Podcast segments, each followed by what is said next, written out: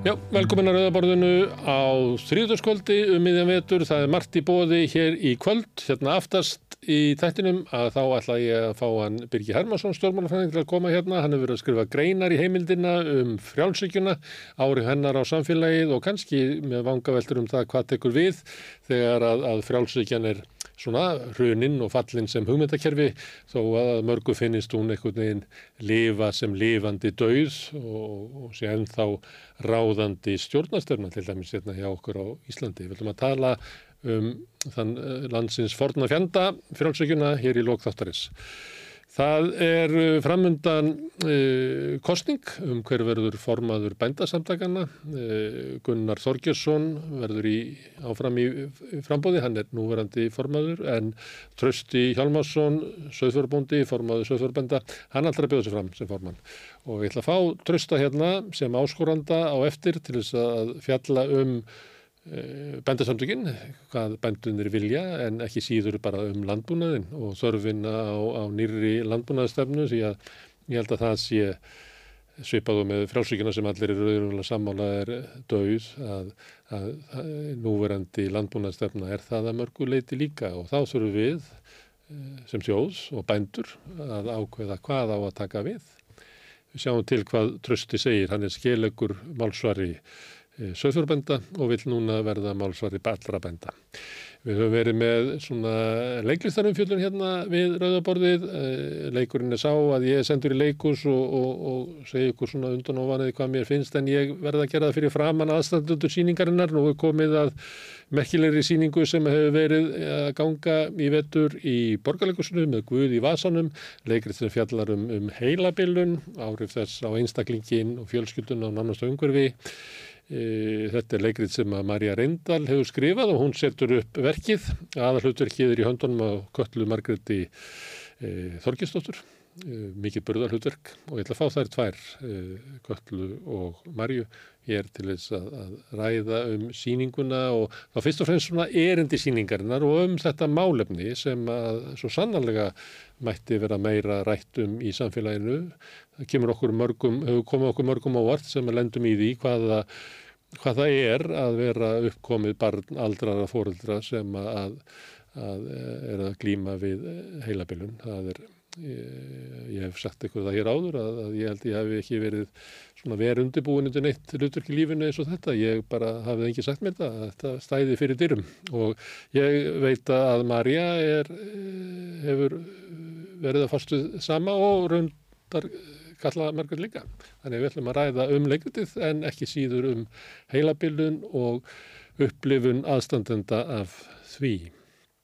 Eh, það eru mörg eh, mál, svona deilumál í samfélaginu sem að, að segja, get ekki dáið. Þau eru ganga í gegnum áratugin að rýsa upp og alltaf eru erjur um það og það er reykjaflugullur og það þegar að, að jarðræringarnar gengu yfir í Grindavík og eh, var ljóst að Reykjavíkur eldar væru byrjaður að nýju, við erum komin inn í Reykjavíkur elda í nútímanum, að þá allt í hennu verður Reykjavíkur hlutlurinn hérna mikið mál. Líklega er engi sem að mæli rengur með varaflúvelli í kvassarhraunni þannig að þá er spurningin um eh, leiði það til þess að Reykjavík verður áfram, það er enga sprungur þar, það eru öll svæði eða þvert á móti að nú sem aldrei fyrr þar þurfa Reykjavíkingar og landsminn allir á landinu að halda í Vasmirinni til þess að byggja og örugusvæði. E, Örd Sigursson arkitekt, hann hefur nú lengi verið að berjast e, gegn hérna Reykjavík villan burt, hann er í samtöku sem heita Betri byggð, þeir buðu fram í,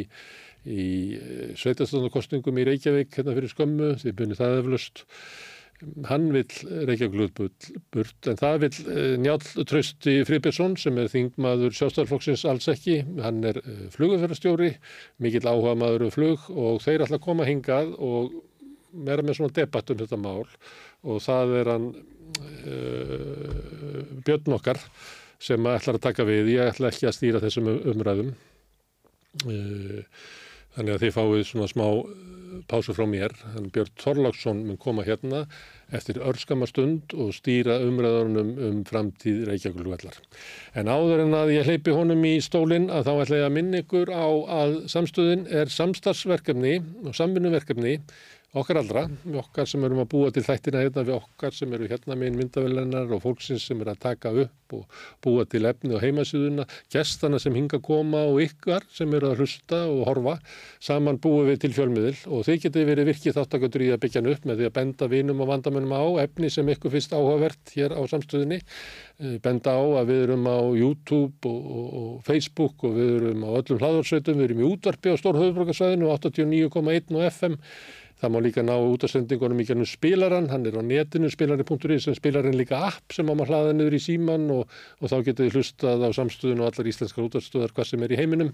E, við erum komin í sjónvarp á, e, til þeirra sem að fá sjónvarpið sitt frá símanum. Þar erum við nummið 5 á fjárstyringunni, vorandi munnu önnur fjarskildafyrirtæki bjóða sínum viðskiptafinum líka upp á efni frá samstöðunni. E, þetta tekt okkur að byggja upp svona bara með afspurn, við erum ekki að auglýsa samstöðuna eða, eða, eða já, við erum bara ekki efni á því og við viljum eigða penningunum ykkur í allt annað. Og þess vegna skiptir máli að, að ef ykkur líkar samstöðin og ykkur finnst hún áhugaverð að endilega látið annað fólk vita. Þeir sem að vilja hjálpa okkur að byggja upp samstöðuna með uh, fjárframlum geta gett áskrifundur, það kostar bara 2500 krónur á mánuði sem er lægsta áskriftin í dag. Og mjög lágt með við alltaf efni sem við búum til hér, þeir sem að viljið geti borga meira, þeir farið þá inn á uh, samstöðin.is, það er nappur sem ástæður Því sem að kjósið getur látið áskutin að renna sem félagsgjöldin í alltíðufélagið og það er einmitt alltíðufélagið sem á og rekur samstöðuna. Allt sem að þið sjáuð hér og heyrið er í bóði þess fólks sem hefur lagt okkur lið með að gerast áskutundur og við þökkum kærlega fyrir stönningin e, og vonum að, að samstöðslokkar haldi áfram og samstöðin geti vaksið og dapnað og, og sem flestir geti notað hennar í framtíðinni. Sjáum hvað verður úr því en framundan eru viðtöld dagsins. Með því að ganga í leyendasamtökin stiður þú baráttu leyenda. Leyendasamtökin eru fyrir öll þau sem vilja vinna að réttlæti og öryggi á húsnæðismarkaði. leyendasamtökin.is Félagar og forvitnir eru velkomnir í Sósilista kaffið alla lögadaga í bólólti 6 kl. 11.30. Tökum pásu frá kapitalíska hversteginum og njótum góðra stunda með félögum okkar.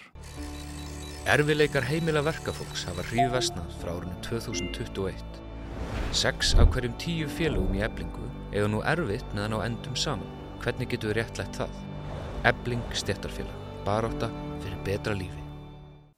Ert á leið heim úr vinnu? Stiltu á FM 89.1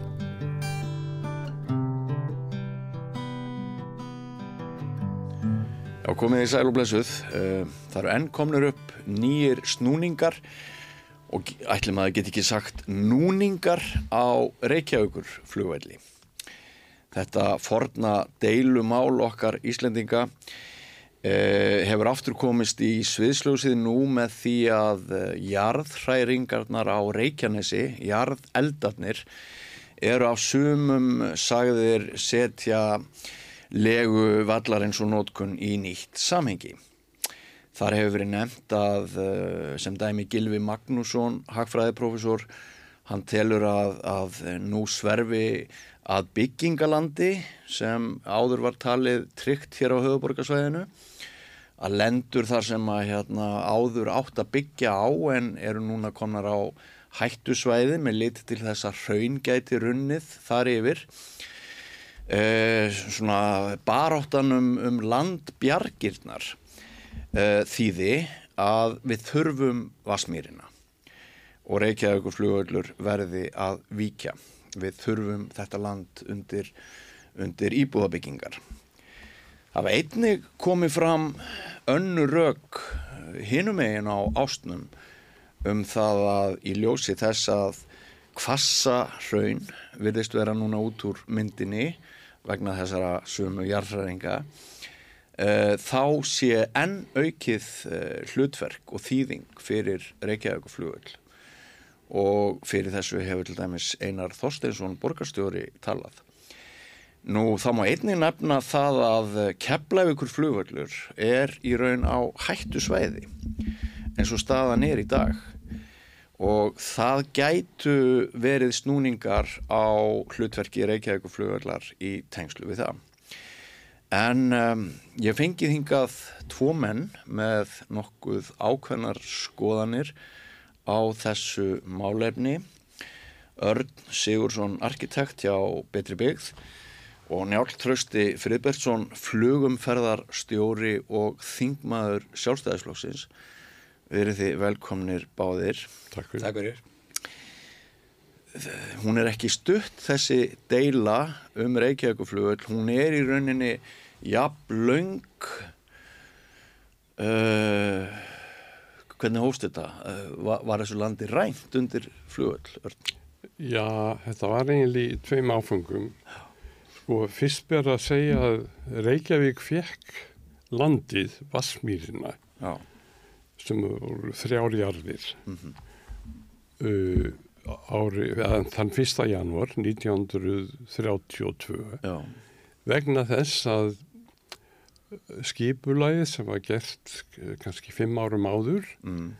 af Guðunni Samúlsinni og, og þeim félögum, Mm það var sprungið Já. og Reykjavíkubær átti ekkert land, það var bara það var ringbraut úr skipulagi og hinnum megin við uh, göduna Mhm. var Óskalandið Já. og það var þá sem, sem að Reykjavík fekk þetta úr Seltjarnarnes reppi, hinnum forna og stóra Mm 32. Já. Síðan líðu 14 ár og þá brast á heimstyrjöld og þá var það, uh, þetta er ekki forsmæjur sem allir því að þetta land var tekið undir herflugvöld breyta. Já. Og síðan lauk stríðinu Já. og þá strax þá var byrjað að ræða á alþingi um framtíð landsins Mhm.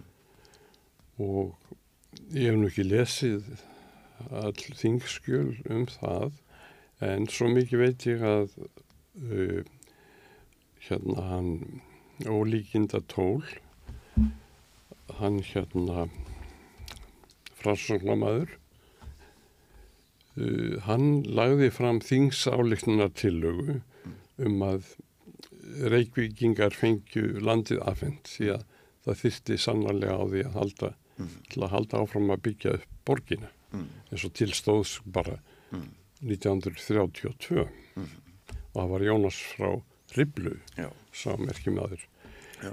en þingið samþýtti eða gaf Ólafi Tórs bara ávísun á það að taka landið af þess að spyrja kong eða prest Já. og afhenda það bara úr, eh, til flugfélags Akureyrar sem að þá var í sennilega í bara nokkru mánuðum áður breytt um nafn og var kallað flugfélag Íslands. En það fekk þetta land til enga afnota nánast. Þetta er bara siðri brúar sporðurinn á loftbrút Akureyrar til Reykjavíkur. Og þá hefjast deilunar. deilurnar voru já, það var sannarlega mótmælt Já. og Bjarni Benediktsson hinn fyrri hann var borgarstjóri og hann andmælti þessu Já. og það var, já, ég held að það hefði verið nokkuð harðar deilur Já. lengi vel Já. en það ber að segjast sko að uh, stjórnarformaður flugfélags Akureyrar var gerður að flugmála fulltrúa ríkisins Já. og það er sagt forveri Ísafía eins og það er núna sko en Já. með nokkur millistil flugstóðir og hvað þetta hétt allt sko. Já. Njál Trausti, þú býrð þeim þetta á Akureyri. Já. Þú ert þingmaður sjálfstæðisflokksins í norðaustur kjördæmi.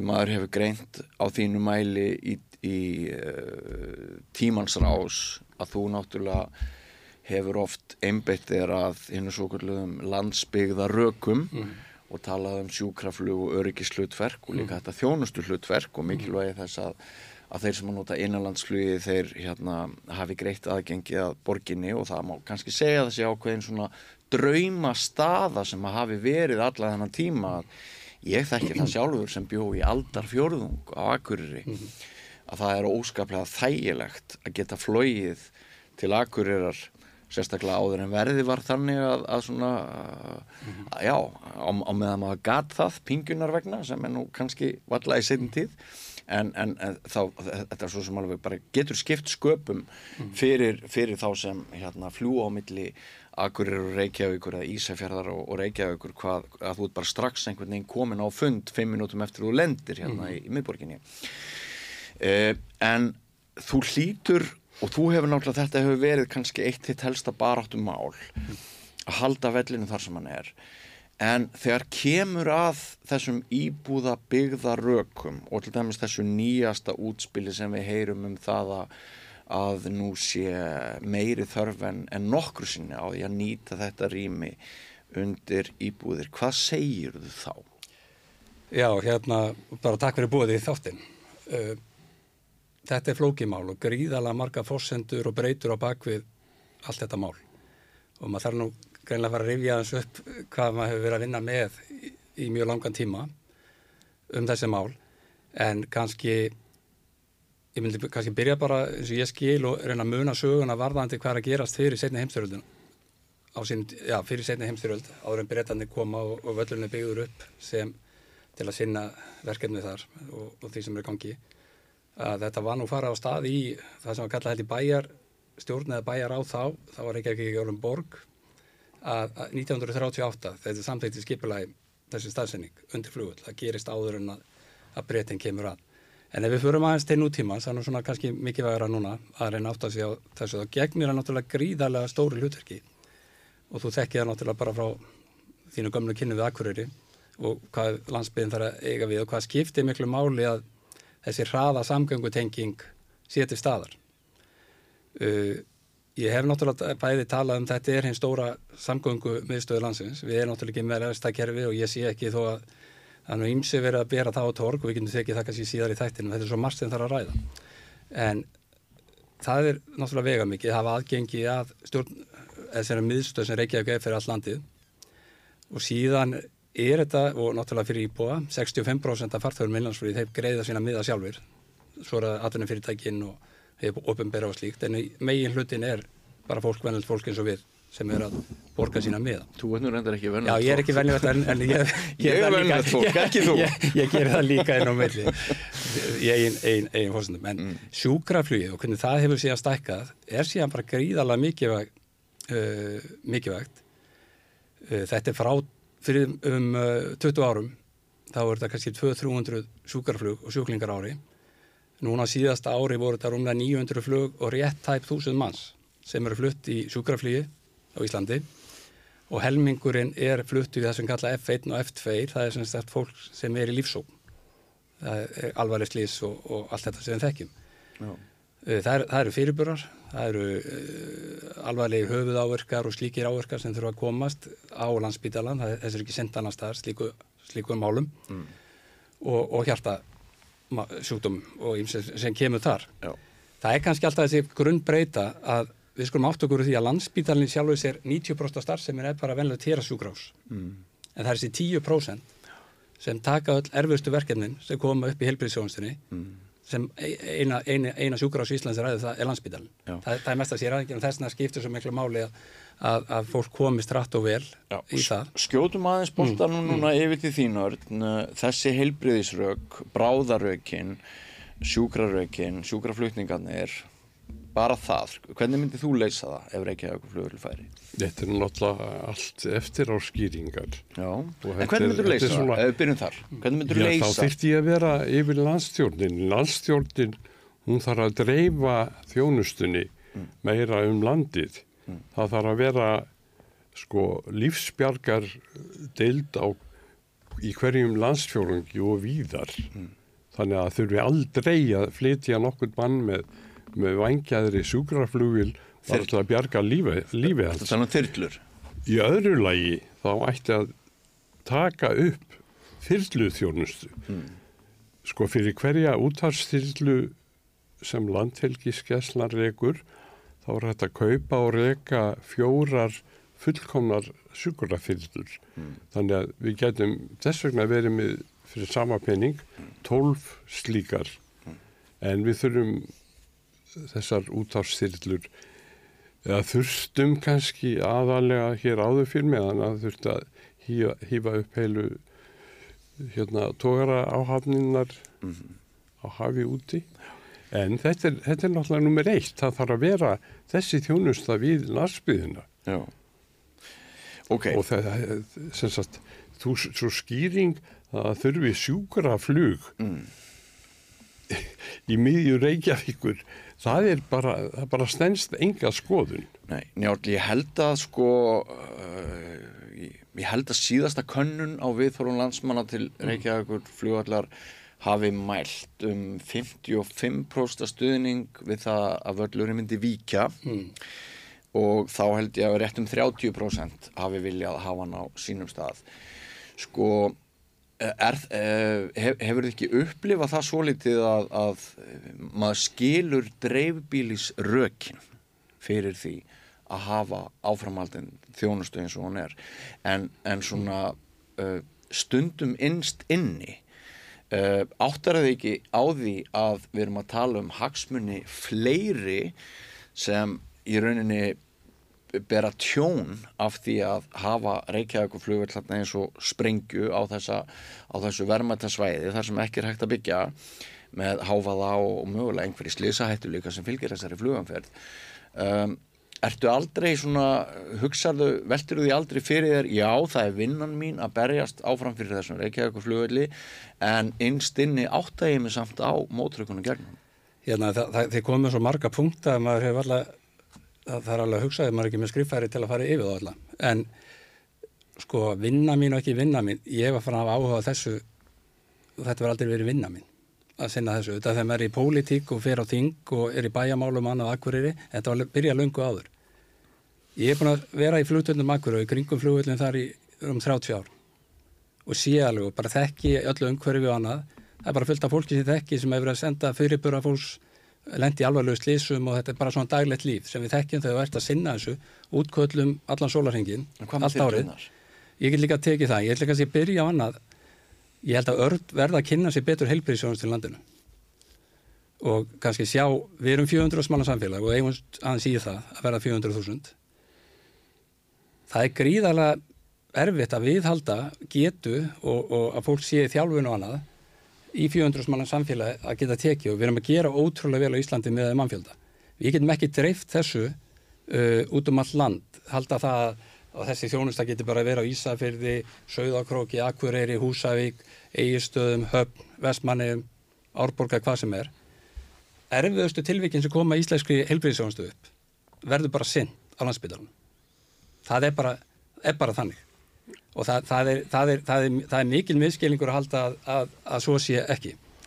Þyrlu dæmið, þá þarf bara breyta stefnunum. Það ég nú tekið og ég nú tala líka einmitt fyrir að fá bæta við þjónust út á landsbyðinni í þyrluræsti landingiskeslunar. Hver er fórsenda fyrir því að, að, að landingiskeslan er með það þyrlu sem eru í nótkunni í dag? Hver er fórsenda? Hún er svo að vélar landingiskeslunar, þyrlunar, geti farið 200 sjómílur út fyrir ströndlands og sótt minnum með tíu manns í, í einu og komið í land. Það voru að kannski einn tógar áhöfn, að fristi tógar tvær, þeirsti tvær vélar. Þetta er svona grunnforsendan á bakvið valið á þeim vélum sem er. Ok, ef örn, ef örn er bara statu þar að, að þetta er ekki vera forsendan, þá verðum við bara, þá verðum við bara að fara að tala fyrir því að björguna geta gæsluna verið með þeim hætti að þú getur ekki synt þessu hlutverki eða fara skip í kringu landið. Og það vekja líka aðtíkla á því að Íslandi hefur tekið að sér að sinna björgunum þjóðustu, leita og björgun í Allasafinu, Norður Allasafinu á svæði sem er 20.000 starra en Ísland. Þannig að þetta er bara eitt af okkar verkefnum. Sko, Það verður að vita með tæknilega hlutin varandi þetta og það verður að þekkja hvað heilbreyðsjónastan hvernig hún er uppbyggðið í landinu. Já. Varandi staðsetningu Reykjavíkflugvallar Uh, það er ekki tilvílun hann, hann fer, er settur upp allan sín tíma. Þetta er bara metið besta svæði út frá viðfari á svæðinu, en það hefur það bara sínt sig og reynstuðil. Það er allans, uh, við þekkjum það alveg í fluginu að, að vindar og viðfari að vera saman keflaðið og reykja eitthvað sama tíma. Það er bara miklu rólæri viður reykjavík til þess að. En Það er bara en- 15-20 En við þekkjum nótur. líka síðan vandamálinn sem fylgjaði hvað Reykjavík er dreift svæði Já. og borg getur ekki talist borg nefnum sér sæmilega þjættbíl og, og, og, og, og, þróun Reykjavíkur hefur náttúrulega orðið síðan slík að, að ef við værum ekki alltaf að koma með þessi öryggis og samgöngur og landsbyðarök inn í myndina þá myndi hver helvita maður sjá að þetta er frábært og mikilvægt byggingaland, ekki satt? Já, ég, sko, mér finnst nú stundum vera mjög einföldur aukin varandi eins og þetta bjargi borginni og bjargi höfbruksvæðinu, bara að byggja í Vassmýrinni. Það hljómar þannig eins og þetta sé eitthvað vendipunktur öllu sem að við kemur uh, hvernig, hvernig Reykjavík byggist upp. En í umhverfisvænu tilliti líka. Já. Það er alltaf verið að gera kröfu til þess að við sínum meiri ábyrga akkvæmt framtíðinni, sjálfbærni með losun og allt þetta. Já, já. Ég meina afleit áhrif af því að, að, að völlurinn myndi víkja er því umhverfislegu tilliti gríðarlega. Já, já. Og hvað, í hvað stefnir í fluginu? Er ekki einmitt verið að tala um þetta, ramarsflugilar, orku sparandi vélar, að þetta gæti nú einmitt og þetta er einmitt þessi sín til framtíða sem við erum að sjá og það er byrjað að framlega vélar sem munum ganga meðan svo ramagni að, að, að ef við tala um fyrir mig sjálfbærnina og, og, og þá, þá hluti þá veit ég ekki hvað hann geti mögulega verið innan fára ára sem er meira sjálfbært heldur en flug með eða sem sagt að ferðamóti sem flug Því og í er, ramagni. því er spáð að flugumferð, hún Mm. aukist það mikið í framtíðinni að árið 2050 þá verði mun meiri losun frá flugi en í dag þrátt fyrir þær Já, já. breytingar sem menn sjá fyrir sér á umhverfisvænum hérna, Já, já. flugmáta. En, en Björn, þarna held ég að verðum að halda okkur við umræðinni í dag sem er Reykjavík-flugvöllur og, og hérna... Umræðefnið er Reykjavík Já, flugullur en, sko, það- en, en málið er mjög viða Já, mikið. Akkurat, og 2050 þú varum við að tala heimsvísu í fluginu með öllu millilandafluginu og, og öllu þessu. En það sem við erum að fást við Reykjavík-flugvöllur og þetta innanlandsflugið er náttúrulega mjög stuttir flugleikir sem að gæti við sint væri að koma í ramarsflug. Það verður ekki gert í þótuumferð eða annað, það er bara annað, annað koncept Mm. sem, að, sem er að vinna með þar. En þú ert pólitíkus, Mm. Njálf Trausti, uh, þetta er búið að vera bitbein og deiluefni Mm. áratugum saman. Já. Kannski er enginn fyllilega sáttur, en engum eru þeir sem, að, hérna, sem finnst það skadi og synd að, Mm. að ástandi sé eins og það er. Og það eru sannlega ímis mótrök ge- hérna, við því að völlurinn sé þar sem hann er. Þótt ég hlusti líka Mm. öll meðrök sem að þú hefur nefnt og Mm. fleiri sem stiðja Reykjavíkflugöll uh, þú ert pólitíkus, þú ert oddviti sjálfstæðismanna í norðustu kjördami, þú munt væntalega halda áfram að bjóða þig fram og svona Þið, þú ert væntalega einhverju samstarfi við sjálfstæðislokkin í, í, borgarstjórn Reykjavíkur og svo framvegis. Hverju ætlarðu að spila út til sátta og lausnar eða þess að, að bara það, að það verði hægt að höggva á þennan hnút vegna þess að, að þetta eiginlega gengur ekki í Íslands sögunni að, að, að þetta kljúfi mm. íslenska þjóð í herðar niður í hluti. Já, já, bara fyrst að, að þetta ég kom ekki inn á það varandi, nú veit ég ekki eins og í hvaða skoðanakonum það vitna í hérna áðan. Þá sem er, þá sem er aldrei- gerð 2000 og annarkot 20 eða 2021 Mm.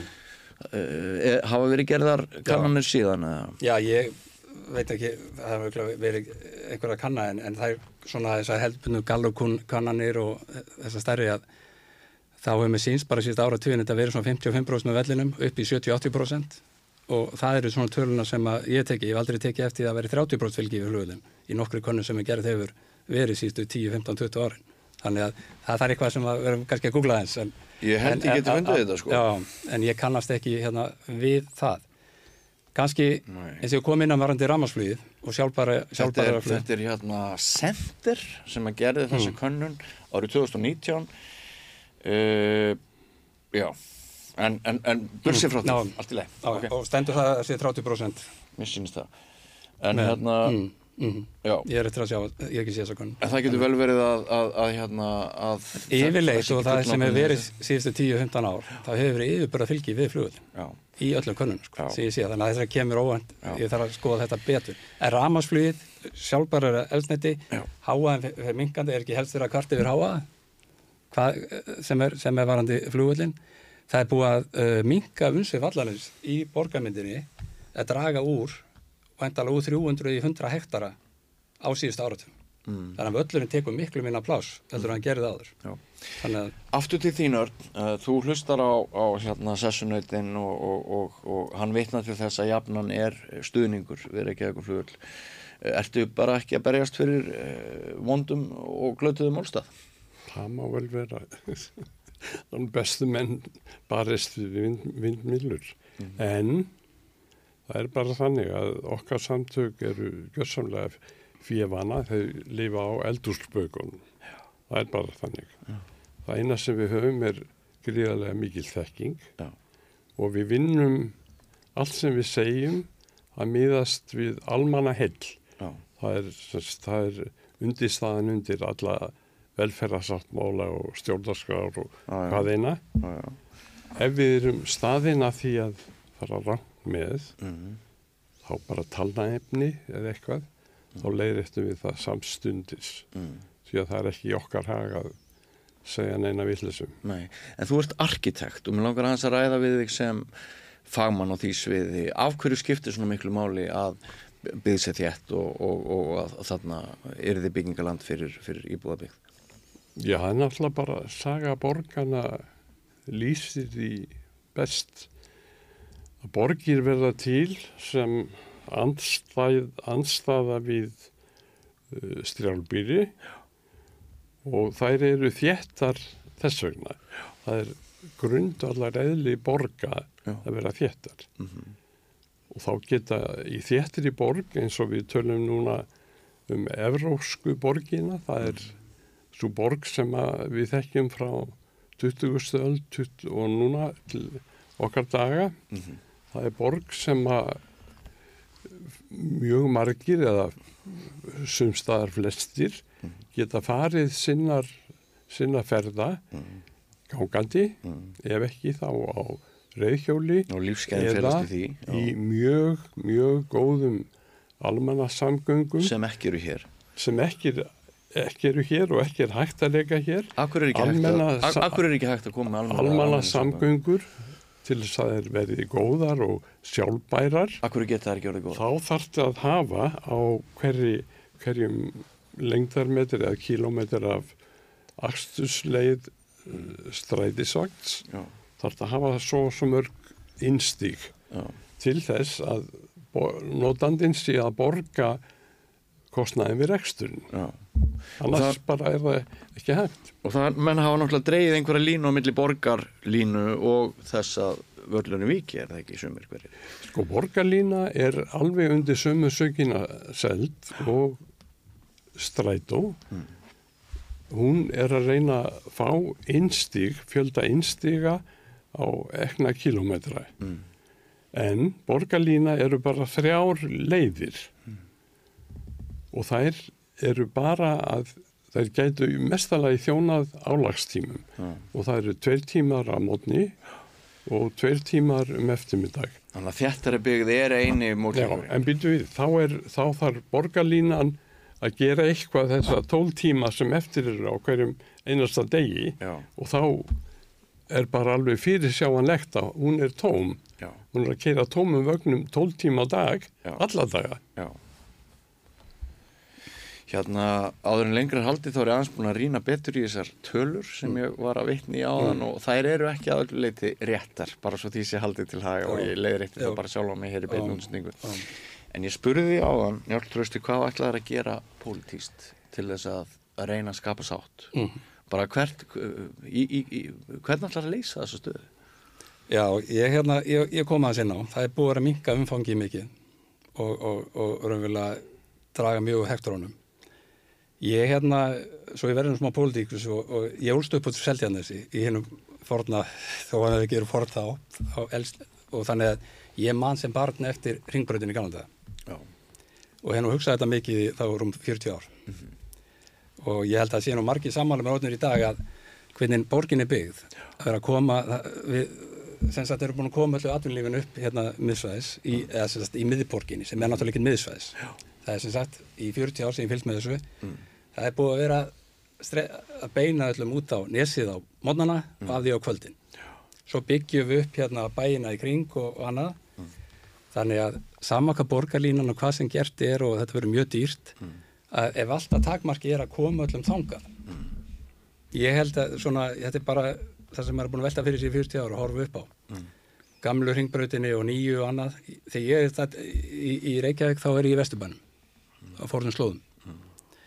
Og hérna, þannig að ma maður bara upplifir sér þetta gerast og við sjáum, ég held að það stóra breytingi þyrst að vera, en það er búið að byggja uh, bara hérna útkverfin og annað, ætti þá ekki frekar að vera hérna ártónsöðin og nýju svæðin upp, við, upp, upp, upp frá sem á að fara að byggja þetta að vera með alveg þéttingarétti þar það sem umferða mannverkin mætast í, í, í miðunni vegna þess að þetta er eins og staðsendingin í dag. Háskóla Íslands, mm. landsbytarlana uh, stjórnsíslan þetta, þetta er svolítið en, en, en gefur þau ekkert fyrir þessi rauk Gilva Magnússonar að, að nú bara þurfum við að, að, að venda okkar kvæði í kross hvað varðar það byggingaland sem við heldum að væri laust og, og, og hérna jarðelda rökin og, og það að hraun geti flætt, það er talað um til dæmis velli í Hafnafyrði og fleiri svæði sem áður voru um tröst, en, tröst en, en eru það ekki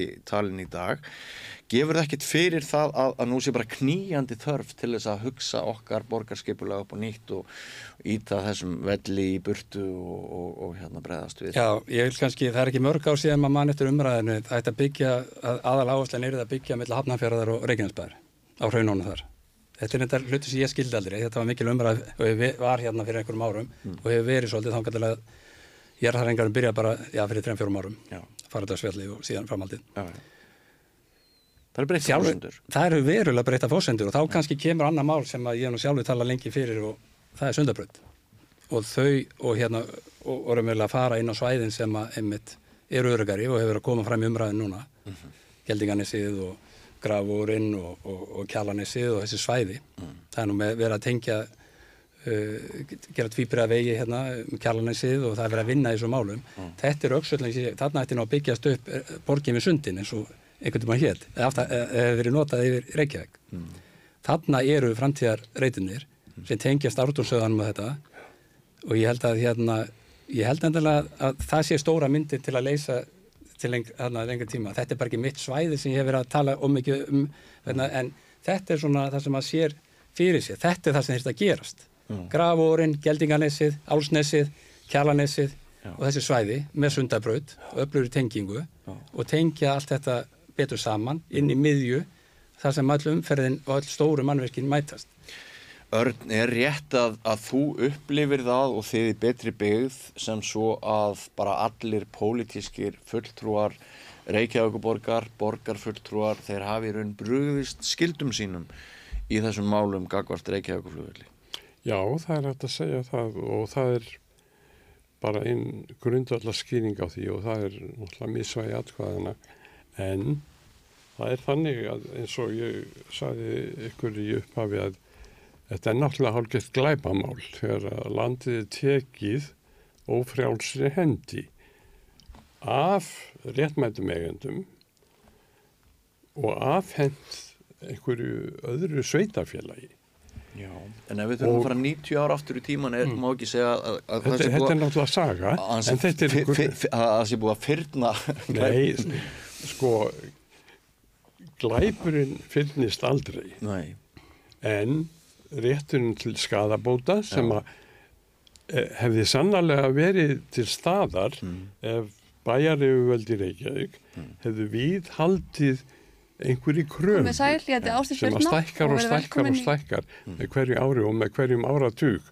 Þá hefði verið hægt að krefja einhvern um allavega viðurkenningu á bóta skildu en Reykjavíkuborg getur hvena sem er byrjað að taka lóðalegu og Reykjavíkuborg á núna ég held að þú Friðbert hafi nefnt 110 hektara lands innan flugvallaginningar, það er eitthvað svona 120, eitthvað hlutis, en þar eiga reykvíkingar sannarlega 56-7% af landinu og ríkið hinn, hinn hlutan. En Reykjavíkuborg á allt landið í kringum flugvallaginninguna og þar er, þar beitir sá sem að rekur Reykjavíkuflugull, það er vantarlega Ísafía, hún beitir því að hafa ekki bara rekstrarleifi fyrir flugvöllin, heldur leifi til blindaðflugs. Og það er blindaðflugið sem að skerðir byggðina mest. Vegna þess að þar eru skerningafleitir út frá flugbröytar í jöðrónum sem að liggja með mjög lágum hornum upp í einhverja 45 metra hæð yfir sjáamáli og þar er, þar er lofthelgin tekin af allri byggð á nesinu alveg fyrir vestanellið ár. Og það er þetta það er þessi þessi aflegging af skerðingu blind aðflugsheimildarinnar sem hefur þrýst byggðinni nýður og þannig hana út. Og hún er núna þannig þann út þannig að hún er sennilega fjórfalt og viðáttu mikil miða við það sem hefði ella orðið og hefði verið bara eðlilegt ef, að, ef það hefði verið hægt að byggja í Vasmír í upphafi eins og tilstóð og ef það hefði verið hægt að byggja á öllu nesinu á þess að væri skert lofthylgi. En hvernig líður þér núna þegar þú til dæmis heyrir Einar Þorstensson, nýjan borgarstjóra Reykvíkinga, kemur úr framsónarflokknum, uh, Einar uh, talaði nú frekar gegn flugvellinum eða var mjög opinn gegn því að, að flugvellunin myndi víkja þegar hann fór í, í kostningabaróttu síðast og kannski hefur hann fengið, fengið einhver atkvæði út á það. En núna þá, sem sagt, í ljósi jarðaldana á, á Reykjanesi, þá uh, segir hann að mikilvægi Reykjavík og flugvellar sé meira en nokkur sinni. Og hvernig líður þér með að heyra það? Mér er alveg sama, ég held að þetta sé besti drengur eins og allir skiluru, sko, þeir sem veljast til ábyrðarstarfa í gegnum kostningar fyrir sveitafélagi eins og Reykjavík, hvort það er alþingi eða í, í borgarstjórn, þetta er allt vænsta fólk.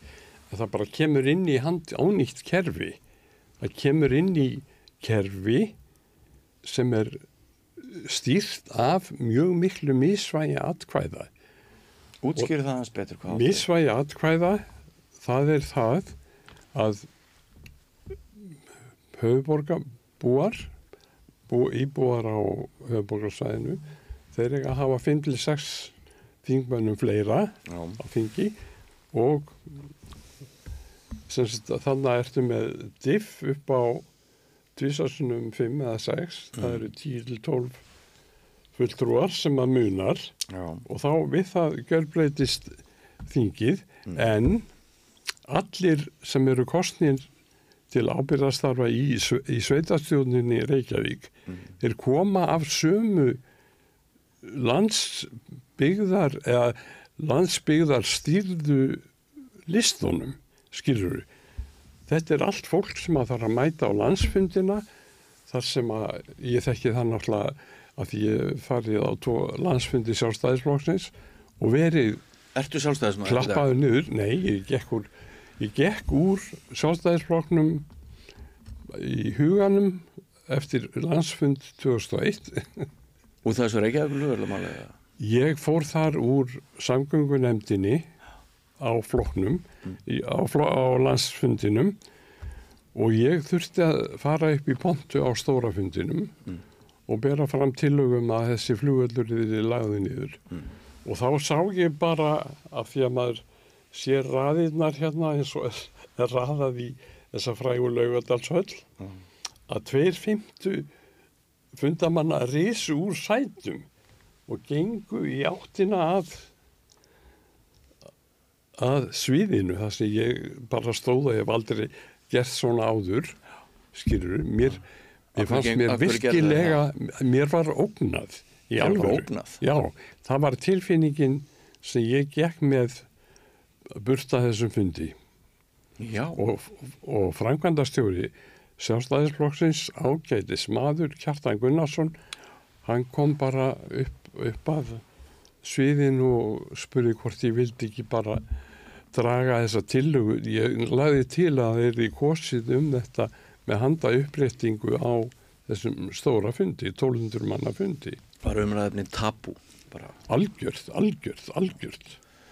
Og saði, saði eitthvað svona við mig, já, heyrðu, við bara, ég sé til þess að flokkstjórnin taki á þessu máli eins og það hefði einhverja, einhverja merkingu. Varst þú á þessum fundi 2001? Njörg, Það er, ég held ég get ekki reyfjað upp eitthvað hund fyrir 23 ára, nei ég hef ekki verið þannig. Nei. Þetta var árið sem var kosið í Reykjavík um flugvöldin og svo getum við talað um það lengi. Já. Kann peist á það, en vildi, ég vildi kannski koma inn á eitt punkt Björn, með hérna uh, vandi mikið veð Reykjavík flugvöldar og þetta Gilvi vann á tjási Magnússon, professor og fyrirhandi ráðherra um þetta hans í síðustu viku að uh, Þorgir Pálsson professor Emeritus og, og fyrirhandi flugmálastjóri eh, gerði þeim vann skýslu hérna 2017 og það náttúrulega kom inn á þeim samgangum við stöðuna Reykjavík flugvöld og, og þessar helstu hluti en hann kom líka inn á varandi varaflugvöldar hlutverkið sem er nú alltaf verið að gera lítúr en er geysilega mikilvægt.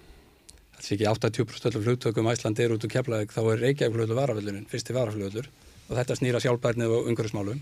Það skiptir náttúrulega gríðarlega málu þetta er náttúrulega umhverfismálin að séu öflugir varaflugvöldur í landinu til að spara eldsneiti sem þeir að bera með vélunum. Þetta er, er risa mál og hérna þess vegna er þetta líka umhverfismál að sé öflugt kerfi varaflugvölda fyrir, fyrir hvern annan. Það eru fjóri alþjóðaflugvöldur í landinu og Reykjavík er einn breytan í því. Þetta er Keflavík, Reykjavík, Akureyri og Egistæðir og þetta er það sem er bara hluti af minni pólitík líka sem ég hef nú verið að tala mikið um. Það er að styrkja varaflugvöldina það að miklu uppbygging og eigistöðum og þá er að næsta sem við gerum. En þetta varaflugvölda hlutverk uh, Reykjavík-flugvöldar sem er alltaf verið að að mörgum að gera lítið úr er geysilega mikið þegar sem kemur fram í skýslu Þorgis annað atriði sem að Þorgir og hann kemur inn á líka í sinni skýslu gamlega flugstjórin að það verða að vera tveir alþjóðarflugvöldir á sögusturhóðni landsins. Það er bara þetta öryggis hlutverk fyrir hvern annan og, og síðan sem að snýra því og, og spara elsneitt og allt það. En þann kemur líka inn á punktin sem er almannavarna hlutverk Reykjavík sem er geysi stórst og mér fannst Gilvi fara svolítið hressilega ekkert að pæla í þessu hlutverki. Það er nákvæmlega í svona ástandi eins og við þekkjum í dag á Reykjaneskaganum og það sem mennur að tala um að geta orðið eins og var fyrir 800-1100 árum hérna næstu 200-300 árin eða hvað, við, hvað þetta endar í.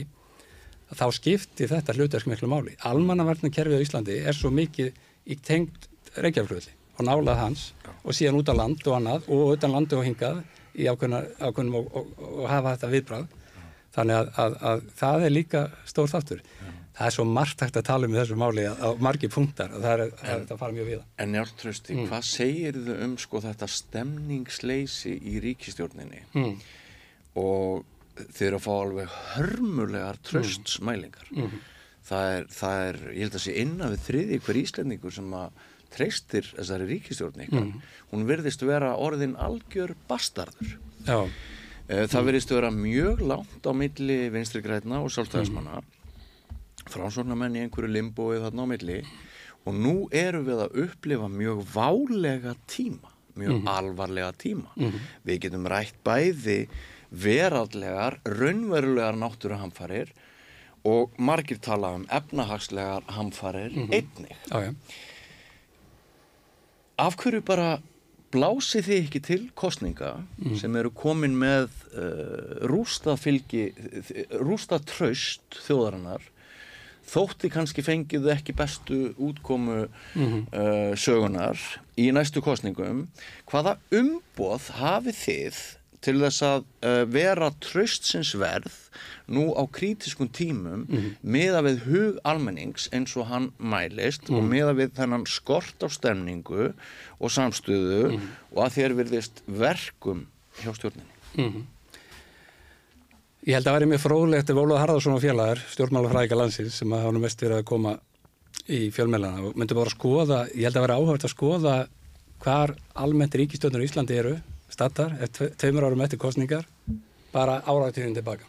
Þið eru, reyndar þessu- að mælast með minnsta fylgi sem þið hafið mælst, sjálfstæðismenn. Sjálfstæðis, en ég að tala um að tala um Svona en, 30-35%. en þetta hangir nú kannski einhverju leiti þessu allt saman. Ég, er að koma. sko. Ég, þetta var svona bara byrjun, það væri áhört að skoða þetta. að- mér bara langar til þess að svari spurningunni. Já, já, já. ok, ég hef setið meira og minna í fjárlaganend þegar ég byrjaði á þingi. Rétt skrappi utaríkismálnendina í tvö ár. Og hérna annars er ég búin að vera þar núna meira og minna síðan 16-17. Síðustu fimm ár, þetta byrjaði með váer fjall eða fyrir gjaldþrótt í mass 2019. COVID byrjar 2020 í mass, árið síðar. Og við lítum að váer sem stórt efnaðarslega áfæll fyrir Ísland, svo var það tífalt stærra sem kom með COVID-inu. Stríði í Úkræðinu, februar 22.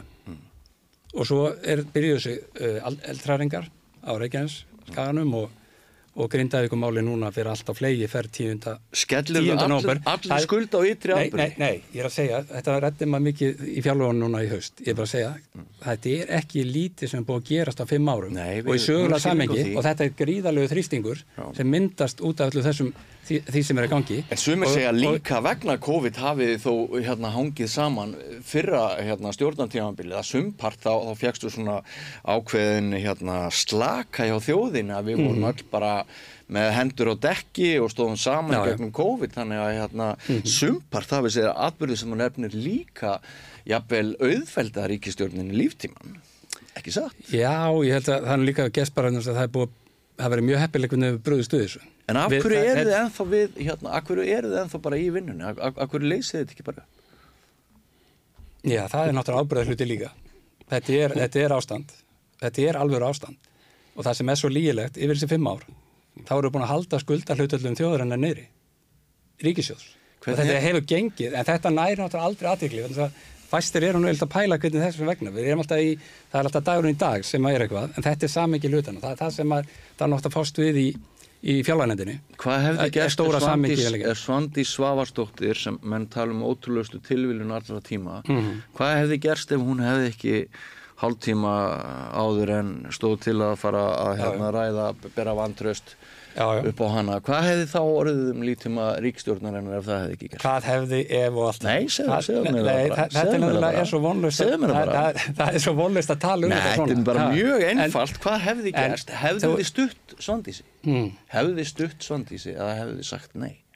Já, ég segi bara að það er mjög erfitt að tala um þetta eftir á. þú vilt ekki Nei, svara. því. þetta er mjög, mjög erfitt. Ég get alveg sagt, ég var ekki kátu með þessar stjórnsýslu síðasta sumar Svo það sé algjörlega ljóst. En þú vilt Það sem snýra kvalviðanum og það snýrist ekki einu sinni um þessar kvalviðar Þetta snýrist bara um stjórnsýslu hvernig ráður að með. Það var mikil En með gott- það en gott það, en, en það hefur bara ekkert að segja í dag En- Hvað ef. En Njált Trausti, Mm, er einhver treystandi til þess að fara með stjórnmála í viðbrögðum við náttúruhamförum sem nú, þú veist að það geti bara verið kortir í næsta gós, engin veit hvaða skaða það veldur. Já.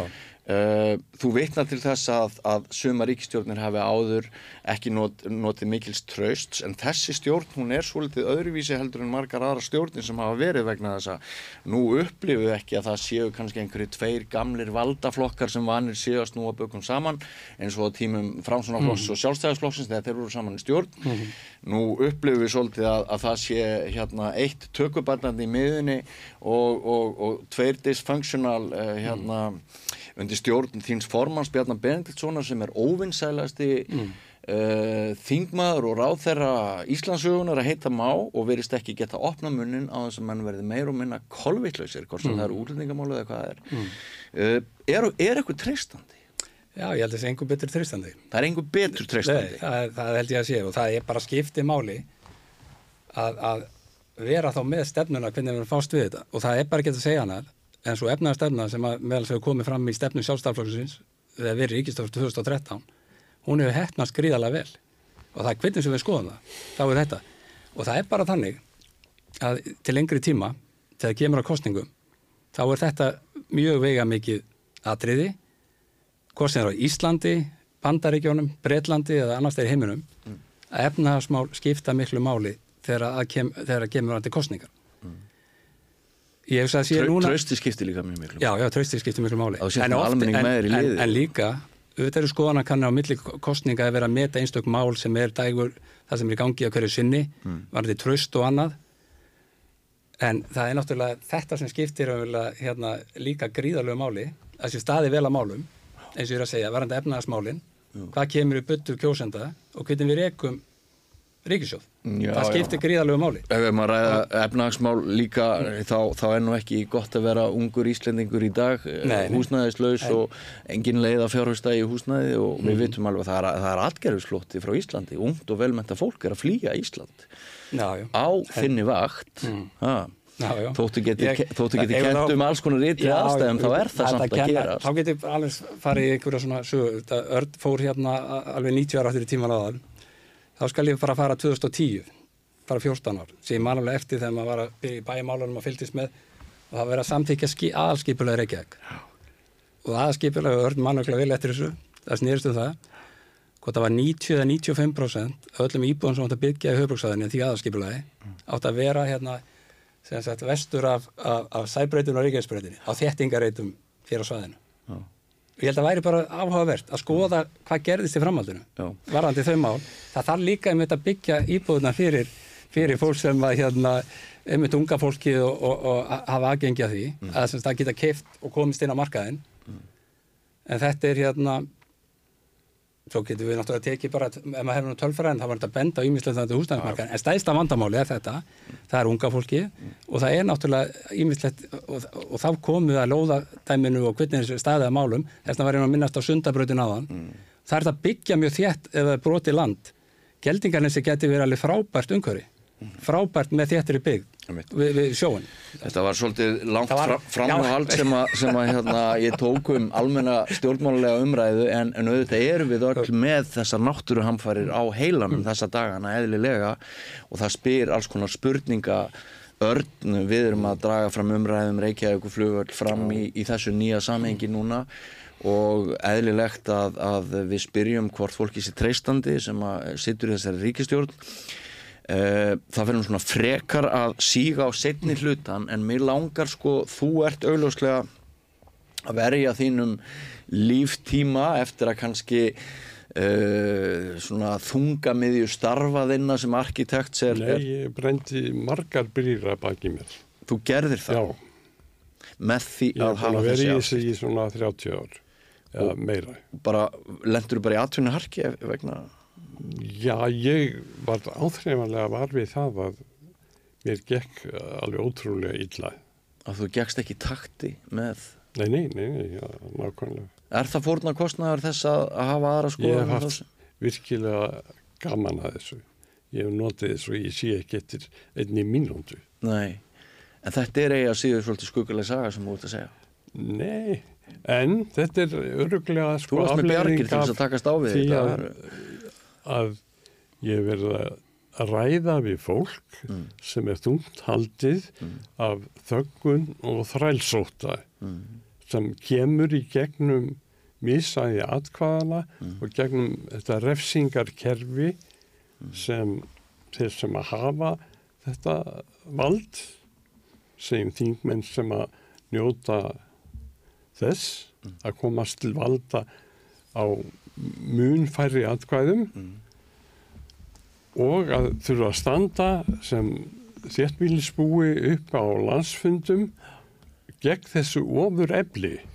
Það er bara, það er hróllveikjandi. En við getum samt ekki En- sko, já, fyrir ekki að Aðeins aðeins nefna eitt af því að já, sessunautum minn nefndi hérna Geldinganes að þá tók ég þátt í samkeppni með fleirum Já. um byggð á Geldinganesi og fekk önnur verðlun Mm. og það var undir ágætri stjórn Vilhjánsson. já, einmitt.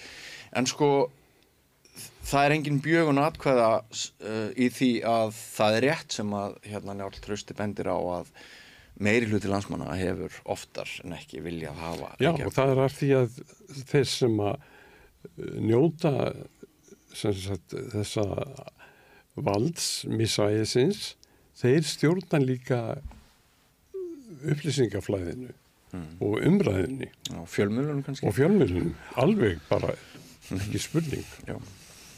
Strákar, það er búið að vera mjög gaman að spjalla við ykkur og hérna Uh, Má ég kannski segja eina sög úr Svo geti ég komið heru, Já. það er einn stutt sagði Já, Óman mann. hérna, Og það var það fyrst. þannig að ég fór þann 5. 5. janúar síðastliðin á fund þáverandi og sennilega núverandi umhverfis og auðlindar á þeirra með tillögu samtakum betri byggð að nýri miðborg í Vasmíri og uppbyggingu á nesinu vestan Elliðáa eftir að reykingar endur heimta lofthelgina. Mm. Og þá byggist svo tillaga á því að það sé hægt að bæta við 35 til 50 þúsund íbúum í Vasmíri og að það sé hægt að töfalda íbúa fjöldan vestan kringlumirabrautar að elliða ám. Og þá regnast okkur til að vegna þess hver almenningssamgöngu kerfið verður gott við það eitt að þá sé hægt að spara eða taka út úr bókhaldinu að minnstakosti 60.000 engabíla Já. og það við reiknum út uh, sko tonn af uh, CO2 ég man ekki, það var gríðarleg gríðarlegt magn. Og ég afhendi þess, þessum ráþerra tekningar og útreikninga og einhver, einhverja greinagerð Mm. og þá sagði hann bara því mýður þetta ráðuneyti fæst ekki við borgarskipulag. Hérna býtu hægur. Já, hægan, hægan. Njál, hvað vilt þú segja Já, við kannski að alltaf bæta því. Verðandi hérna þessa hérna sögu hjá smörnum með, með 30-50 manns í, í hérna Vasmýrinni Mm. og, og hérna nú þeitti maður að vera með tölun sem maður var að skoða einhvern veginn það þýtti svona miða við íbúafjöld á íbúð í dag. Alltaf síðan það var ekki um 20.000 íbúður svo getur við reiknað hvað það væri marga tíu hæða blokkir og, og, og, og, hérna það verður sjálfsagt 400 með einhverjum 40 íbúðum í hverri og koma fyrir þessum reyt. Þetta er svona bara sjónáðni. Það væri, ég hef ekki tekið, þegar við tala um 50.000 manns, hvað þýtti það? Væri það meira heldur en hlýðarendabiðin sem margir hafa nú svona efasemdur um í þéttleikanum og, öllu því. En, en, en, en það er alltaf erfitt að vera tölfræðin þú ekki með gögnin sem voru skoðað á sín tíma. Ég ætlaði bara rétt svona þessar hugleðingar sem að saga eða hugleðingar enda því björn, að hérna, þeir var komin, aftur, komin á þing skulum við segja og, og komin íbúð í Vesturbænum mm. búin að vera þar í tvæð-þra vikur mm. þá fór ég að skilja hugmyndafræði ímiðsæðum sem eru kannski eins og sessunautum minn er með hér þegar maður var tíu myndur að ganga nýri þing kannski, öll stjórnsíslan kortir að ganga yfir landsbytalan 500 ganga í Háskóla Íslands þú varst með þetta allt á torfunni mm -hmm. þetta fólk verður aldrei upptekið af því að, að, að þekka hinn hinn að hliðina Nei. sem er það að komast á staðin komast á sjúkrahásið og, og eiga þessar samgöngur og þetta gríðilega mikið var samgöngutæki sem þetta er mm -hmm. þannig að, að loku vil ég bara segja að, að yfirbúrða fylgi, alla landsmanna yfirbúrða fylgi og mikið vilji hjá reykvíkingum sem að staði með vellinum í könnunum bara síðustu ára ára tuga Já. þannig að, að það er mikill skilningu þar líka á málinu sko. Ummitt, við hérna þetta er sannlega ekki mál sem við leysum hér við þetta borð í dag. Það verður áfram deilt um það. Ég held að það sé mjög mikilvægt að ræða það. Ég held að það sé mjög mikilvægt að draga fram nýrök þegar þau koma fram ég þakka ykkur báðum fyrir kærlega fyrir að hérna mæta hér. Flensan hjá mér hún er, hún er svolítið að, að kæfa mig bara hérna í beinu útsendingu þannig að ég held þessi gott að umræðan verði ekki lengri. En ykkur áhörvendum þakka ég kærlega fyrir að, að fylgjast með okkur hlustendur eða áhörvendur og hérna já, við setjum punkt hér í bylli Um 60% eblingarfólks á erfitt með að ná endum saman. Hvernig er að réttlæta það? Ebling stjættarfélag. Baróta fyrir betra lífi. Allir þættir samstæðvarinnar eru fáanlegir á öllum helstu hlaðvarpsveitum.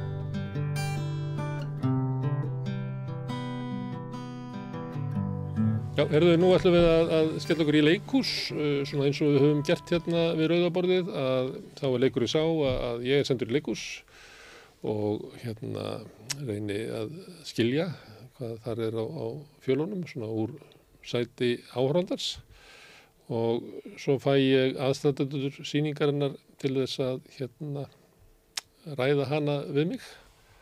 Og kannski svona fyrst og fremst svona erindu svona, við erum ekki að þykjast að vera einhverjir leikursfræðingar, hér ræðum við ekki mikið um lýsingu og, og, og slíkt, heldur kannski fyrst og fremst erindi verkana inn í samfélagsumræðina og í kvöldu ætlum við að ræða um leikrið sem er er svona bara beint inn í, í umræðina, það er hérna með Guð í Vasanum heitir það, sem er verk eftir Marju Reyndal sem að leikstyrir og þar er í stóru aðalutverki Katla Margret Torkistóttir og þær eru báðar hinga komnar. Ég segi þetta sé svona innleginn í samfélagsumræðuna vegna þess að þetta þetta er þannig verk, þetta er bara þetta er að fjalla um svona tiltekið vandamál, getur maður sagt.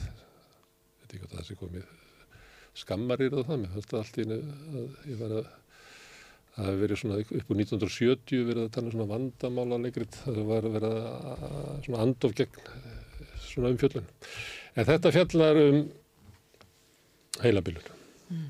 áhrif hennar á einstaklingin og fjölskytuna og samfélagið mm. Mm. það er Já. bara þannig Já, ég myndi kannski, við getum satt í stað fyrir vandamál málefni Já. Og jú, þetta fjallar um svona eh, síðustu metrana þegar fólk er að missa tökina á einn lífi. Og í þessu tilfelli er það út af um, elliklöpum eða heilabilun. En það getur verið út af ymsu öðru, veikindum öðru, þannig að fólk getur samsama sig held ég við verkið á öllum aldrei mm. uh, en já, það er rétt það er hérna, umfyllunarfnið og, og það er kannski svona uh, sprettur upp úr því að, að, að, að ég er í þessari aðstöðu sem að kom mér svolítið á óvart eins og við vorum að minnast á hérna á þann að hérna að maður er undirbúin undir svona að sjá um börni sín og, og hérna alveg það upp en maður er kannski ekki alveg undirbúin undir þetta hlutverk eða áður maður lendir í það þá bara er maður ekkert búin að pæli þessu og enginn einhvern veginn búin að tala mikið um þetta við mann. Þannig að þannig að það var svona eh, fyrir mig var þetta svolítið svona e, nýtt hlutverk og og mér fannst það spennand og áhugavert að hlutverk þitt sem uppkomið barn andrar og fórundra sem að þurfa á umönnun að halda já. og svo náttúrulega er það sérstætt við heilabiluninu að þá er fólk svolítið að, að hverfa Já mm. og það var einhvern veginn um, og ég, svo bara þegar ég fór að vinna þessu svona ekki rannsónu vinna þá fann ég að þetta eru svo margi sem að allavega á okkar kvætlu aldrei og mm. okkar aldrei sem að eru að lenda í þessu og það er eitthvað svona, var áhagvert við að reyna að skilja hvernig sem sagt, hvernig fólk sem að er að hverfið að lendir í þessu og svo aðstandendur hvernig þau eru að vinna að að reyna að leysa ykkur mál á mjög óleikan hátt. Þetta er mjög ólíkt að vera sá sem er orðin aldraður og er að missa tökinn og vera svo aðstandendin sem er að horfa á það. Mm. Og það er kannski svo spenn og tóstrita sem að mér fannst áhugavert að skoða. Hún er mjög mikil því að þegar fólk sýnir veikleika þá missir það vald yfir eigi lífi, það er að taka ákvarðanir mm. og það getur verið í stóru, það getur verið í smáu, það getur bara verið í viðmótinu sko. Já. Sem að Já, og fólk verður að fela hluti Já. og sér ekki alveg hluti, sér ekki alveg hluti í réttu mm. ljósi.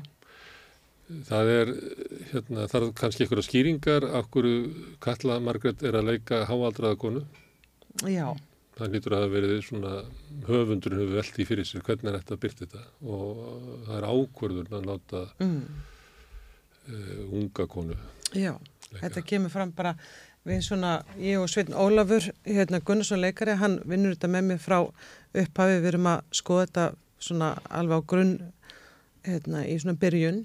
Við erum að spá í hvernig við getum náðu þessu að því að, að það er kannski það sem að svona er erfiðast við þetta sem ég var svona aðsa í að áðan að, að hérna að fólk sem er komið þangað upplifis ekkert endilega að það sé eitthvað að og það sér bara ofta á besta aldri og það sé allt í lagi með það og, og er í ákveðin afnettun og það, maður heyrir svo eins og oft við erum svolítið sjálf sko. Já, við erum það. Já, meina, við viljum já, er vera, já, við viljum ekkert vera tróða alveg bara framan í okkur því sem við getum ekki eða erum að missa eða þannig að við svona sjáum okkur kannski svolítið svona sem innri manneskjuna líka og innri manneskjan er alltaf bara á besta aldri. Veist, við vitum sjálf bara ef við hérna, hugsaum um okkur og okkur finnst við ekkert endilega vera einhver þessi tala og, og það er bara ofta sem að fer fljótt að það er einhver, einhver eh, að muna einhvern, ák- einhvern ákveðn aldur eða einhver ákveðna tölu. Þannig að sjálfið er alltaf ungt. Já, og yngist eiginlega, að því að þú sagðir að við höfum verið að tala um þetta áðan að, að mamma dó í, í fyrra og eftir hérna svona heila rýtun og bilun og, og sömuleyti þá var hún eiginlega að hverfa, hún var eiginlega að breytast í sko litlustúrkuna sem að kom í Hafnarfjörð Akkurat. í fórstufóruldur sinna. Já, og hún var ofta sagt vera bróðir sinn sem að lönguláttinn hafi verið hjá henni stutt áður en ég kom og, og þannig að, að það var eins og verið bara að hverfa þarna aftur inn. Akkurat. En, Og en þá, með og þá, já, já, fyrir ekki, Já, já, já, þá vil ég bara segja að með þessu þá er leikritið eiginlega að sína okkur sem sagt, innra líf já, göllu. já. Og þá erum við strax búin að setja í sjáum- þær stellingar. Já, samt sjáum við hérna, eh, það sem er að gerast frá sjónarhóli dótturinnar. Já. Já, en oft það er bara ein sena sem er svona sjónarhól sískinana, en það er eiginlega meira og minna út í verkinu, erum við að fylgjast með og erum inn í hugar heimi þessa, þessara konu sem að kalla leikur. Og það var eiginlega það sem að svona, þetta gaf okkur að, að setja unga manneski í þetta, að, að áhörundur átta sig á því svona fljótlega að þau eru að fylgja hennar huga og hennar innra manni heldur ef þetta hefði verið eh, kona á áttur að segja nýraðisaldri. Það er hægar að, að hvað séu, segja en í að komast. Er það sagt þannig? Það er auðvöldrað fyrir því að ákvaða, já, höfum þetta þannig, en svo getur við verið flóknarað fyrir sko leikarann að alltaf leysa þessa þraut. Heldur Að betur, vera, sem sagt, heldur betur og finna réttu Vera manneskina. 51 árs, en vera kannski raunverulega 88 ára og þurfa að vera að láta undan sjúkdómnum á sviðinu. Smátt og smátt. Eldast Já. og, og hverfa, það, hvernig gerir með þetta, kalla? Já, ég viðkynni alveg að ég var svona mjög aðeins brúðið þegar hún stakk upp á þessu við mig. Þá vorum við búin að lesa þetta saman tvær. Og hérna, en svo bara lítið samfærast og hún bara, ég sá hvað hún var að hugsa og hana langaði að fara þessa leið og svo finnst mér bara, þetta er gott handrit, leiði mann svolítið áfram og, og glögguleikstjóri og þannig að, já, og bara þetta hefur bara verið mjög ánægilegt sko, en ég viðkynni það alveg ég var smá kvíðin fyrst.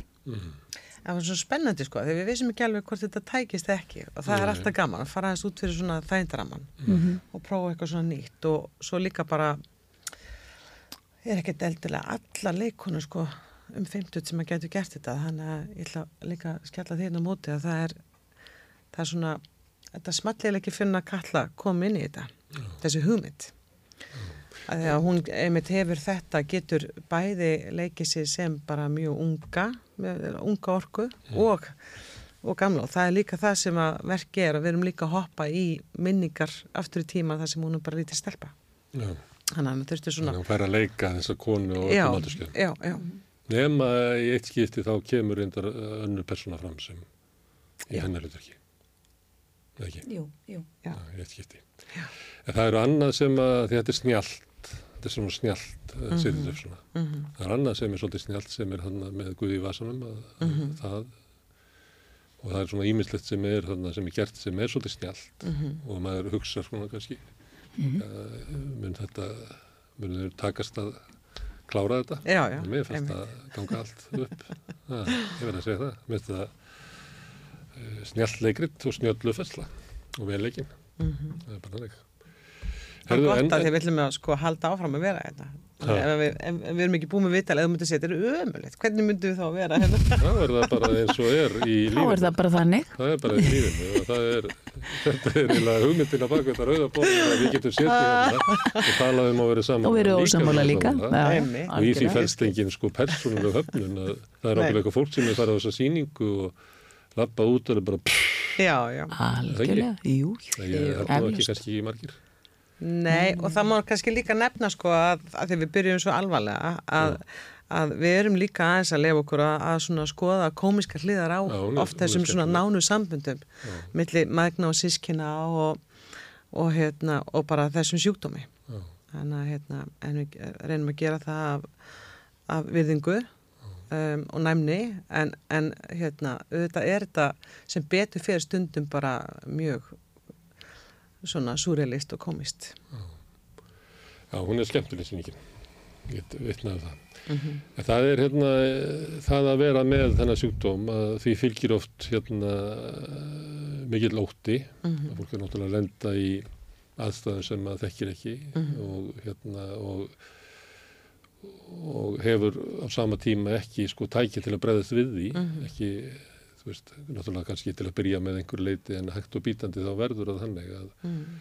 að fólk er að síga inn í eitthvað svona ókunnugan heim Já. verður oft uh, einangrun og það er fjallað um það í verkinu Mhm. að aðalpersonan einangra sig Mhm. hættir að fara nýr í mat Mm. Já, ég meina það, og sko, nú allega að því ég byrjaði líka að segja að, að, að svona, að útgangspunkturinn var að hérna, að mamma mín var að fara í gegnum þetta, að þá er það alls ekki, hérna, þá er þetta alls ekki bara um okkar Þetta samband, er um okkar hana? magna, nei, alls ekki. Það er hún kór, kórstjóri mammaðin? Nei, Nei. það er hérna bara ymslegt sett þarna inn, en uh, um, já, það sem að kannski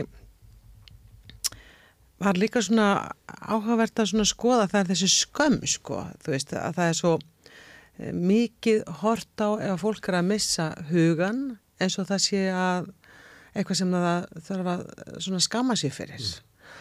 Og það er ótrúlega ósangjant fyrir fólk sem er að lenda í þessu að hérna hvað bara samfélagi er rætt við uh, við sjúdóminn þú veist og við þessa við þessar aðstæður.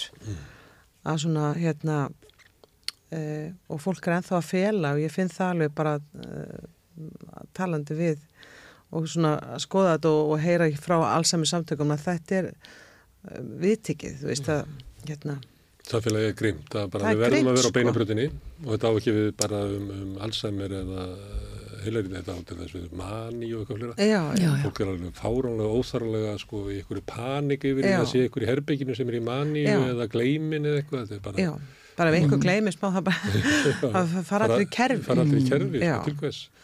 Og það var, mér fannst einhver tíman hérna þegar ég var að segja við hjúknafræðinga svona, já, hérna, mamma sko hún fekk tíu öllu og hérna, og hún svo, svo klár og, já, þú manst að hún er, hún er mjög klár, hún er, hún er þú svo manneskja, þó að heilastöðunar hérna, þó að sé búið að klippa eitthvað á þarna tengingar að það þarf maður alveg að muna eftir því að fólk er samt það sem það er með uppleiki sko. Það er það sem að samfélagi hefur áhrif. En svo er það líka að, við erum uh, dæmum okkur hart. Mhm. og ég upplýði það til þess að mamma einangra sig svona vildi ekki fara fram í lókin og var bara inn í herbyrgi Já. og þá var það að, að það var ekki nógu góður við hann að konunnar frammi Mm. og ég upplýði aldrei aðurvísi en að, að hún er óurug hún er að reyna að halda sér uppi þú veist, veit ekki, veit að þú veist, hún getur ekki alveg treyst sér Nei, nei. og svo upplifur hún að einhver kannski hlæri eða Já. eitthvað, þá finnst það að hlæja sér og þá Já, bara vill hún ekki vera fram Nei. og hún vill ekki ganga aftur í kennum þessar reynslu og, Nei. Nei. og, og þá er þetta svona þú veist hvað getum að gert Já, það er ekki, það er ekki þú veist það er ekki svo sett að leysa þetta með einhverjum, bara Nei. við breytum einhverju og þá mun þeim sem er að gangi í gegnum þetta líða vel, það er ekki mm. Nei, en það er samt svona kannski fyrir okkur þess að svona hugsa eins úti að, að dæmi ekki of hart sko, hérna fólk sem er í þessari aðstöðu. Þú veist, þetta er allt í lægi Þú veist, þetta er ekkert eitthvað svona hræðileg skömm þó þú Mm, Svo held ég þessi líka bara manns eigin ótti, þú veist Já, að lendi í þessum remmingum Já, sjálfur já, sko, mann já, langar ekkert að fara djúft inn í, Nei, nei, það er alveg rétt. Þú veist, já. það er alveg rétt. Já, þetta er, og það er líka sko eitthvað sem mér fannst mér áhugavert að reyna að skilja hvað er að gerast hjá þeim sem er þarna. Þú veist, hérna að reyna og það er það sem við kallum náttúrulega að reyna að gera að reyna að, að, að skilja þennan óta og af hverju fólk er bara til dæmis eh, á bara erfitt með að sleppa tökunum og fara á hjúkunarheimili veist, við vitum alveg að eldri borgarar mjög margi vilja náttúrulega bara fá að halda sínu lífi, fá að vera heima fá að stjórna áfram því sem það hefur fengið bara stjórna síðustu 70 árin. Þú veist, frá því að maður er úlingur er maður búin að bara sjá um sitt líf og svo allt í einu á maður bara að segja hérna, neini, gjör svo vel aðstundundur þið bara ráðu þessu. Og það er ekkert skrítið að það sé mjög erfitt og viðnám við því.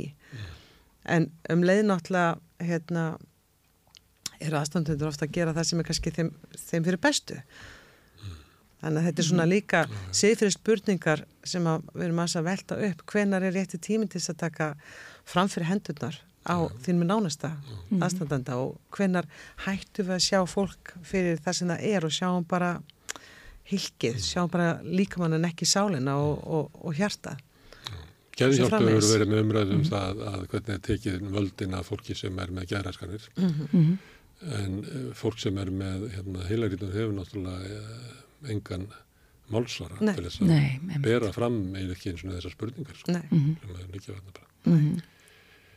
Eh, Það er líka með hjúkunarheimilið að, svona, að það kemur nú fram held ég í allavega einni setningu í leikritinu Mhm. sem er, þú veist, hérna, fer ég ekkit hérðan, einhvern veginn Mhm. svona hugmynd sem ég vera eftir hjá mömmu Já, það sem allt í einu er svo hugmynd sem ég veit ekki hvort að fólk tengist eitthvað hvort að fólki líði vel á staðnum eða Mhm. ekki heldur bara hugmyndin um að þetta sé síðasta herbyggið Akkurat. það er náttúrulega Já, já. að því að Og hvenær fer ég aftur heim? Einmitt. Já. Það er svona, já. Og það er allavega, ég meina, núna hef ég alveg verið heppin með móðu mína, hún er ennþá alveg, við eigum góða samræður og hún er ennþá til staðar, en hún átta sér samt ágætla á sjúkdómnum. Þannig hún átta sér alveg vel á þessu og þetta er bara einkennilegt að fara aldrei aftur heim til sín Mhm. og hérna, og vita alveg að smátt og smátt er maður að hverfa Mhm. inn í eitthvað tóm, sko. það er svona misjætt hvernig fólk bregst við þessu sjúkdómi Mhm. það hefur verið sagt að hérna, sumir svona verða ljúfir og meðfæraleðir Mm. Já. og aðrir hérna berjast á móti Mm. verða eh, svona reyðir Mhm. óttin byrtist þannig Já, og, og líka náttúrulega sumleiti bara eðlileg reyði gagvart eh, þessari sko frelsiskerðingu sem Já. alltaf að, að þrengja fólki hvort sem að hún er sko réttlætanlega eða ekki þá. Mhm. upplifir fólki að það er bara að vera að taka af því. Völdin bara Já. á eigin lífi Mm. og ákvörnaréttur um allt. og þín persónu er svona frekar reyðarakantinum Já, hún er Hún svona, nei, hún vill þetta ekki, það er ekki fyrir svona, þegar hún er orðin hvað veikust þarna undir lokin sem hún svona gefur eftir. Nei, hún vill þetta sjálfsög ekki. Ég hef nú líka eins og þú reynsla af þessu mamma mín fór úr heila bilun og, og ég mani með þetta ferðalega með henni, maður var alltaf einhvern veginn að reyna að finna út úr þessu hvernig maður ætti að mætinni, sko. Af því að það var einmitt svona, hún reyndar ekkert mjög reið en hún var bara svo hissa hvað það var tekið fram fyrir hendurnar á henni og og því ég var að reyna að fara til dæmis með henni í dægratvöl og þá vildi hún alls ekki vera með öllu þessu gamla fólki og veist, það voru bara jafnaldra rennar ef ekki yngra. Og þú veist, þetta er bara svona, maður er einhvern veginn alltaf og svo líka leitin að því bara hvað get ég gert svo hún sé glöð? Þú veist, mm. þetta er alveg bara heljarinnar pæling, þú veist. Og maður bara, svo læri maður smám saman einhvern veginn, að við erum illa undirbúin eins og við erum svo illa undirbúin nákvæmlega, að við en- höfum ekki rætt þetta. Já, akkurat það vantar, vantar upp á heldur betur þetta Þess þegar þú segir þetta hérna, með að því sjálfsmyndir okkar er yngri Mm.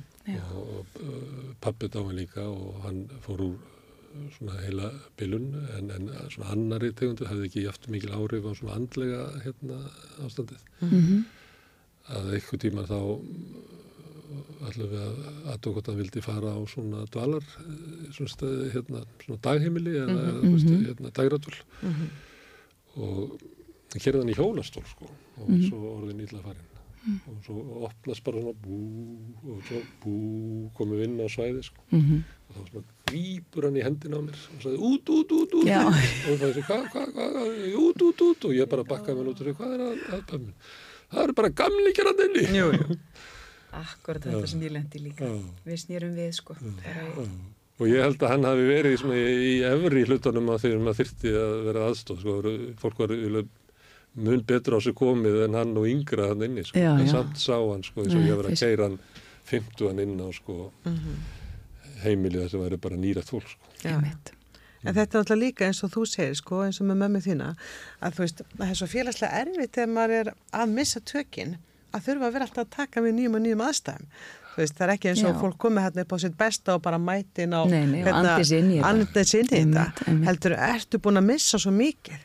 Já. Þú veist, og þú, þú hérna, eins og, eins og með mömmu, sko, minnst hún oft verða næmar á mörgum öðrum sviðum þegar minni er farið. En þá er hún samt honum svona næmari svolítið á svona, hún notar þá eins og bara þegar fólk missir eitthvað, eitthvað, eitthvað, eitthvað, eitthvað skinnbrað að, hérna, að hún er, hún er mjög næm á situasjón, mjög næm á hérna, umhverfið, hérna, andrúsloftið.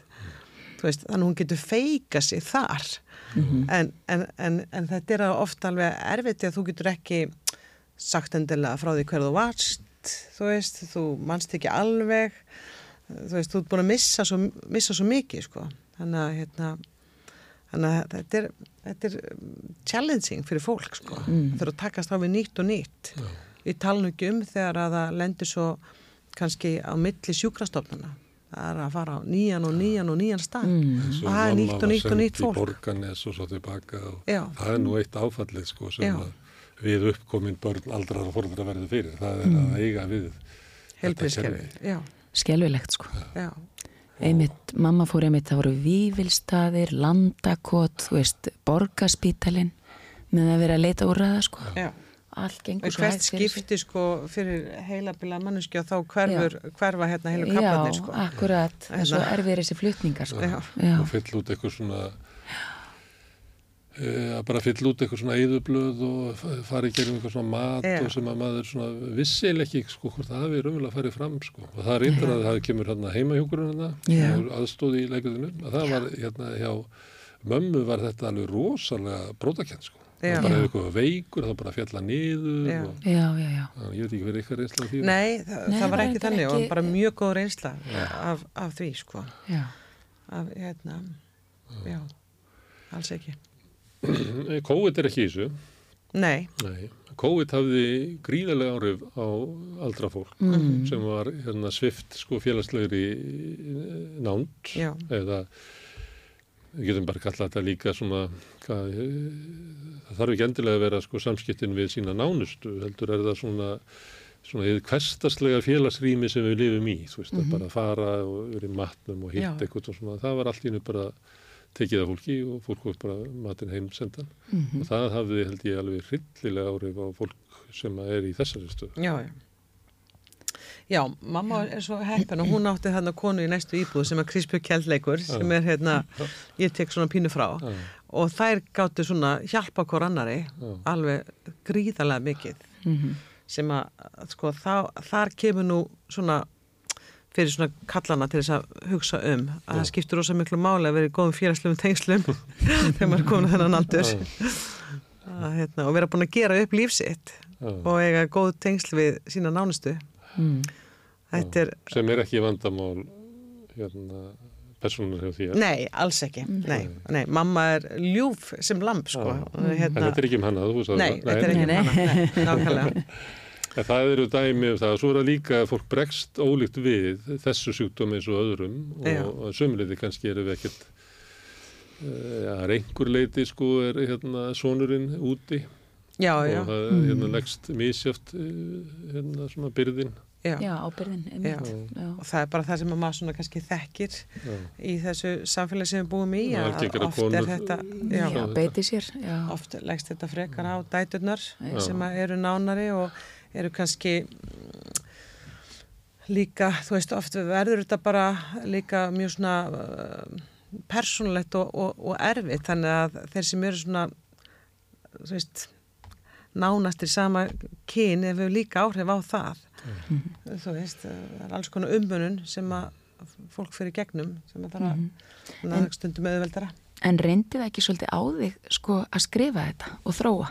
Af því að þú ert svona á sumpartin að gangi gegnum Jú, jú, ég svona skrifa minni framtíðina svolítið Já, einmitt. Eh, Svo svona lítur maður tilbaka og ég sagði, ok, nú er hún komin hinga er, Já, Þannig að- en það er svolítið erfitt eða þú veist svona, lítur að Já. taka á hérna, að þú ert náttúrulega að speklað í Jú, maður kannski að sumuleiti svolítið berskjaldar að einhver leiti, en svo náttúrulega verður maður bara líka muna, þetta er ekki bara bara persónulega saga þó að, þó að hérna Nei, en þú hefur reynslu af því Já, ég hef Meina reynslu, það. já, já, Já, já, já.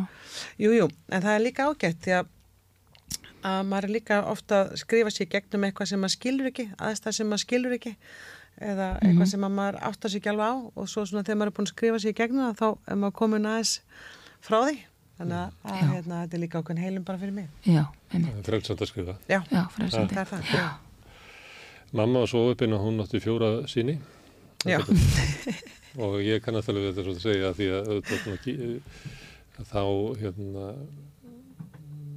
fengum við svona frængur og fleira til að heimsækja annars lagið því það er sumt svona sem að, að hérna, svo sem við getum alveg gert en kannski hún vill ekki að við séum að gera Nei. Mhm. svo er það líka held ég að, að, að, að, að þetta hlutverk að kannski ef við, hefðum, ef við ræðum, með ræðum myndum ræða meir um það þá myndum við kannski vita það hvert er hlutverk hérna barns í Mhm. þessum aðstæðum Já, því það þarf ekki endilega að vera það sé að vera sko frangvætastjóri og, og bara allt hérna dæmi sko, ég held að það sé líka að það getur verið svona rugglandi í því hvaða hlutverk er maður raunverulega að reyna að sinna sko, Mm. því að hérna, kannski er aðal hlutverk sem maður þarf að sinna er að vera barnið sko, Mm.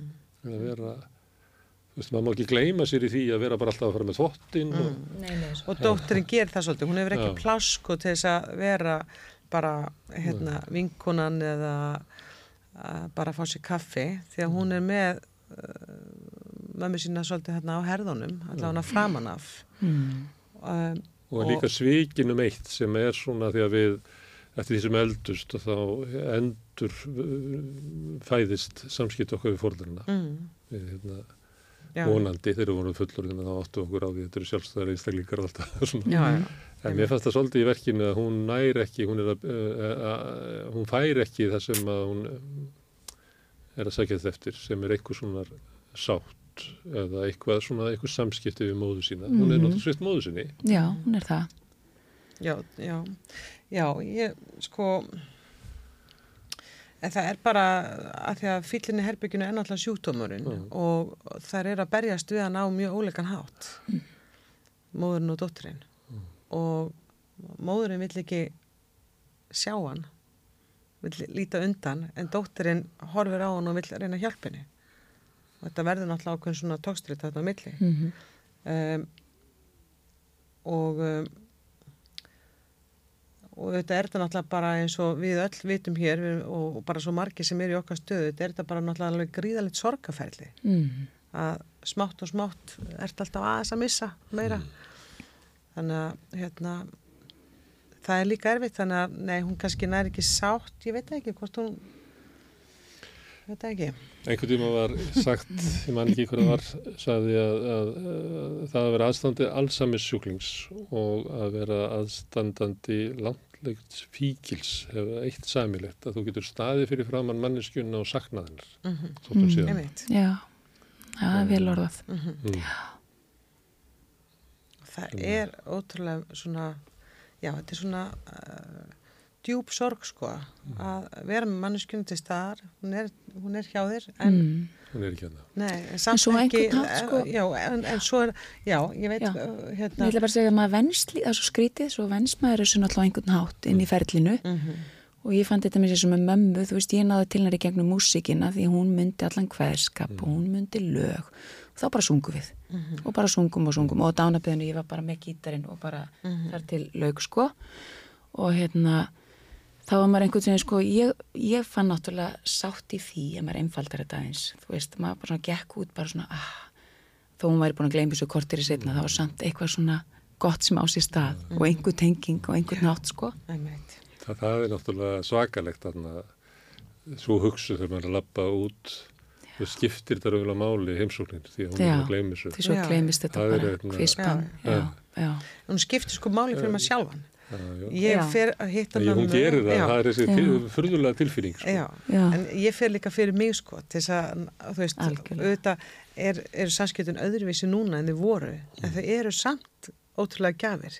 Og það er kannski það sem að maður er líka að reyna svona svona að, að að enda með fyrir fólk eða leifa fólki að fara út með allan að þá von um að manneskjan sé til staðar. Mhm, að sálinn sé þarna og hjarta er þarna það er sagt í verkinu að hjarta, hjarta er heilt og hurinn sé farin og ég finn það allavega í mínu tilfelli að það er svo innilega rétt Mm. að hérna og að, að samskiptin breytast og maður verður að sleppa tökunum sem er alveg pínu erfitt sem aðstandandi að sleppa tökunum, verður ekki alltaf að, í, að baráttunni. Og, og það er, er svona það sem maður er, að því maður finnst maður þurfa að berjast að því maður kannski e, bara aðstæðunir eru þeir einu sem er að berjast fyrir, fyrir manneskjuna. En þegar maður aðeins næra að sleppa og opna á það sem er samt svo stórkoslegt í núinu að þá einhvern veginn frelsast maður aðeins. Mm. dótturinn er því kannski ekki alveg í verkinu en, en mögulega áhörundur sem að sjá geta svona skoðað allavega mhm, Svo er það þetta eh, hérna, eldra líf sem að verður svo ljóslifandi að eh, það var eins og mamma væri bara að hverfa til fóreldra sinna og já, morfinn seim sko að, að ég meina maður hugsaði það er ekki förðu þótt að fólk upplifi eða þú veist það sé til bara hugmyndur um dauðan að maður sé einhvern veginn að maður sé að hverfa aftur til upphafsins. Já, mhm, því að þetta, þetta hefur gert áður að fólk hefur fylst með einhverjum sem er að hverfa. Mhm. og það var bara eins og var að hverfa bara í hlýjan faðum sko fórundra sinna Já, og var bara að fara á Östugutuna í Hafnafyrði Já. og, já, sem að var alltaf í hennar huga sko hérna the good old times. Já, akkurat. sem að hann að að sömuleiti var þetta líka einhver leiti sko fallegt. Og frelsun, Já. einhver frelsun. líka. Já. Sammála því, já. og hérna þetta er kannski ekkert svona hræðilegt. Nei, dauðin er kannski heldur ekkert svona hræðilegur. Og það fer svona svolítið eftir hvernig við lítum á það.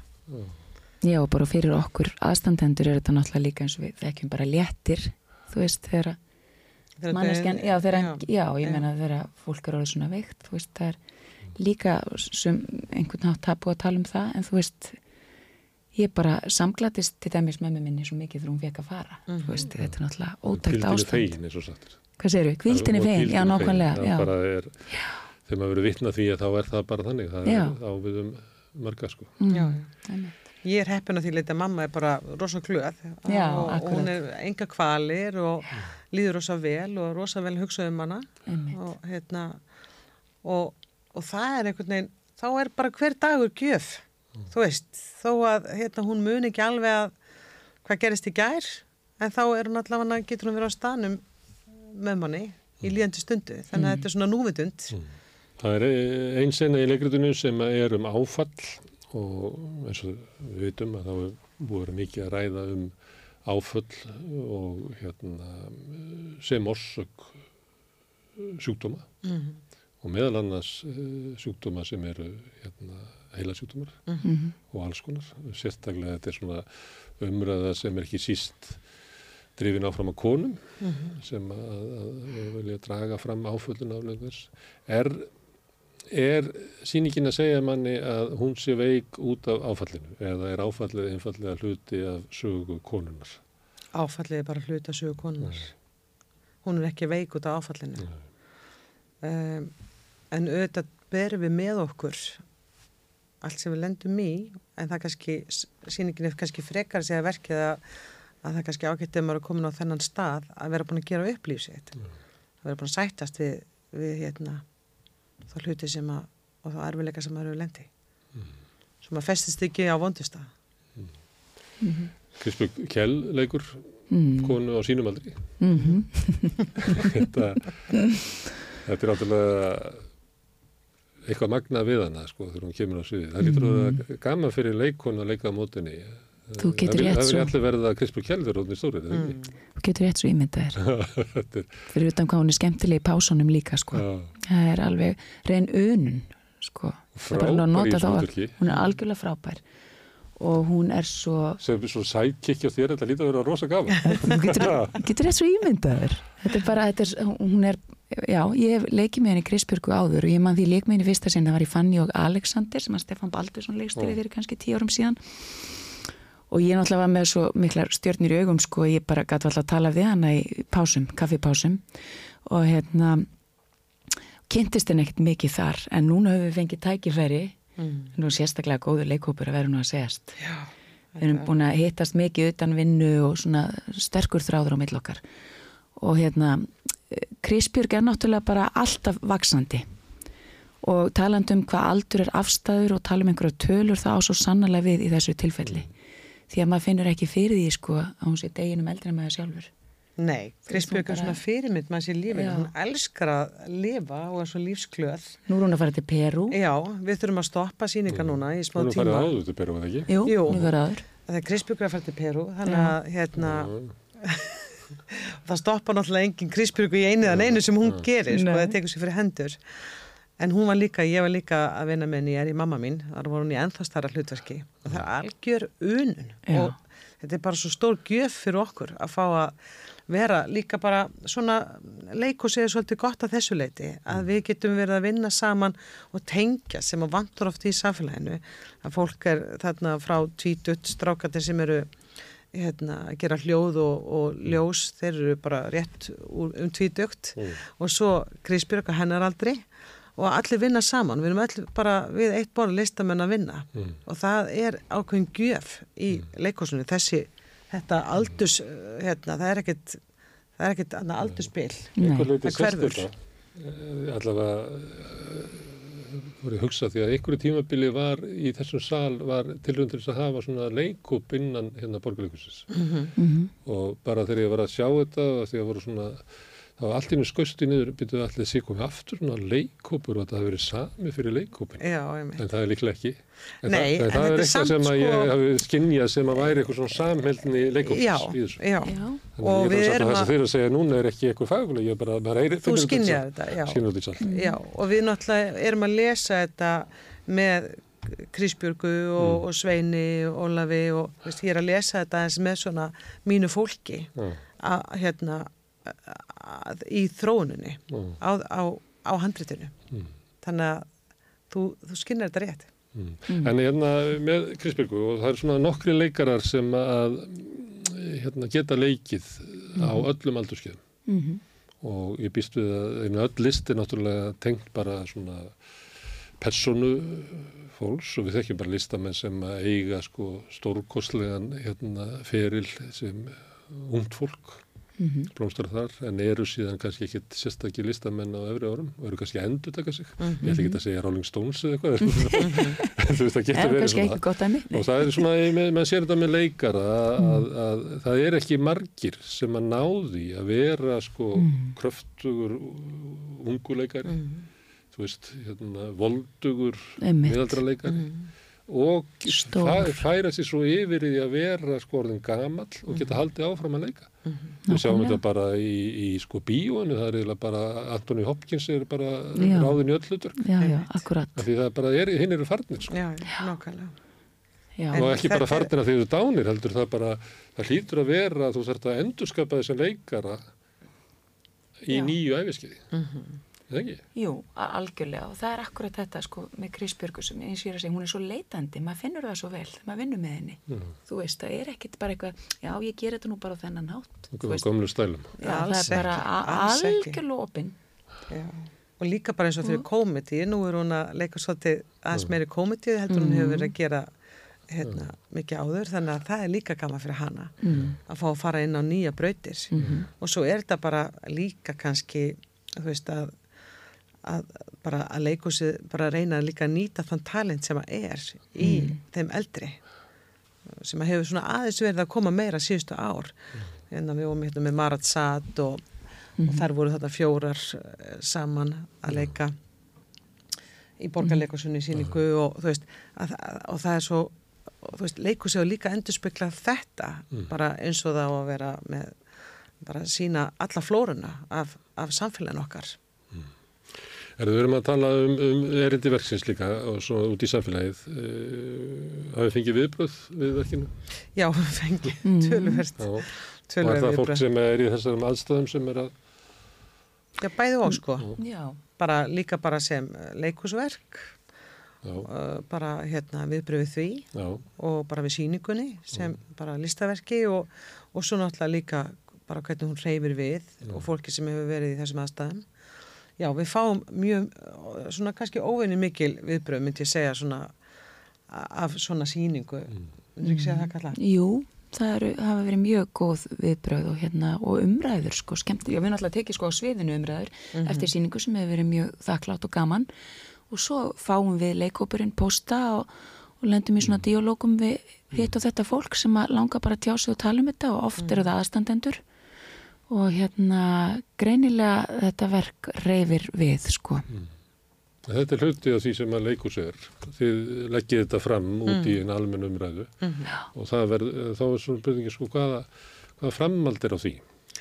Já, sko, við erum náttúrulega hefum eins og, Já, svona viðra umræður á sviðinu, maður lendir stundum Jú, á því að vera á síningu þar sem er tjálta til umræðu. mhm, jú, ég veit til dæmis að, að það vil til að þar sem að, að mamma er, að það tengist því bara ekkit endilega en, en þar upp á eir hefur fólk komið og, og hérna uh, starfsmenn, heilbrið starfsmenn þar og af fleiri stöðum að hérna, heimahjúgrun hefur verið að mæta og þannig að og hérna, fólk frá sunnuhlýð og þannig að það er allavega að skila sér líka þangað. Fólk sér svona, er aðeins að skoða þetta, finnst spennandi að sjá svona djúft inn í þetta maðgna samband. Sest, að, hérna, fólk sem er að vinna í helbrískerunum, sem er að vinna öðrum meginn frá. Og hafið þið trú á e, hluturki leikursins að þessu Já. Það er bara þessan erum við að þessu. Til þess að bæta samfélagið. Já, bara þú veist, eins og ég segi, þroska maður sjálfan og kannski einhverja í leiðinni, ég veit ekki. Maður hérna allavega, allavega leggur þetta á borðið og uh, svo náttúrulega bara lifir það sínu lífi, verkið lifir sínu lífi. Það er, við fundum alveg vel fyrir því á æfikatíðanbelinu að það er, þú veist, maður byrjar á eitthvað svona en svo er það bara svona verki sem maður tekur við og yfir vill fara eitthvað og hérna, við höfum oft talað um það í hóknum að, að vera svona að hlusta á hvert verki vill fara. Hvert þessi sag vill fara. Þetta lukkast mjög vel hjá okkur. Hérna, þetta er eh, mikilvægt mál eins og við erum að tala um og, og hérna, ég er alltaf að reyna að fá fólk hingað að borðinu til þess að tala um, um þetta. Mm. Bæði það sem að við fullorðinu börnin hérna lendum í að sinna en líka bara reyna að átta okkur á svona kerfinu. Það náttúrulega er, er í Lamassis þetta kerfi, það er ekki verið byggt hjúkurna heimili hérna, ég man ekki hvort það séu 14 ára eða 17 ára. Sko, sem er, og, og, og, og hérna búa til eitthvað svona vettonga sem hefur verið að, að, að bera fram uh, óskir og kröfur þessa hóps sem að hefur ekki mm og þetta leikrit gerir það náttúrulega að, hérna stert og öflutt svo er þetta líka einhver leiti er þetta sjúkdómi sem er svolítið uh, hann er komískur sko. Jú, jú. það er það er það og þannig er það bara og maður er hérna því kunnið örglega mörg dæmi um uh, aðstæður og heimsóknir sem mm. eru bara finnar sko mm. jú, jú. Og, og, Og líka verða bara- aldrei annað en bara finnar sko. Það er já, já. sem að verða ábyggilega bara sögur sem að ég mun segja börnunum árum sko. Mm. og líka sko þessi sjútum er líka þannig að þú veist að, að fólk nær ofta allan eins og mamma, hún er ofta að blekja sko, og hún hérna þú veist að því að maður er náttúrulega bara alltaf að reyna, maður er alltaf í hlutverki og alltaf að koma fram gafkvært öðrum. Og hérna og fólk er misgott í því en það er oft mjög gott í að blekja sko. Þannig að, að það getur oft valdið miklum hérna skemmtilegum uppákomum sko. Eins og við erum svolítið við erum alltaf að halda andliti. Já, við erum alltaf að halda andliti og hérna, þú veist, og ef eitthvað er sem að, að mamma mín halda þá er það ef ég er eitthvað að tala um hana fyrir framann hana eða hérna, tala við læknan án hennar eða, þú veist, það er hérna, að því að auðvitað bara vill maður fá að taka þátt í sín eigin lífi. Þannig að, að hérna, en það getur oft orðið komist sko. Hérna, hvernig maður er sjálfur að einhvern veginn að reyna að hérna svolítið að blekja hana þá þú veist, og hún að blekja aðra. Þannig að hérna, það getur orðið ákveð leikrit út úr þessu.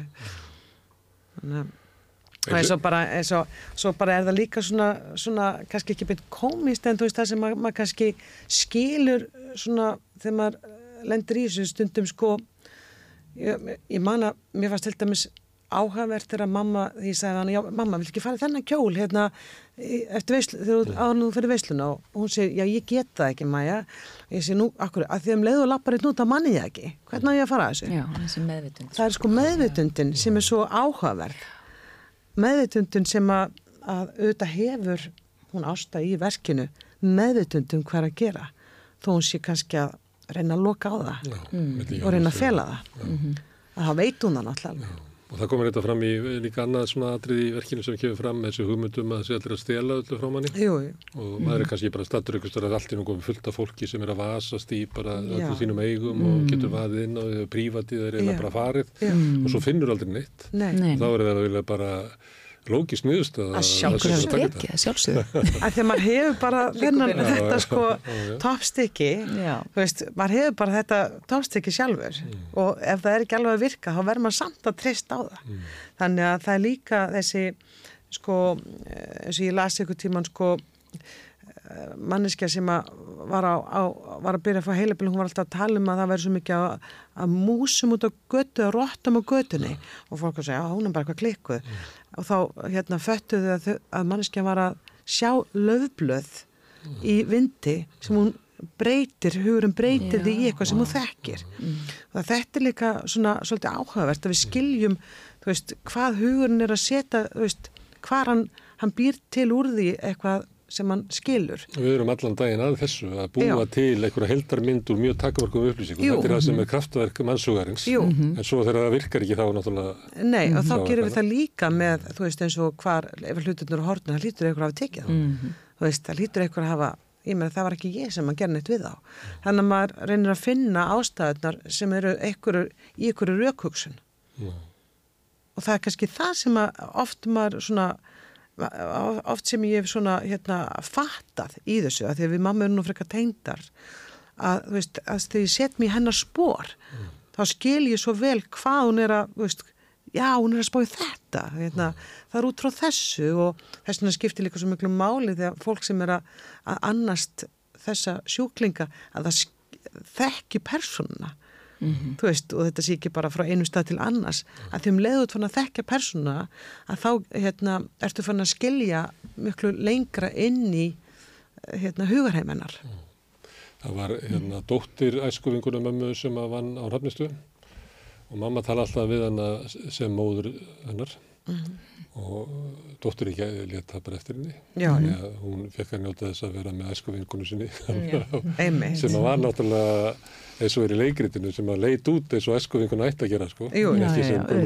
Jú, nákvæmlega, nákvæmlega. Já. Einu sinni kom ég inn í herbílir hennar og þá satt hún upp í rúminu og, og var voða glöð og ég fyrir að spyrja hvað hef ekki. Já, ég hef bara að koma úr bíltúr og fór í Hafnafjörð og skoða krossaravegin og, og já, og hver var með í bíltúr? Ég, ég veit ekki, það kom hérna kona og tók mig í, í bíltúr og nú, hvað kona getur það verið? Ég veit ekki. Var þetta hún Guðrún? Hvað, hvað er Guðrún? Guðrún tengdadóttiðin? Guðrún tengdadóttir? Já, konunars Kristjáns. Hvað? Kri, Kristjáns? Já, það er brúðkauðsmyndin að þeim hann fyrir aftur þig. Það var svona að segja, er Kristján orðin kall? Þetta er náttúrulega dásalegt. Já. Þetta er dásalegt. því að heimurinn sem hún er í er ekkert sko lagari heldur en svo Nei. sem að ég hefði verið að draga hann inn í sko. Alls ekki. Hann er kannski ekkert endilega rángari heldur, þú Já, ég veist. held að Kristján sé ekkert kall sko. Nei. Það sé bara litli Kristján. Bara litli Kristján. Já, ég held að það sé Já, já, ég já. held að. Herðu, gaman að fá okkur til að tala um gottlegrið og mikilvægt mál. Marja og Gallamakart. Takk fyrir. Takk fyrir. Uh, við ætlum að halda áfram að sitja hérna við rauðaborðið og reyna að skilja heiminn sem við lifum í, okkur sjálf kannski og samfélagið. Næsti kæflættur ykkur blik. Hvernig getur við réttlætt að 60% eblingarfólks eigi erfitt með að ná endum saman? Ebling stettarfélag. Baróta fyrir betra lífi. Samstöðin er í eigu hlustenda, áhorfenda og lesenda.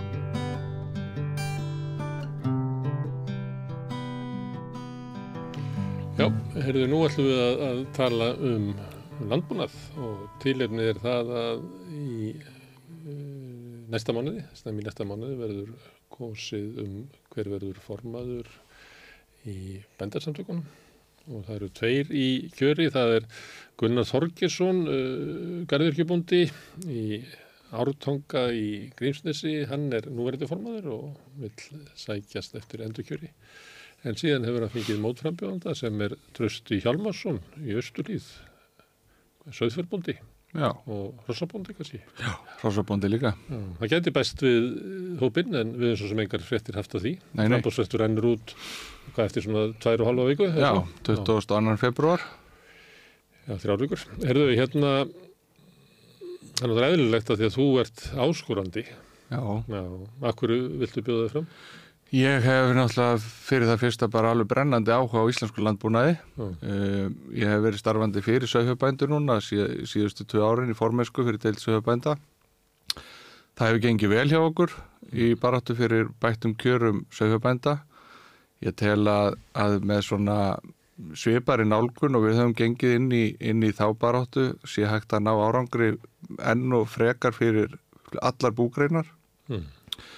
Við höfum fundið fyrir því að það er náttúrulega gríðarlegu styrkur fyrir, fyrir bændur á Íslandi í dag að hafa gengið þessa saminningu búgreinafélagana í bændasamtökin og, og hérna keirum þetta allt undir einum og sama hattinum. Það er styrkur fyrir okkur að- koma öll saman og, og hérna berjast saman fyrir, fyrir okkar kjörum fólks í, í landbúnaði og, og það er að sjálfsögðu er stundum ykkur svona, það, eru sérhagsmunamál ákveðna búgreina og þau búgreinarnar þurfa að sjálfsögðu að geta haldið á þeim fyrir sig með stuðningi stjórnarbændarsamtakana en í stóru myndinni er alveg gríðarlega, gríðarlega styrkur fyrir okkur að vera orðin saman og, og með eina öfluga fórustu sem talar máli landbúnaðarins í heilsinni Mm. og í mínum huga er þetta náttúrulega þannig að landbúnaðurinn er, er sko þetta er bara einn stóðin í velferðarkerfi landsins að vera með öfluga matalaframlýslu hafa hér aðgangað heilnæmum uh, vel fra, fram, uh, góðir framlýsluferðlara á öllum, öllum í öllum greinum landbúnaðarins. Og, og hérna matvæla öryggið er í hávegum haft hér og við, við vitum að þegar við erum að versla okkur íslenska landbúnaðar afurðir al- í- alveg sama hva, hvað það er þá getum við treyst í að það er vel að þessu staðið og þar eru gríðarlega tækifæri fyrir okkur í markaðsetningu á okkar framleysluháttum, okkar sérstöðu, gagvart samkeppninu sem er alltaf fyrst og fremst orðið nærlendis frá. Markaðurinn er alltaf að stækka. Uh, ferðamönnum hefur fjölgað þeir eru og, og, og sko, þjóðin er, a, er að fjölga líka. Mm. og, og mannfjölgunarspár eru nú ansi vígalegar ef svo má segja til næstu 25 ára og það segir sér sjálft að, að á sama tíma fólki fjölgar þá munum við þurfa að auka við framleyslu á matalum fyrir þetta fólk Mm. og í mínum huga er það alveg skýrt að það eru við sjálf sem eigum að sækja þau tækifæri Og svo að framleiða meiri mat fyrir, fyrir fólki Fyrir bændur eða við bændur. Íslendingar? Já, við Íslendingar, já. Og það, ég held að það sé bara mikils virði fyrir okkur að hlúa vel að þessu og Mm. það, það gerum við best með því að, að hérna, tryggja, bara, tryggja fólki í landbúnaði viðunandi lífskjör. Mm. Það er ekki staðan og ég menna það hefur nú komið fram í umræðin, það hefur nú lengi verið í sambandi við söðfjör búskap, hans, hans, hans er valla þetta skilgreina sem atvinnugrein vegna þess að hann Mhm. bara þokkarlega stórt söðfjörbú skilar ekki tveimur stöðugildum. Nei. Borgar ekki laun fyrir það. Nei. Þannig að það er eiginlega fórsönduna fyrir sko fjölskyldubúinu Mhm. sem að, að er kannski svona góðsögnin um landbúnað sem að er meðal með hans notað í auglýsingum, við þekkjum SS auglýsingarna sem að er að tala inn í svona hugmyndur okkar um, um hvernig landbúnaður ætti að vera Mhm. að, að fórsöndunar eru eiginlega brosnar og svo núna já, tímabili hára vaksta Mhm. að þá hafa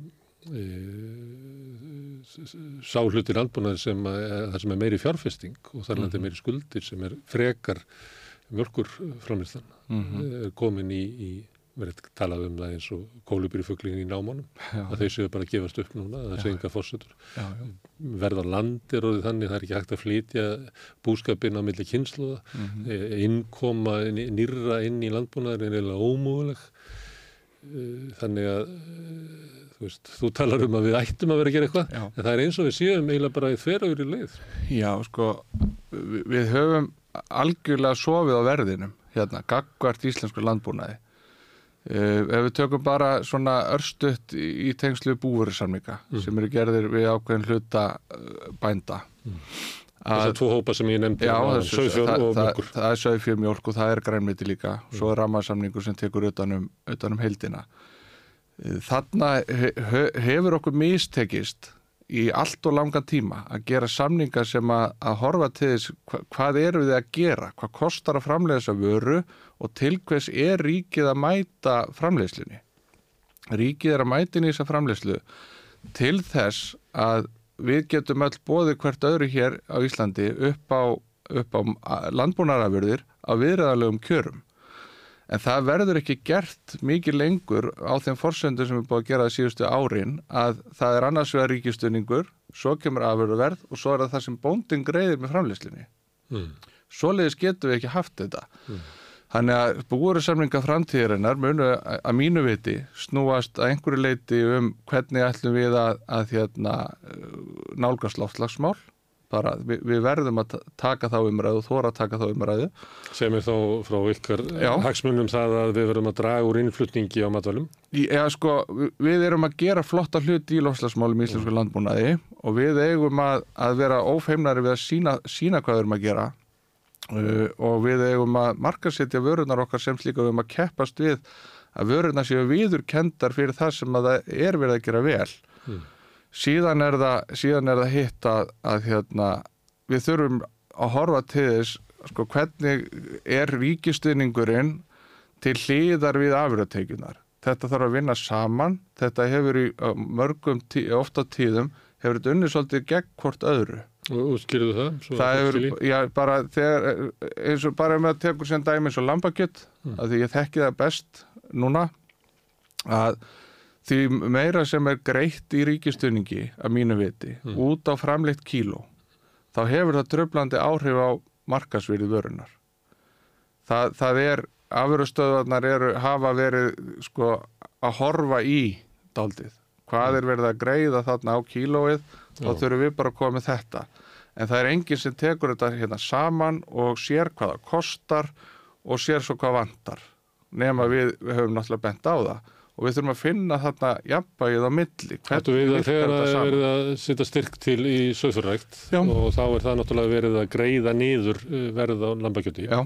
Þú ert að selja hérna afröðstöðinni og Mhm. segjum bara að þú setja að selja eitthvað fyrir tíðu skall og Mhm. svo er hækkað til þínum þúsu skall Mhm. að þá lækkar afröðverðinni í níðu skall. Mhm. Þannig að raunverulega er þetta stuðningur við afröðar. Já, sko, við kerfið frekar já, þig. og, og, og sko stuðningurinn á að sjálfsögðu vera þannig að hann, hann er hugsaður þannig að hann haldi verðinu út á markaðin viðræðalegu Mm. og, og, og það er bara eðlilegt og það þarf að vera þannig og þá að sjálfsögðu sko þegar við erum að selja afrastöðurum okkar vöruna þá geta þeir ekki bara hækka og hækka og hækka það er enginn að tala um það heldur þarf þetta að vera þannig að við erum með afröðverð við erum með ríkistuðning og við þurfum að hafa afkomu Mm. og þetta þarf að vinna betur saman um mínu viti. Þetta má ekki trubla hvort annað. Ríkistunningur má ekki trubla markasvitund neytenda á, á afurðinni, skiluru. Mm. Og, og þa- þarna þurfum við að púsla betur saman, við þurfum að hugsa þetta til lengri tíma, hvernig við erum að gera þetta og mæta þessu rekstrar, við þurfum að finna rekstrar mótili í landbúnaðinum þannig að að fólk hafi laun fyrir sína vinnu, geti, geti byggt upp búin sín og því að þú nefndi nú nýliðun á hann líka, að, að það er sko, minnsta vandamáli hjá okkur er að finna fólk til þess að vera komin í landbúnaðin. Það er alveg óbáslegur áhugi á íslensku landbúnaði, það metnar það geta, Eh, sem betur fyrir er, er mikið af ungu fólki að menta sig Mm. í landbúnaðafræðum á, sko, á háskólanum á Kvanneri og, og hérna við, við höfum í rauninni aðganga mjög mentuðum færum bændum en okkur hefur ekki tekist að, að að skapa umgjörðina þannig að þeir komist í landbúnað Mm. Það er á dýrt. það er bara á dýrt og, og hérna Þau eru að greiða hérna, inntöku hérna, gjald til þess að fá að vera í hálfgerið þrælafinu. Já, og, þa og þa það er meina, við, við höfum alveg leiðir til þess að nálgast þetta meina, við, það eru opbáslega háir vextir á Íslandi það er, land er orðið dýrt og, og annað og, og landbúnaðurinn hann, hann er ekki að keppa hann næri ekki að keppa við aðra atvinnu á Íslandi það, meina, þú hefur meir út úr því að kaupa jörð og, og hérna, setja hana í ferðarþjónust og það er bara vel, skilur, það, það er bara stuðningu við dreifbílið að hafa ferðarþjónustuna en við þurfum samt að fara inn í, inn í hérna, þessar fjármögnuna leiðir fyrir ungt fólk til þess að komast í landbúnað. Og það er bara lífsnöðsilegt fyrir okkur vegna sem við sjáum bara síðustu sex árum hefur sögfjabændum fækkað svo ummunar, kúabændum hefur fækkað um 25%. Þetta er, er, í öllum greinum er sko fækkun og það er í sjálf sér aldrei óeðlilegt að bændur hætti, það er óeðlilegt að það kom enginn í staðin og, og það sem er óeðlilegt í þessu hjá okkur líka er að það er ekki það er ekki aðrir bændur að grípa þessi tækifæri til þess að sinna því að framlega það sem hinn voru að framlega. Það er ákveðin svona vandi þessu, við tökum nýliðunina, að það hérna hækkar verð á, á jörðum vegna þess að það eru notar í annað, einhver bara auðkýfingur er að kaupa þetta upp vegna þess að hann er að sa- safna sér eh, lagsveiði réttindum. Já. Eh, annar er að, að, að nota þetta undir ferðarþjónustu með allir að fara að byggja þarna hótel og, og þannig að verðið hérna hækkar og það miðast við allt annað hérna, efnarslegt en raunveruleika heldur en bændurnir kom inn. Þannig að þó svo við myndum lána unga bóndanum vel mentaða til þess að, að kaupa jörðina eða kaupa sér aðgengi að henni að þá mun hérna, sko, skuldsetningin á því uh, vextinir af henni mm landbúnaður mun aldrei standa undir í sko. þannig að þetta er eiginlega þetta er bara tókmann að tala um Ekki eins og við erum með þetta í dag. En hvað viltu það? Annarkoð þá lækkuðu verðu og segjum að, að við verðum að venda það að tiltegna bújarðir hérna séu notað í landbúnað og það má ekki taka þér út úr að við hérna verðum að vera sjálfum okkur nægu maturlaframislu því að við getum ekki verið háði að fá hann annar stað frá fyrir það, að það er bara einhver loslagsvanna að vera að flytja mat mikið á milli landa Já. þannig að það eru bara tiltegna jarðir sem að má ekki selja og þá munum líklega ykkur úr þínum hópi segja það, heyrðu byrju alltaf að taka af mér hérna útgönguleðina þar sem ég gætt selt jörðina og borga þessar helviti skuldir sem ég mun að draga á eftir mér allan mín hunds og katta tíð Já, og lifa svona svo sóma sem lífi öfri árum og fara í nokkra bandaferðir. Já. Já. Þetta er bara örglega allt rétt hjá þér. Mm. En það sem að við þurfum að gera samlega því að við förum í, í hérna fjármögnuleginar og, og allt þetta sem ég nefndi áðan, það er að við þurfum að horfa í það af hverju er ekki rekstagrundullur og við þurfum að byggja undir það að það sé afkoma að því sem við erum að gera. Og í kúabúskapnum hefur því miður síðustu árin fjarað undan þessu. Og, og hérna í sögfjörðrættin hefur það verið mjög lengi. Um, svo ég nefni þessar tvær, tvær búgreinar.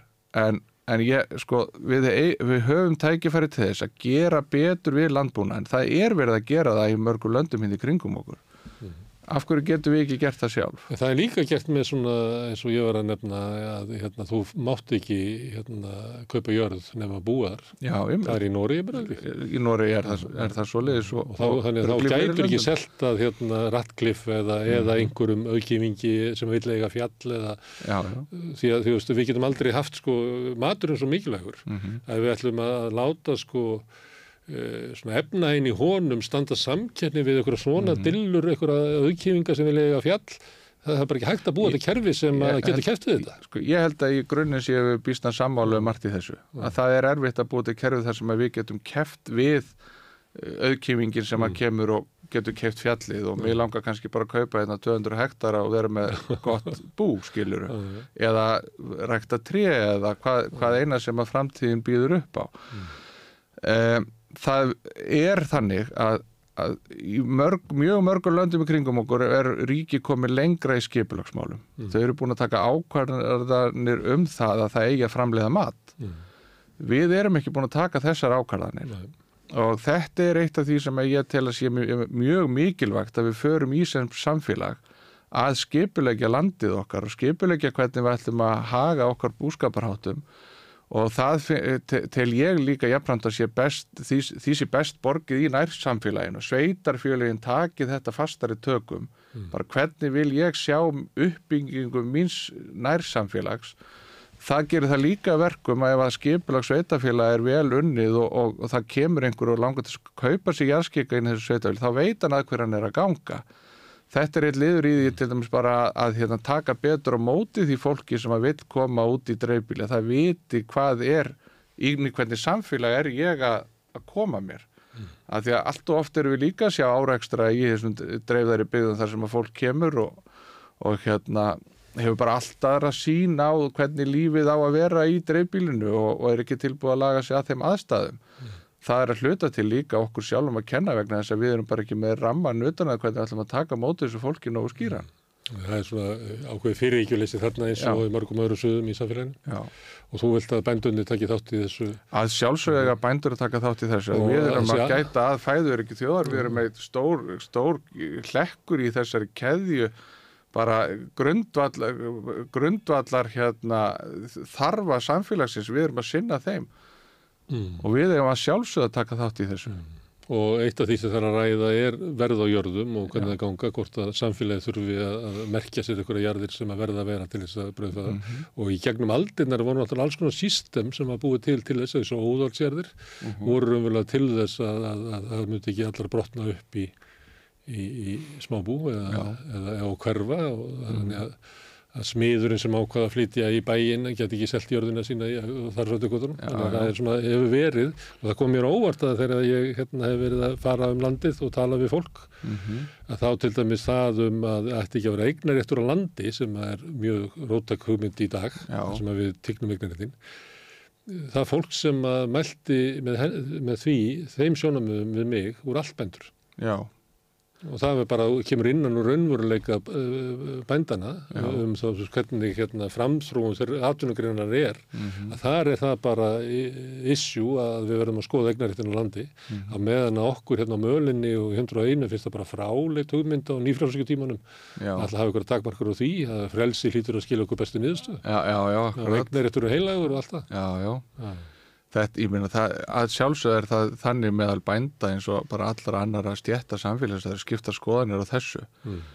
Um, en ég held að bændur séu bestis fallnir að finna, finna flötin á þessu. Og, og hérna, við, við, við erum að gæta því líka að, að hérna, bændur þurfa að hafa útgöngulegðir út úr þessu út úr landbúnaði á, á hverjum tíma fyrir sig, þeir eldast og þeir, þeir þurfa að hverfa frá og annað en þá snýst þetta í mínum hugum það að fyrsti kostur sé að það geti komið ungt fólk mm. keifta þeim jörðina og haldið áfram að búa. Og til þess að það sé hægt þá þurfum við að tryggja rekstra grundvöld landbúnaðarins. Það hefur bara mistekist. Og það er stóra verkefni En Við verðum líka einhvern veginn að stoppa eignar hérna, verðið á jörðanum, Já, er það ekki? Þetta já. er kannski viðkvæmt málinn Þetta- meðal bænda, ég veit það þetta- ekki. þetta er að sjálfsögðu En Þetta er sambandi við húsnæðiskerfið, það getur Mhm. ekki, þú getur ekki alltaf bara aukið eftirspunarliðina og þannig að bara horta á húsnæðisverð þjóta upp, það er ekki jákvætt og eitthvað getið talið sér trúum það að segja jákvætt fyrir sig persónulega, það er ekki jákvætt fyrir samfélagi. Nei, nei, þ- það er sko þú ert með bújörð og hún stendur undir ákveðinu rekstri Mm.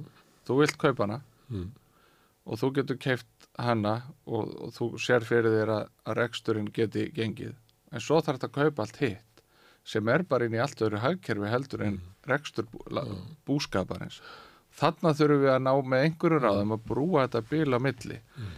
Ég ætla ekki að segja þér ég geti lagt hérna á borði núna töfra lausnina en mér finnst bara greiðlega mikilvægt fyrir okkur að ræða þetta. Þú sagðir áðan í upphafi að þú hefði náð árangri Mhm. í baráttu fyrir sögfjörbendur. Hvaða árangrin hafið þið náð á síðustu steimur árum? Já, ég bara ætla að vera bara mjög stoltur að segja frá því að mér finnst bara viðhorf almennings og neytenda hvað sögfjörrækt orðið mikið jákvæðar heldur en það var. Mm. Uh, við höfum líka, okkur hefur líka tekist sko að sameina okkur sögfjörbændur. Þetta var, það var náttúrulega mikið vandamál í einn sögfjörbænda hérna fyrir tíu árum að verða. Það var mikið sundrung í stjettinni. Einn vildi fara til vinstri og annar til hægri og svo er ykkur sem vildi fara áfram og, og, og fjórðu aftrabak. Mm. Núna höfum við okkur tekist síðustu tvö árin að koma bara fram einni röddu, saminuð og, og mikið sterkar fyrir vikið okkur hefur tekist að fá ákveðna leiðréttingar á kjörum okkar þó við séum ekki, ekki komin þangað sem við þurfum að ná þá hefur samt átt sér stað veruleg leiðrétting á okkar kjörum og, og, og, og kannski stóra málið í því að mér finnst sögfjörbændur svona orðnir bjart síni og þeir eru jákvæðari og gladari og mér langar til þess að, að hérna, við, við öll erum íslenski bændur sko. Og við eigum að, að vera við höfum oft orðið föst í þessari grifju það er verið að gaggrín okkur og gaggrín okkur og þá fyrir við að trúa því. Að við séum bara baggi á samfélaginu umhverfi sóðar og slóðar en við erum það bara ekki. Og þegar það farið að skoða þetta nánar í kjölinn þá sjáum við bara að íslenski bændur eru í mjög mörgum sviðum afskaplega framarlega í landbúnaði.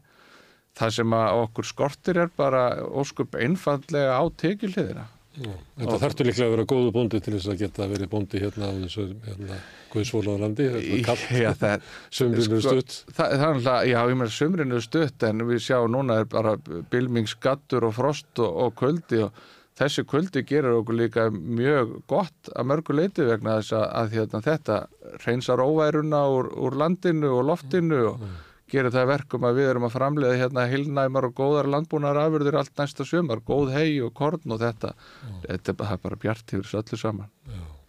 Herðu, hérna, uh, þegar þú talar um íslenska landbúnað og við mest talað um, um söfarbúskap og svo kannski kúabúskap og þá sér fólk fyrir sér svona heilnæmi að, að hérna, uh, lömbi fara á fjall og vonandi er þau ekki að láta hérna geta landið uh, svörðin, þannig að fjúki burt um, um, jarðvegurinn. Ég þetta nú aðalega gras. Já, þeir þurfu að, að, gæta þess að sé jarðvegur. Það, það, það er vandamál einhver staðar. En svona að, að því sleftu að, að kjöti kemur heilnæmt að fjalli Já. og er eiginlega svona semi-villibráð, Mm -hmm. einhver leiti. Og, og þeir rætti tún og, og noti náttúrulega til þess eh, hérna, einfluttan ábyrð Mhm. til þess að rækta. Þannig að En það eru margir sem eru að þrefa sig áfram þar. Í, í kúabúskap er það svipað að það má ætla að það sé einhverju styrkleikar íslenska náttúru sem ætti að gera vöruna heilnæmari en Mhm. það er náttúrulega líka verið að nota kjartfóður og fleira til þess að auka nýtin og þannig að það er verið að taka eitthvað skref í áttina að, að svona yðnframlislu og þá í hugmyndinu það að yðnframlislu er svona setur ráöfnið hérna meginn inn og færa afurðina hérna meginn en í landbúnaði þá er, kemur ekki hérna meginn heldur að verður það til. Sjálfbær landbúnaður. Mm síðan erum við með hérna gróðrúsin og, og, og hérna þárækt það er oft hérna, hérna afurður sem aldrei snerta í íslenska mold, ræktað upp úr einhverjum svona samþjappaðri oft finskum plötum sem eru að fá kannski íslenskt sólarljós og íslenskt vatn og, og svo ertu komin yfir í sko eggjabúskap og kjúklingabúskap sem að hefur til dæmis hérna við rauðaborðið verið haldaði fram að er bara eiginlega óbærileg framleysla þar sem að er verið að gæma dýrin í sko myrkri og þröngum búum og þar sem geti aldrei lifað sko hérna e, neinu lífi sem nokkuð er og sama við um, um svínin. Þannig að þetta er svona, þar eru kominu í nærði að vera eins og verksmiðu búskapurinn er erlendis, sem að íslensku verksmiðu búskapur er í samkynni við erlenda verk, verksmiðu búskap. Þetta er svolítið breytt svið. Þetta er mjög breytt svið. Það sem að þú kannski ert þarna í söðförmegin, það sem að að getur haldið fram að þú sért hérna með sjálfbæran rekstur á með að þú eru komið með það sem að veist, það verður náttúrulega að við erum að búið til matinn þannig að við getum horst í augu við hann sko. ja, ef, að að þú opnar sko kjúklingabú og borðar ekki kjúklingi þrjú ára og eftir, þá er eitthvað að sko. Já, það er vond ef að þér hefur liðið svoleiðis eftir og opnaði kjúklingabú en, en ég hérna, mér hefur ekki liðið þannig Nei. og bara núna fyrir ekkert löngu síðan þá, þá fannst mér bara afskaplega ánægilegt og áhugavert hjá bændablaðinu á Instagram síðan hjá þeim að þá fengum við bara innlit í líf og starf kjúklingabónda eða bænda. Og það var mjög áhugavert og, og örglega fróðlegt fyrir marga sem hef ekki fylgst með þessu. En ég vil bara sko árétta það að í, í hérna þessu sem við oft er rætt um sem hvítagera, svín og, og kjúklingi.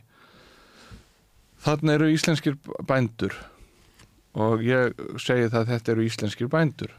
Og það er ábyggilegt að það er, það er sko ég hugsa að sé ekki mörgum greinum landbúnaðar sem er jafn viða mikið eftirlit og mikið, jafn mikið fylst með dýra velferð eins og í þessum greinum. Það er kallað á það. Og, og, það hefur ekki kallað í ykkur, það hefur ekki kallað á eins mikið eftirlit. Nei, bara, þetta er bara ólíka framlistur, þetta er bara ó, ólíkur landbúnaður mm. en í grunninn sömu, samu hugsunni það er að framlega mat og gera það sem best. Mm. Og, og ég segi sko að, að hérna, jú það getur vel verið að setja að kalla þetta verksmiðju framleiðslu og að bera þetta saman, þessa framleiðslu hér saman við þennan svo kallaða hefðbundalandbúnað mm. íslenska en ef þú skoðar þetta í stóru myndinni þá er þetta náttúrulega bara þá er þetta ekki verksmiðbúskapur vegna þess að þú getur ekki borðið þetta sama við framleiðslu á, á kjúklinga svínum út í Evrópu þanga sem við erum að sækja matvælinn þar sem að dagsframleiðsla þeirra búa kannski eins og ársframleiðsla hér þetta er allt öðrist, þetta er smærra það er mikið og gott eftirlit með þessu þessi bændur er að standa sér vel og við getum, ég meina ég, ég það er bara mitt motto á mínu heimili mm. ef það er ekki til íslenskt þá er það ekki keift mm. hvort sem að það er grænmeti, kjúklingur eða svín og við reynum að neyta allra þessa afurða jæmt og, og annara mm. Og vegna þess að við bara við þekkjum þessa bændur, við vitum að þeir eru að gera vel og treystum þeirra vörum og þeirra framleysluferðlum en landbúnaði, að sjálfsögðu eru skiluru fólk með ólíkar skoðanir á landbúnaði, sömum finnst Sumi finnst kúabúskapur í Íslandi verið á verksmiði framleysla. Mm. Þa, það er ekki það í mínum huga. E, þetta eru að megnunni til og stofnunni til sem betur fyrir er þetta ennþá fjölskyldur eginn bú Og, og hérna, það á síst við um, um kjúklinga og svínabúi, það er eiginlega eins og fyrirtæki sko. Já, öðruvísi rekst... Staðist í kjúklingaframöndin er matafjölskyldan sem er á Alma og þetta er bara auðringur. Þetta er ekki til líkingu, þau byrtast ekki í auglísíkunum frá SS, þau eru matafjölskyldan, þetta, það er ekki... Nei, þau eru ekki, ekki en þá, en við sjáum frábæra auglísingar frá Ísfugl sem dæmi, sem er bara fjölskyldu fyrirtæki og það er ekkert sem bannar fjölskyldum að eiga fyrirtæki, nei, nei. ég hef ekki séð það en þá nei. en ég, ég legg bara áherslu á það að ef við ætlum að vera að bera þetta saman berum þetta þá saman við sambarilega framleyslu, við skulum ekki vera að bera saman eða, eða reyna að etja saman kjúkling og sínum að móti nautaeldi og, og lampakjöldframleyslu horfum bara íslenskan landbúnað í allir sinni mynd og horfum svo á það sem við erum að flyti hér inn til landsins í samkeppni við íslenskan landbúnað. Það er bara að koma úr allt öðrum veruleika heldur við þekkjum, hvort sem að það er kjúklingur og svín eða bara lambakjöld sem var nú verið að reyna að dæla hér inn á síðast ári.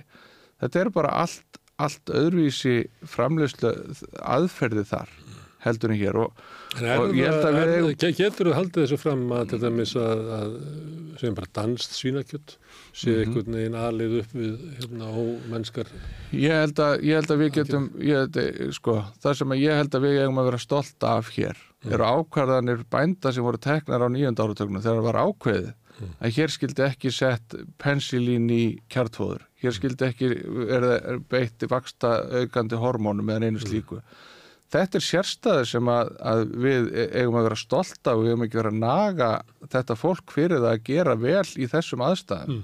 Mm þetta er verið að gera hérna allstæðir kringum okkur og, og hérna og ég er jafn stoltur á íslensku svínabændum og kjúklingabændum og eggjabændum eins og sögfjárbændum og kúabændum mm. vegna þess að ég veit að þeir eru að gera vel mm. og ég þekki þetta fólk og það, það, við hefum ekki að vera skammast okkar fyrir þetta, við hefum ekki að nagast í þessu fólki við hefum að, að hérna, vera döglegir að fara til búð og kaupa þeirra afurðir mm. það er mín skoðun Það, þetta verður áhrif á hérna, aðra framlistu, þetta er ódýrasta leiðin til þess að, að hlaða kjötu utan á bein, það er svín og fugglíkur og þú getur ekki kæft við það með hérna, lagsnes, gerður nú grína þessu Mér dættur það ekki í hug. Mér dættur það ekki í hug. Það dættur engum í hugun eða íslendingum að, að framleiða kjöt á, á, á, á lömpum Já sko, ég, ég hérna þá ætla ég bara að segja þér það ef ég er að bera sama framleyslu getu á sögkind mm. þá er ég ekki að bera það sama við gildur eða, eða kjóklinga mér dettur það ekki hug. Þa, það er bara frábært eins og það er. Við erum að gera aðra hluti og, og hérna við sjáum bara ef við byrjum okkur sama við, við hérna, aðrar þjóður sem er að framlega lambakjött eins og við erum að gera að þá erum við þar í allra fremstu röð í kílóum eftir hverja kind, vetrafóraða kind og það er árangur sem að okkur hefur tekist að, að ná hér með, með landnámskindina skiluru og það er bara frábær árangur í íslensku sögubændum. Og með, með sérstakri áherslu á að framlega kjöt, Já, frekar en ull. á- áherslu á að framleiða kjöt Já, ef að áherslan hefði verið að búa til bestu ull í heimi, Já, það væri- þá hefðu við sætt okkur Að- við svona tveimur kílóum minna. já, já, þá hefðu við bara gert það. En þetta er bara stefna sem var tekin. Einhver áður en að við fættust. Já, alveg örglega og ég meina, ég, ég segi sko kindin er bara svo ég segi það, hún er óhagkvæm framleiðslu eining. En hún er, hefur samt þá eiginleika geta tekið ódýrjasta prótengjafan sem er bara gras og búið til þessa frábæru vöru. Það er alveg eins og við sjáum sko, og meðum ekki gleyma að, að, nefna hérna, ég sé mikil tækifæri í til dæmis e, fyrir íslenskan framleiðslu á nautakjöti það, það er hérna það, þar höfum við líka glemt okkur. Það er svermir og óheirilega orðið að íslensku nautakjötsframleiðendum. Þeir eru, þeir eru náttúrulega byggja sína framleiðslu mikið á grófóðri. Þeir eru ný, nýlega búin að, að hérna, kynbæta sinn stopn og annað. Og sama tíma eru er búið að fella, má segja, niður bara alla tollverenda á, á þessari vöru og það er bara einfallega verið að, að hérna, úrbeina þá lifandi þá sem er að reyna í þessu. Sem er kannski framleysla sem við ættum að skoða hvort að við hentaði okkur ekki vegna þess að við erum með líklega nóga grassi Já, við erum við erum með nóga vatni já. og það er oft vatn sem að, að veldur því að, að uh, nautakjötsframleysla er ó, hérna, umhverfis, gengur á, á umhverfið og er ekki góð en við höfum nóga vatni Mhm. og nóga grassi þannig að það myndi henda okkur þótt að hendi kannski ekki eh, sjóðum það sem er hérna e, lítið aðgengja vatni Mhm. þannig að, að þetta landbúrastefnir er bara ekkert mótuð út frá svona sjónamöðum sko. það bara, það, og það er svolítið gallið við að því að við erum að tala um búveru samningana Mhm. búveru samningarnir að sumuleiti snúast um það að viðhalda óbreyttu kerfi Mhm. en við erum með kerfi sem að þarnast breytinga bæði út af sko lofslagsbreytingum út af bara neyslubreytingum út af svona annars konar hugmyndum fólks sem, þú veist, hver er ávinningurinn það er ekki endilega alltaf eitthvað sko stærðar hafkvæmi búana Mhm. eins og hefur verið svona uh, sjónarhóttnið marga síðustu áratvíi sko Mhm. heldur er það kannski bara nálagð þín við markaðina þú skilji neytunduna og alls konar hlutir og maður heyri það að þeir sem eru með svona eins og einhverja nýjungar í landbúnaði Mhm. og stundu komið hérna fólk að þú nefndir sko eh, velmentaða bændur Mhm. að áður en að það var háskólamettun hér að það fóru menn oft bænda sínir í nám erlendis Mhm. og blessunulega hérna urðu Já, og komið með konur sína til landsins Já, já. og það voru kannski þískar konur eða svissneskar sem höfðu gríðarlega áhrif á íslenska Já. komu inn með svona aðra hugsun Einmitt. og oft svona, svona nýjungar og fleira má oft rekja til svona tengsla við hérna, útland sem að bendi til þess að kerfið sem að var alltaf að viðhalda sér og, og samningu við ríki var alltaf um að viðhalda því þó svo að þjónaði kannski bændunum ekkert sérstaklega vel. Mm. uh, því var viðhaldið þó svo að, sko já, svona ekki bændunum nýja neytendum eða neinu. Þannig að uh, mínum vangavelta er það sko hversu róttak þarf eiginlega endur sko landbúnaðstöfnunar að vera. Já, mér langar til þess að svara einu allavega til að byrja með þessu sko. það er, þegar þú talar um að, að búri samningar hef ekki þjónað bændum og ekki þjónað neytendum. Sjáðu söðfjörbendur sem Já, að endanum sitt uppi þeir verða eiginlega að keira traktor eða að keira rútu til þess að geta lifað af. Já, eða kent í grunnskólanum og, og þá ætla ég að klára að svara þessu. Að ef þú skoðar hvernig búri samningar hafa verið gerðir í segjabændur Mm. og mjölkuframlegendur þá er það bara þannig að, að hérna, krafan hefur verið á hagræðingu, á bændur og, og hérna, búri samningar hafa allar, allir skilað því sama í rauninni að gripum hefur fækkað Mm. og framleiðsla hefur aukist eftir hvert grip Mm. og þrátt fyrir sko, og, og það, er, það er sá í rauninni sá, sá staður sem við erum komin á núna að við erum búin að hagraða svo mikið og við erum að, búin að fara að ná svo miklum árangri. Og það eina sem okkur vantar er að komi, við fáum umbununa fyrir hennar árangur. Mm. og það er einmitt það sem að vantar inn í kerfið. Að því að við höfum, sko, ríkið hefur fengið mikið fyrir peningin frá bændum þar sem það hefur sett inn í þetta.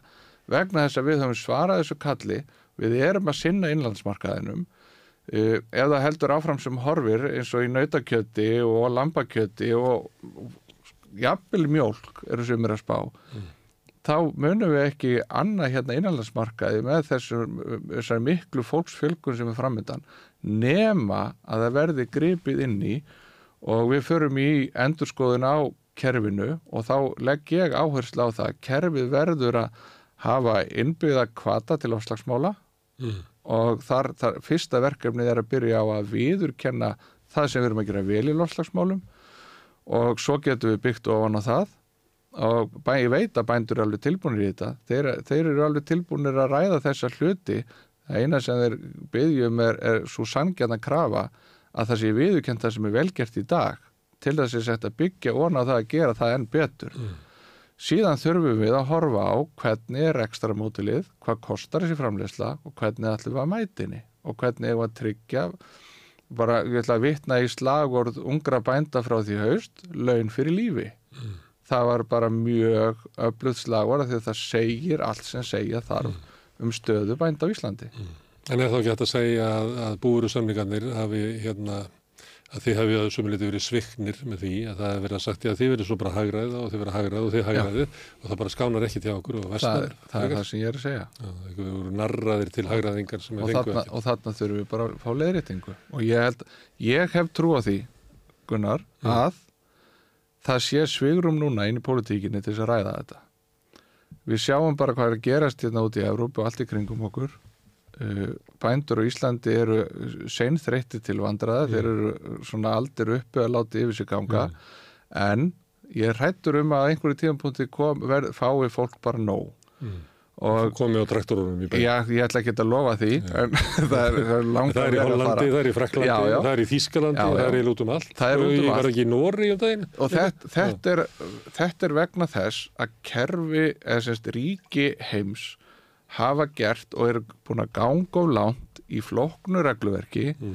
miklum hagræðingakröfum á matvælaframleyslu matur má ekkert kosta en það er alltaf bóndin sem borgar með framleyslunni í Eða, og dags. líka sko, gæði matarins vesna, Já. það er bara þannig. Já, nef, og það, Það þar eru við þar Við getum okkur vel. labbað, farið bara að labba saman í, gegnum stórmarkað og grátið yfir sko hvað er orðið um matinn okkar. sko.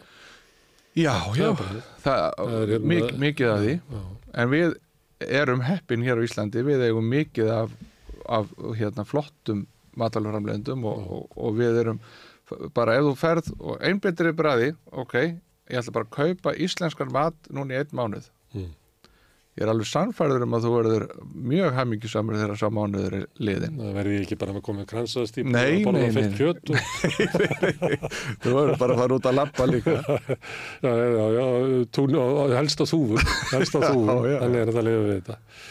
Herðu, þannig að það hérna uh, þú vilt umtalsverða breytingar? Ég vil bara, sko, mín áhersla er svo uh, við þurfum að þétta ræðirnar bændur, tala meira saman og vinna meira saman og við þurfum að nýta núna þessi tækifæri sem við sjáum í að er, er bara byrtastur framan okkur, það er stækkandi markaður það er, það er hérna krafa neytenda um, um upprunamerkingar og heilnæmi matvæla, þetta getum við allt gert að því að við erum að því nú þegar. Og svo finn ég bara fyrir því að það er alveg sama í hvaða stjórnmálaflokk þú lítur, það er allir tilbúinir að taka þetta samtal og fara í, í breytingar að, að hérna, frekar haksældur íslenska landbúin og íslenska þjóð En þú er nú eldri en tvævetra og síðu bændur hafa þurft að hlusta á sko, ótrúlega stuðning við ykkur Mhm. en svo eru kannski verkin miklu minni ég er eins og við undraða mikið að, að hversu mikið hérna, stuðning eh, þeir flokkar sem að þykjast vera að berjast fyrir landbúnaðin eins og sjálfstæðarflokkur og fransalflokkur Mhm. hversu mikið eh, stuðning þeir njóta hjá bændum að meða við hvernig sko kerfið Já. virkar því það virðist vera eins og fólk sé alltaf að segja eitthvað Mhm. en svo er ekkit verið að gera það og svo ef að kemur í ljós að það ver- verður bara að gera eitthvað þá er skipað einhver sprettópur Mhm. og engin mann hvað kom út úr honum og, og svo er Björn Bjarnarsson fenginn til þess að, að hérna, sem hafði vist verið hérna, smaladrengur einhvern tíma þeirra á yngri árum til þess að móta landbúnaðastefnu Já. það er margt svona hérna, stjórnmálin okkar eru og þú veist, sömuleyti finnum maður það bara, það er meiri ugg okkur í samfélaginu og stjórnmálakerfi okkur hérna, sé alltaf að vera bara ver og ver hérna, búið til þess að, að finna eitthvað lausnir. Við erum með húsnæðismáli, við erum með alls konar bara grundvallarmál í samfélaginu sem er ekki fundan lausn. Þú mm -hmm. ert að koma til og segja við erum að taka upp og móta nýja matalastefnu og landbúnaðastefnu, stokka upp í sko, hvernig þetta er stutt á ríkinu, búið til einhverja nýja þjóðarsátt á milli bænda og ríkisválsins og neytenda. Er segja, er, það, sko, það sem ég er að segja er að sá sem gemur best undirbúandi samtalsins, Já. hann skilar alltaf mestu af sér. Já. Og það er komið svo tímapunktu núna að bændur Íslandi þurfa standu upp og eiga þetta samtal, vel mm. undirbúið samtal mm. við ríkistjórnina og ráða með þjóðarinnar það er margt sem að þetta fólk, ágæta fólk á alþingi og í ráðhverjastólum getur gert til þess að laga hérna yttra umhverju landbúnaðarins og, og innra umhverju landbúnaðarins við erum snillingar í að framleiða þetta mat við hefum bara að fá að gera það mm. og þá virða það við okkur mm. og þá að styðja okkur við það mm. ég er ekkert að endilega að segja það ég að koma hér skilur 25 eða 30 miljardar í beiniröðum peningum til okkar en það er hægt að sækja ákveði fjármagn til þess að bæta hagbænda einfallega með reglugjörðabreitingum með því að skoða hvað er búið, er búið að ganga langt í einhverjum kröfum á bændur sem ríki hefur innleitt hér utan úr Evrópu og alls konar svoleiðis hlutir sem er bara lífsnöðslegt fyrir okkur að fara að skoða mm. áður en að það verður gengið lengra. Mm. Það er svona að detti það að vera gengið og langt. Mm. Með því að bjóða þið fram, þá ertu bara með frambóðinu að halda þið fram að, að Gunnar Þorkjesson hafi ekki eh, náða að gera þetta sem að þú vilt til að vera lausið að gera. Mm, með frambóðinu er ég fyrst og fremst að svara ákveðinu ákalli bænda Mm. Það var svona núna strax á nýju ári var mikið leita til mín, ég var kvartur til þess að gera þetta.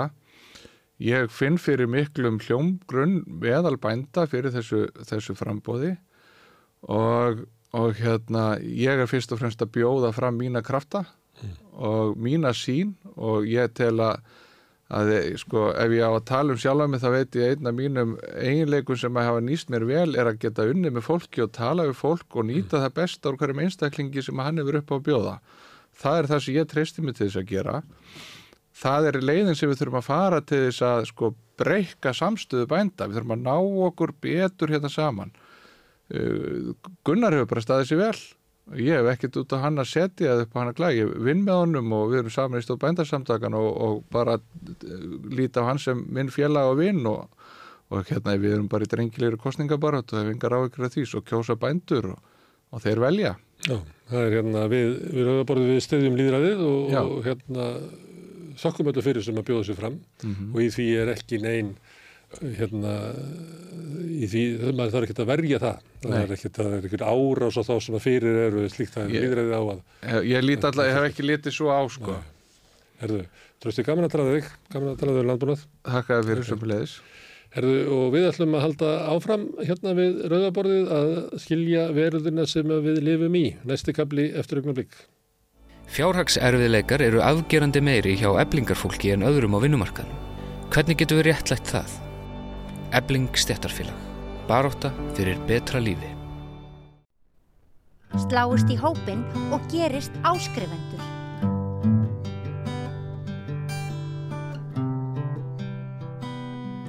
Já, nú ætlum við að ræða mál sem er svo sem oft rætt hérna við rauðaborðið. Frjálsíkjuna eða kannski það tímabilanar sem oft er kallað nýfrjálsíkja sem er kannski frá 1980 oft miða við það þegar Ronald Reagan og Margaret Thatcher voru komið til valda en, en hérna kannski 1991 þegar Daví Oddsson uh, verður fórstisráðura og, og er síðan í fórustu ríkistjórna sem einleiða nýfrálsíkina með krafti en svo sem eru mörg merki uh, þess að nýfrálsíkina hafi verið byrjuð að hafa áhrif á alls konar þætti samfélagsins áður en að, að því kom. Og svo er það einn eiginlega spurning hvernig dóun, margir segum hafi dáið 2008 en þó hún sé ennþá ríkjandi hugmyndastöfna og kannski samfélagsáttmáli að hún eh, drottni ennþá yfir okkur lifandi döið.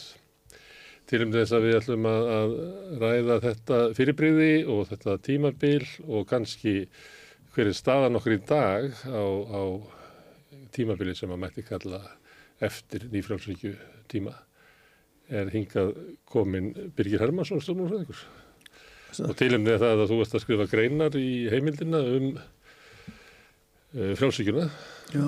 þú vilt ekki setja þarna ný fyrir framann E, það er svo sem verkimiðin er nú ekki aðladrið í mínum huga. Það er hérna, ég er svona bara frjálsíkjan ágætt sko. Já.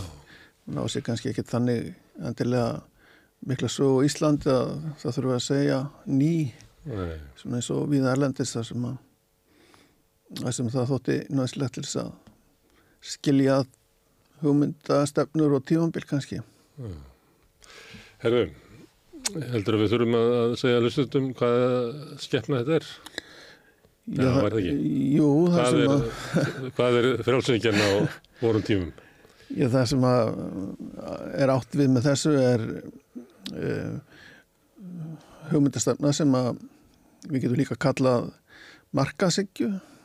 er að samfélaginu sé best uh, fyrir komið með þeim hætti að markaðurinn hafa sem mest að segja um það, ekki uh, ríkisvaldið eða pólitíska stofnanir eða, eða almenn félög eins og samvinnufélög eða verkefælisfélög.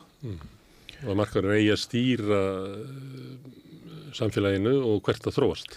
Já, og, hugmyndin svo að markaðurinn þá leiti jafnvægis, það verður alltaf hagkvamast sem markaðurinn gerir og það er hérna orðað þannig að þetta séu einstaklingar sem að séu semja sín á milli og Og frjálsum markaði.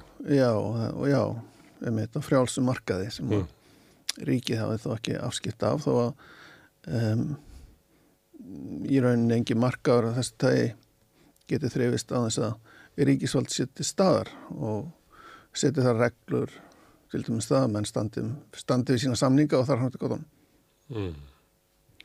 Þannig að, að, að þegar við tölum um að frjálsíkjan hafa orðið svona e, ráðandi eða áhrifamikil að þá tekur hún bara við af annars konar hugmyndahæmi Mm.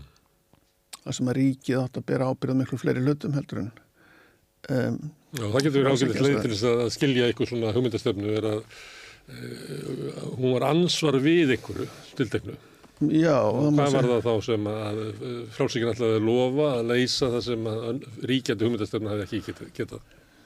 Já, svo ríkjata hugmyndastefna sem að að svona á Vesturlandum og Ísland þar með og ríkisafskipt á Íslandi hefur kannski verið aldrei meiri á einsum ástæðum heldur en við annar staðar en þetta er svona hugmyndastefna sem á sér rætur í kreppunni miklu fyrir síðar heimstyrjald og í heimstyrjaldinni sjálfri.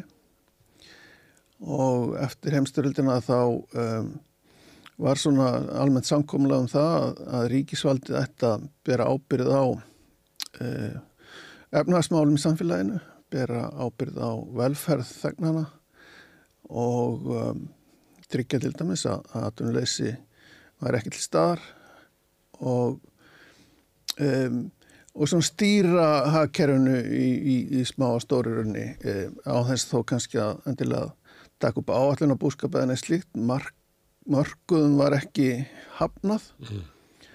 Og alþjóða viðskipti ætti að vera svona þeim ætti að vera svona stjórnað með regluverki sem að sem treyði jafnan aðgang að viðskiptum á þess þó endilega að gefa fjármagnu frjálst um, algjörlega frjálst flæði og þetta gekk bara mjög vel. Uh, við getum kallað þetta svona sósíaldemokratist eða í, á meilandi Evropu voru þetta svona kristdemokratíski flokkar uh, svona aðeins lengra til hægri í helsamari sem að- að að stjórnaðu þessu.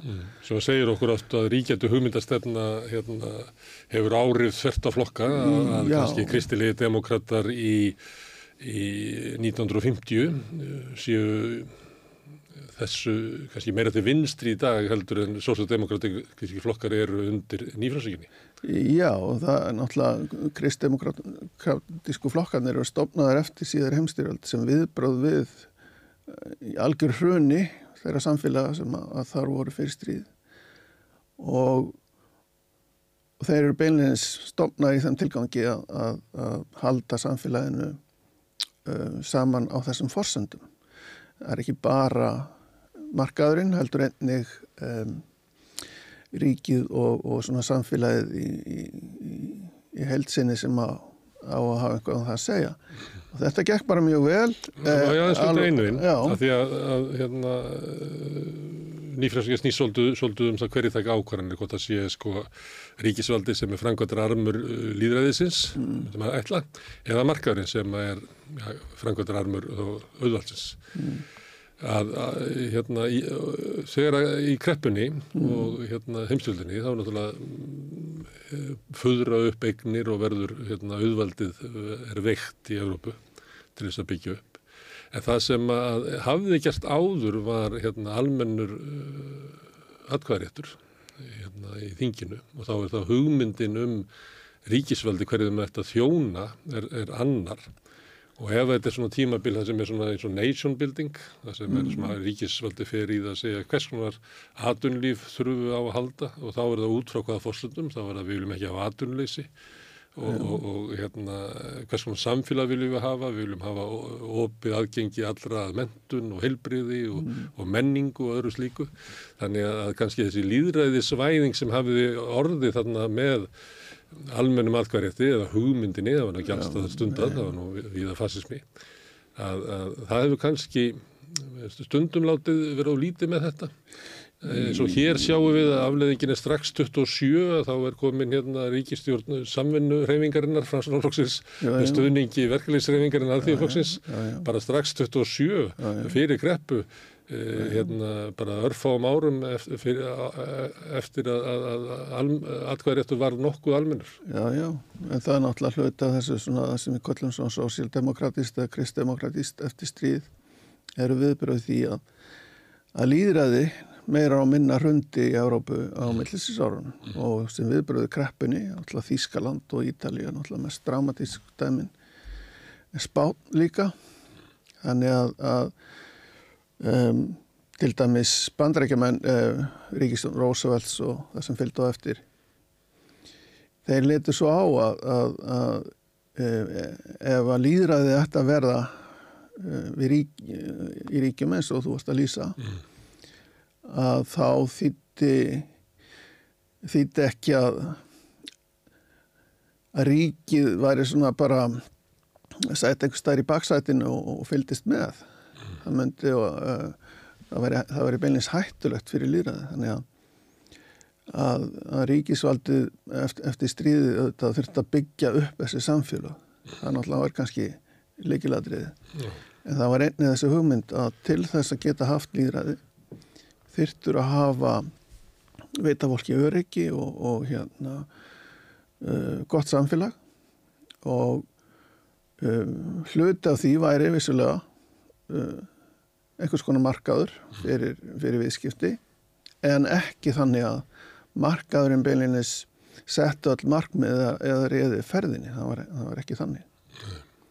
Þannig að þetta var svona dempaður markaður innan ramma sem settur er af ríkisvaldinu getur. Já, og markaður kannski, ég meina það markaður var til en að kapitalismi var til það voru markaður sem fólk var að skiptast á vöru og, og öðru slíku jú, kannski jú. frekar í, í, í svona hálfuleiti í þá áttina frekar að því að þeir eru að tala um markaði núna þá er það eiginlega bara uh, valda auðvalsins Já, það náttúrulega var kannski líka eitt af því sem menn, og álugtin sem menn dróð eftir, eftir stríðið af kreppunni og stríðina að sko fjármálamörkuðum þurfti sérstaklega en þetta hafa taumald á þeim. Já.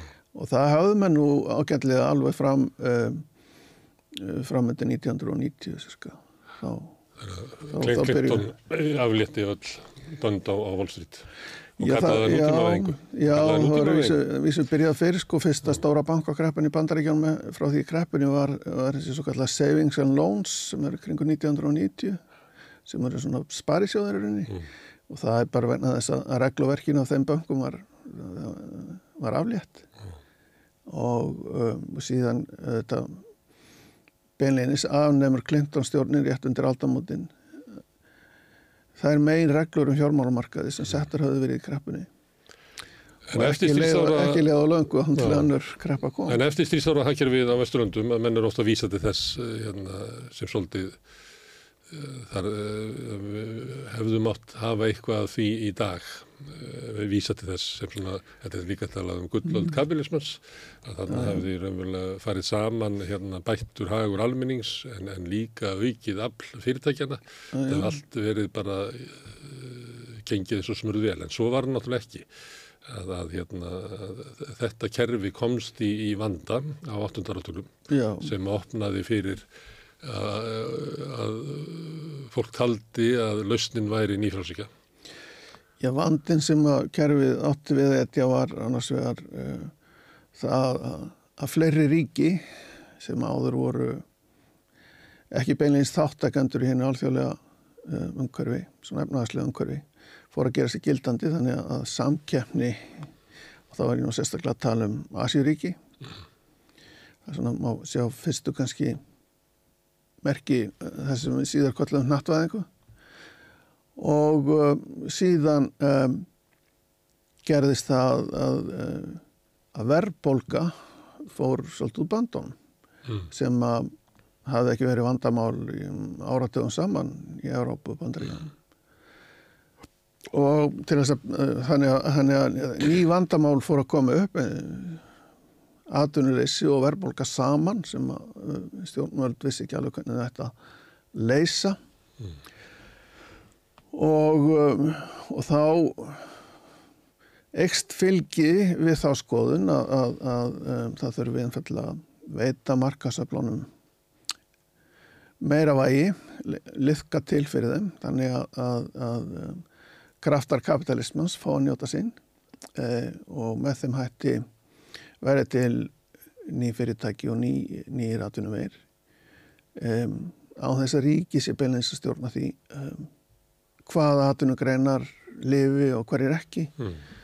uh, og hafa einhvers konar atvinnustefnu sem að allir ríki hafa meira að minna hafðu uh, það var álitið svona gammaldags og úrsikgengi þannig að svona Og það var ekki bara með styrkjum og svona, það var líka með því hvernig sko lánsfjöð var, var styrkt í gegnum eh, bankakerfið og, og það var með hérna, tollum og sköttum og það sem Já, var já. reynt að örfa atvinnlífi sem átti að vera þjóðarslega hagkvæmt Já, en já. kannski halda öðru þá fjari sem ekki verða og þannig er hugmyndur um það að bara fella í, í, í burtu þessa stjórn að markaðurinn kæmi með það atvinnlíf sem að væri hagkvæmest Já, og þar með best fyrir samfélagið. Já, já, maður getur bara að tekið sem dæmi svona uh, skipasmíða eðnaður sem var nú víða á Íslandi. Mm. Um, hann er alveg horfin meira og minna, svona einstaka viðhaldsverkefni og, og það ekki, ekki bara um Ísland, það er mikið skipasmíðar í Breitlandsegjum og, og víðar og þetta hefur nú flust um, til annara heimsálfa meira og minna. Mm. Um, það er bara hluta þessum breytingum og, og þá maður segja frjálsíkjan öðrum þræði eru, eru svona veitir um, einhverja leiðsögn um það hvernig bregðast eigi við svona breytingum. En Þetta er líka, þannig að með alþjóðhyggjan kemur hann inn í, eða þessast alþjóðavæðingin Mm. Og skipasmiðarna fara úr landi vegna þess að það er hæ- hægt að sko beita tollum eitthvað til þess að venda íslenskan innað. Hugmyndin var líka svo að við yrðum að hafa skipaðina til þess að geta verið sjálfstæð. Þetta er eiginlega hugmyndir sem hafa svolítið komið í kjölfærið úkrænustríðinu, að hver heim, hvert land og hver heimsluti ætti að verða sjálfur sem næg. Nú er að vera að reyna að flytja inn þróun og vinslu á, á örgjörfum og fleira til bandaríkjana til þess að við sem ekki háð og mikið löndum Þannig að, að, að einhver leiti er þetta með skipasmiðanar er líka alþjóðavæðingin Eh, eh, en, en frjálsíkina líka á, á innanlandsmörkuðum. Það er ekki bara þannig að sko vinna sér bara flutt þar sem að vinnu Nei, að ódýrast nei, eins og alþjóðavæðingin gerir um Nei, nei, það náttúrulega var kannski hugmyndin svo að þá nýjar atvinnugreinar kem upp í, í staðinn Mm. og mikilvægt væri þá ríkisvaldið væri ekki að stýra því gennum einhverja fjárfæstikasjóði eða, e, eða styrki heldur væri þetta bara spurningin um e, ákvarðanir banka og, og, og, og aðdána manna eins og stundum að segja. Já, og eitthvað svona hugmyndum það að almenningur hefði raunverulega eitthvað með þetta að gera með því að vera að greiða atkvæð með buddun eins og sagt var. Já, já, sko, við erum all bæði neytendur og, og ríkisborgarar Já. við höfum kostningarétt og við höfum eh, okkar eh, atkvæði sem eh, sem eh, neytendur á markaði og, og með frjálsíkinu þá er neytendanum lift upp og, og hinum svona aðeins ítt til liðar Mm.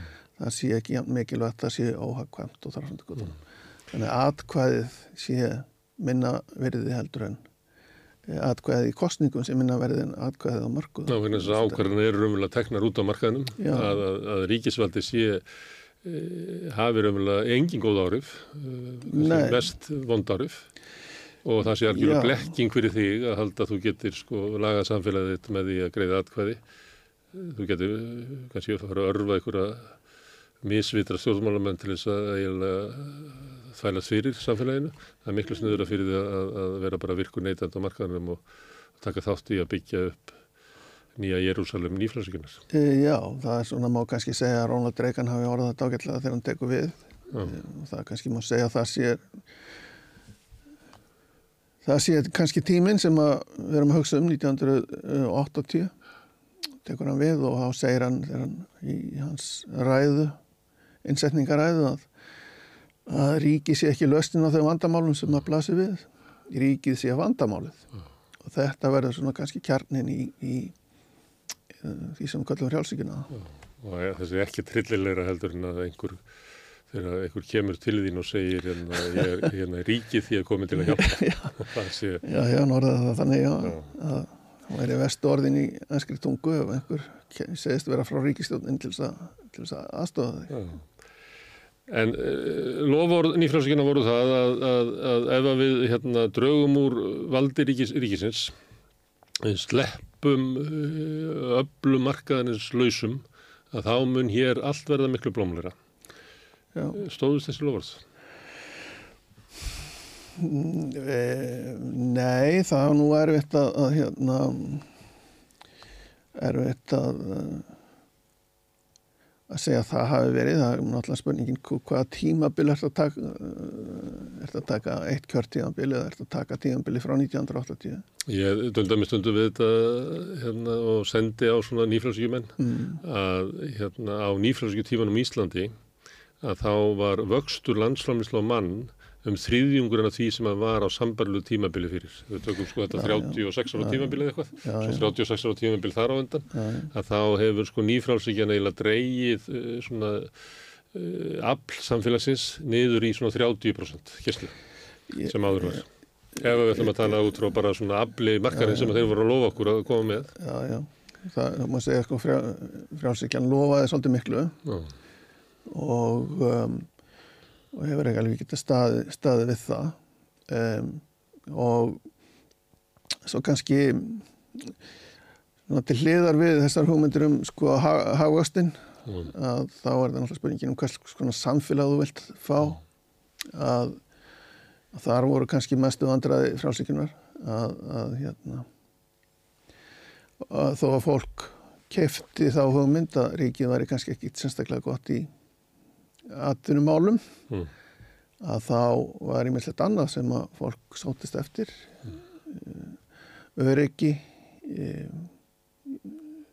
semilögu jöfnuður í samfélaginu og eins og það myndist á áðan svona menningarlíf og, og, og svona annað sem að fylgir hugmyndum okkar gott mentakerfi og annað sem fylgir hugmyndum okkar um gott samfélag og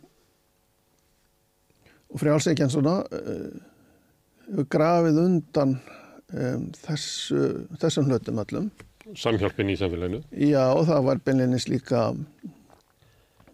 um, markmiðið því að gildismatið baki frjálsækjunni e, í rauninni e, leggur áherslu á einstaklingin að hver og einn einstaklingur sjá um sig sjálfur og, og hérna stjórni sínu lífi, allt annað sé einhvers konar forræðisikja og fólk eða sér ólíkt gildismat sem ekki sé að bera saman og þar hann þetta gott honum. Þannig að um, gott samfélag samkvæmt frjálsíkinni um, er samfélag sem hver og einn einstaklingur svona mótar sitt eigi lífslaup eftir eigin hugmyndum og, og forskriftum en sé ekki láta ríkisvaldið segja sér fyrir verkum, taka sér skatt fyrir að búa til einhver prótjækt sem að, einstaklinginu kannski hafa ekki á. Hafnar þar með hugmyndinni um líðræðið að, að við komum saman í einhverjum líðræðisvettvangi og deilum þar eitthvað og svo kemur einhver niðurstaða og, og um það hvers konar samfélag við ætlum í saminningunni að byggja upp og við viljum hafna þeirri hugmynd að það sé hlutur ríkisvallis að búa til eitthvað, heldur verður samfélagi bara að verða til út frá virkni einstaklingana Já. úti á markan. Já, það er sem sagt að, að það verði betri niðurstaða fyrir alla mm. heldur en ef við förum hinarleðina.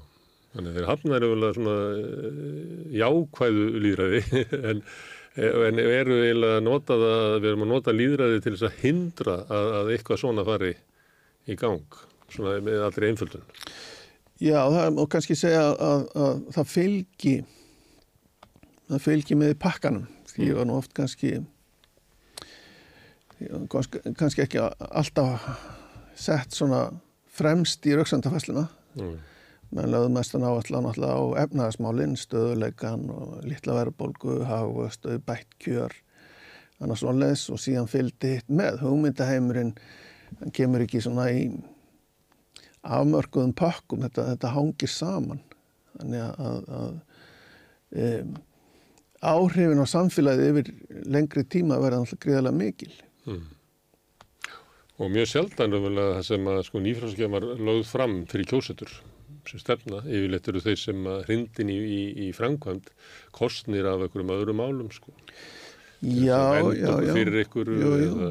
En svo, svo, það, það sem gerist náttúrulega smá saman um, að um, það sem áður þótti um, sjálfsagt og náttúrulegt nánast mm.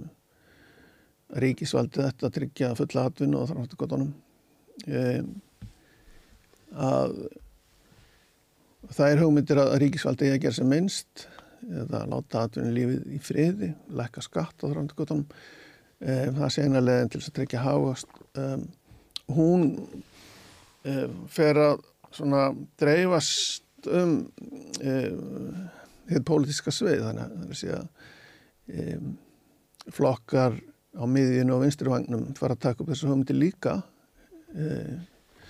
og, og það er að verða svona sammeilegt tungumál stjórnmáluna þannig að aðri... og eftir því ára hagkerfið var eiginlega það er hérna og, og hægri menn sko eftir stríð um, myndu við í dag kalla svona sósjaldemokrat Það er ekki hægt að líka saman sjálfstæðarflokknum 1960 og sjálfstæðarflokknum í dag. Ekki frekar að það er að líka sko allþjóðflokknum 1950 saman við samfélgíkun í dag Um, nei, allavega eða samfélkingunum aldamótin segjum þeir eru náttúrulega samfélking þeirra hérna, frjálsíkjan kannski er hvað sterkust það er svona kannski áraunum fyrir raun Já. Þannig að það er svona ríkjandi hugmyndafræði hefur gríðarlega áhrif. Hún hefur gríðarlega áhrif, það sem er talið er lausnir þannig að, að í rauninni í samfélagslega umræða þrengist. Mm. hvaða möguleikar í stöðinni þeir hérna Um, þeir eru ekki rættin eftir sérstaklega mikið, það er bara ákvæmir, ákvæmir uh, uh, möguleikar sem eru áleitnir fær og, og svo svona smá variasjóni því, menn eru náttúrulega ekki allir já, hérna, miklu frjálsíkjumenn mm -hmm. en, en svona grunn hugmyndir frjálsíkjunar festast í sess í samfélaginu, færast yfir á aðra flokka mm. og, og það er rauninni ekki fyrir en með hruninu sem að og sem náttúrulega var ekki bara í Íslandi heldur, heldur Kemur svona hugmyndalega endur sko. Já og þá verður þetta svona sjokk í kerfinu en valkosti samt ekki til staðar beinlinis mm. þannig að, að um, það er svona spurning sko um, eins og Íslandi það var náttúrulega kannski bara svona einhvers konar þrif og björgun sem tóku við. Mm. og tekur nokkur ár kannski fyrir, eh, fyrir umræðu um svona eh, hugmyndafræðileg efni þroskast að nýju. Hvað þetta var sem að gekk á. Og einlega til þess að skilja það er náttúrulega að reyna að skilja hversu uh, djúbstæð uh, bilding nýfrálsökuna var Já. frjálsíkunar. Já. Það er náttúrulega í hefnaðsluðu tilliti að, að það var umbreyting á skattkerfinu, það var létt sköttum af hérna, þeim sem að, að, að fjármaks og fyrirtækjaegundum Mm. með ímis konar aðferðum, það var lægðu niður egnaskattur var, og, og skattbyrðin jógst á þeim sem hafðu minnstatekjunar.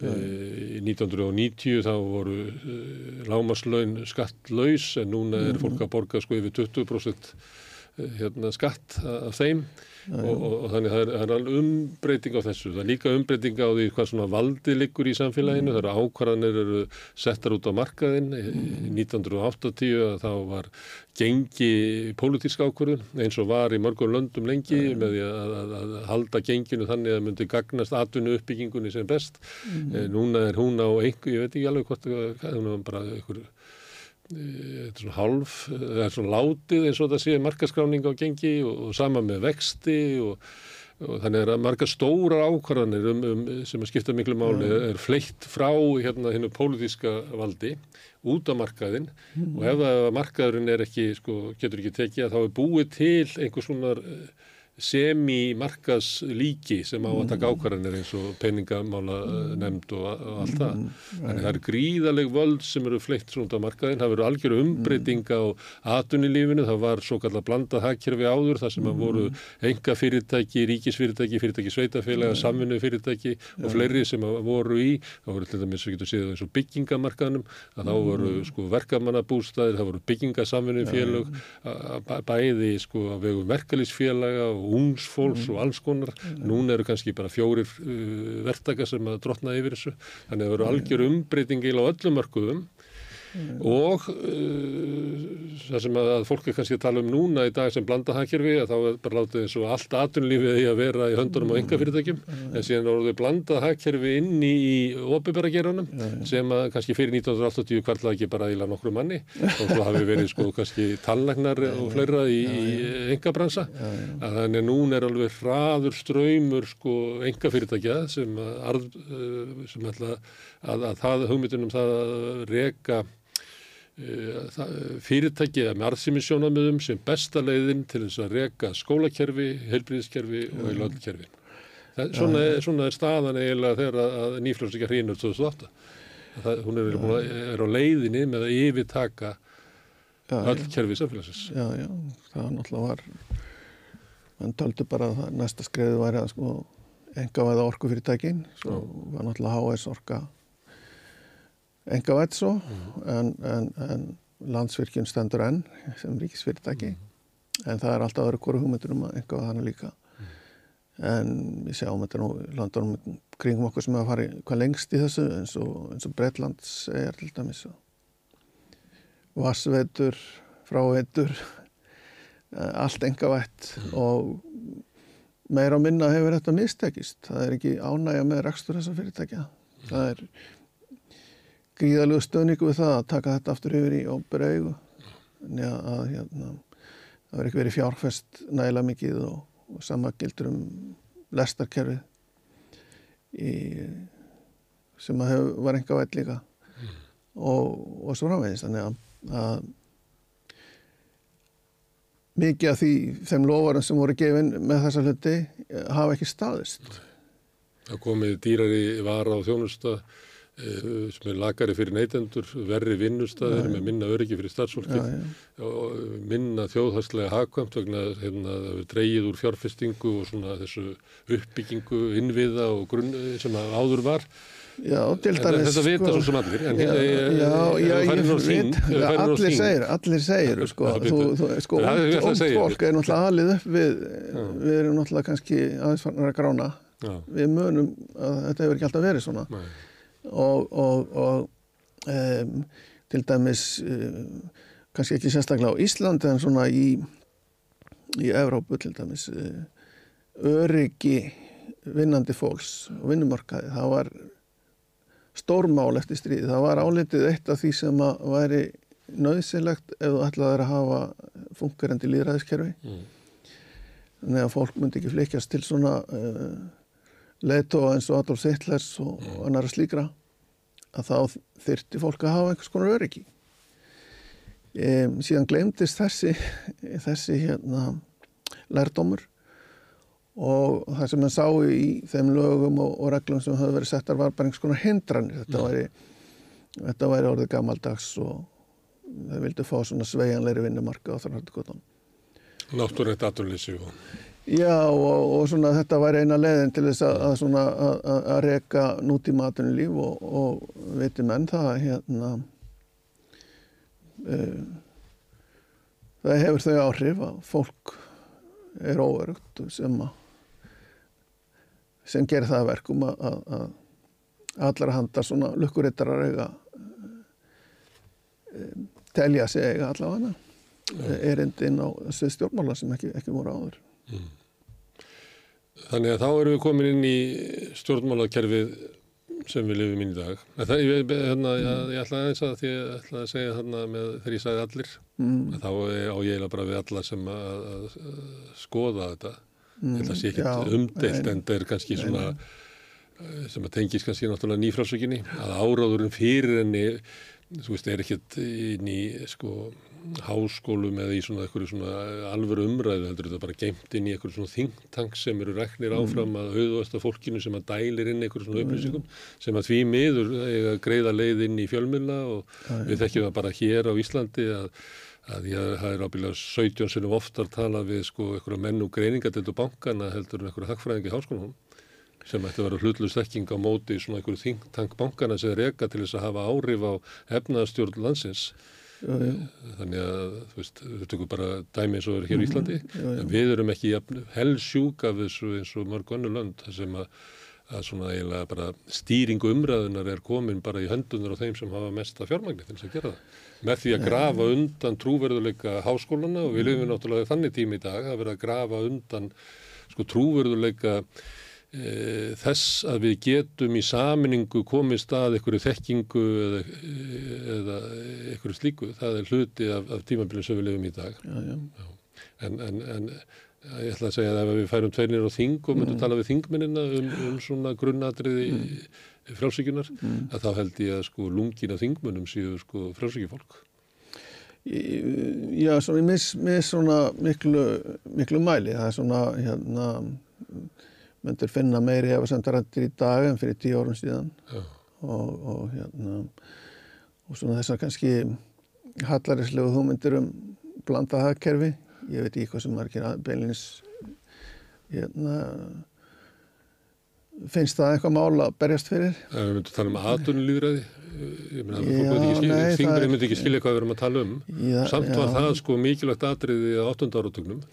Að, það var talið verið að næsta að við þurftum að auka völd almennings á, hérna, á það sem er eigða áttatímum já, já. Það var talið bara hluti af uppbyggingu líðræðsins.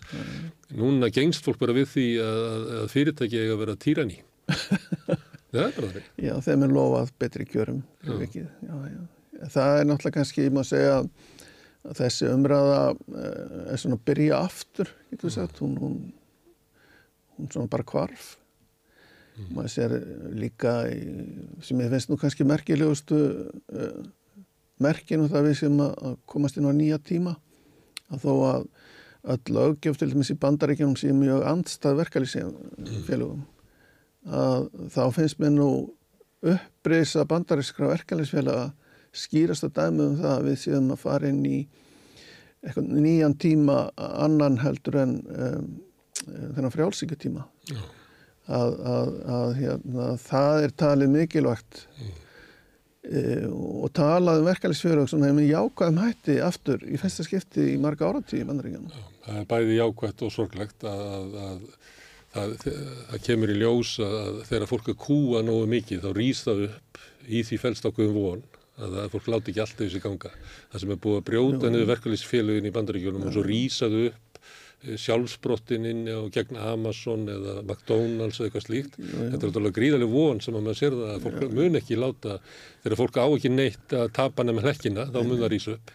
Já, og líka En það er líka sorglegt að við sem komið ánga að þessi búið að berja Já, fólki já. svona langt niður. En það er náttúrulega kannski líka hluta til vandamáli var það að, þú hafðir sterk verkefnsfélug í gamaldags framleiðslu innaði svo breytist það kerfið og þú ferð inn í fyrirtæki eins og Amazon og einu slík þar sem að, byggja á allt annars konar uh, forsendum Mm. og uh, verkefælisfélög ná ekki að myndast uh, að, því að í þessum gamlu framleyslu einaði, bílaðinaði til dæmis, þurfti verulega mikið að hafa fyrir því að koma á verkefælisfélögum á sínum tíma. Þannig að, að því síðan vektust þau, þau eru nú rýs upp aftur núna eh, sem betur fer og uh, þannig að, að, að þetta er hluta til líka sko þjóðfélagsbreytingar að, að hérna uh, nú vinna fáir í kólanámum mm. uh, margir og kaffahúsum mm. það er erfiðar að, að mynda verkefælisfjölu og halda fólki uh, samanum á þenn grunni þannig að þetta er svona hluti líka að breyttu samfélagi sem að, að við erum kannski að, að svona ná að ná einhverju jafna í aftur. Já.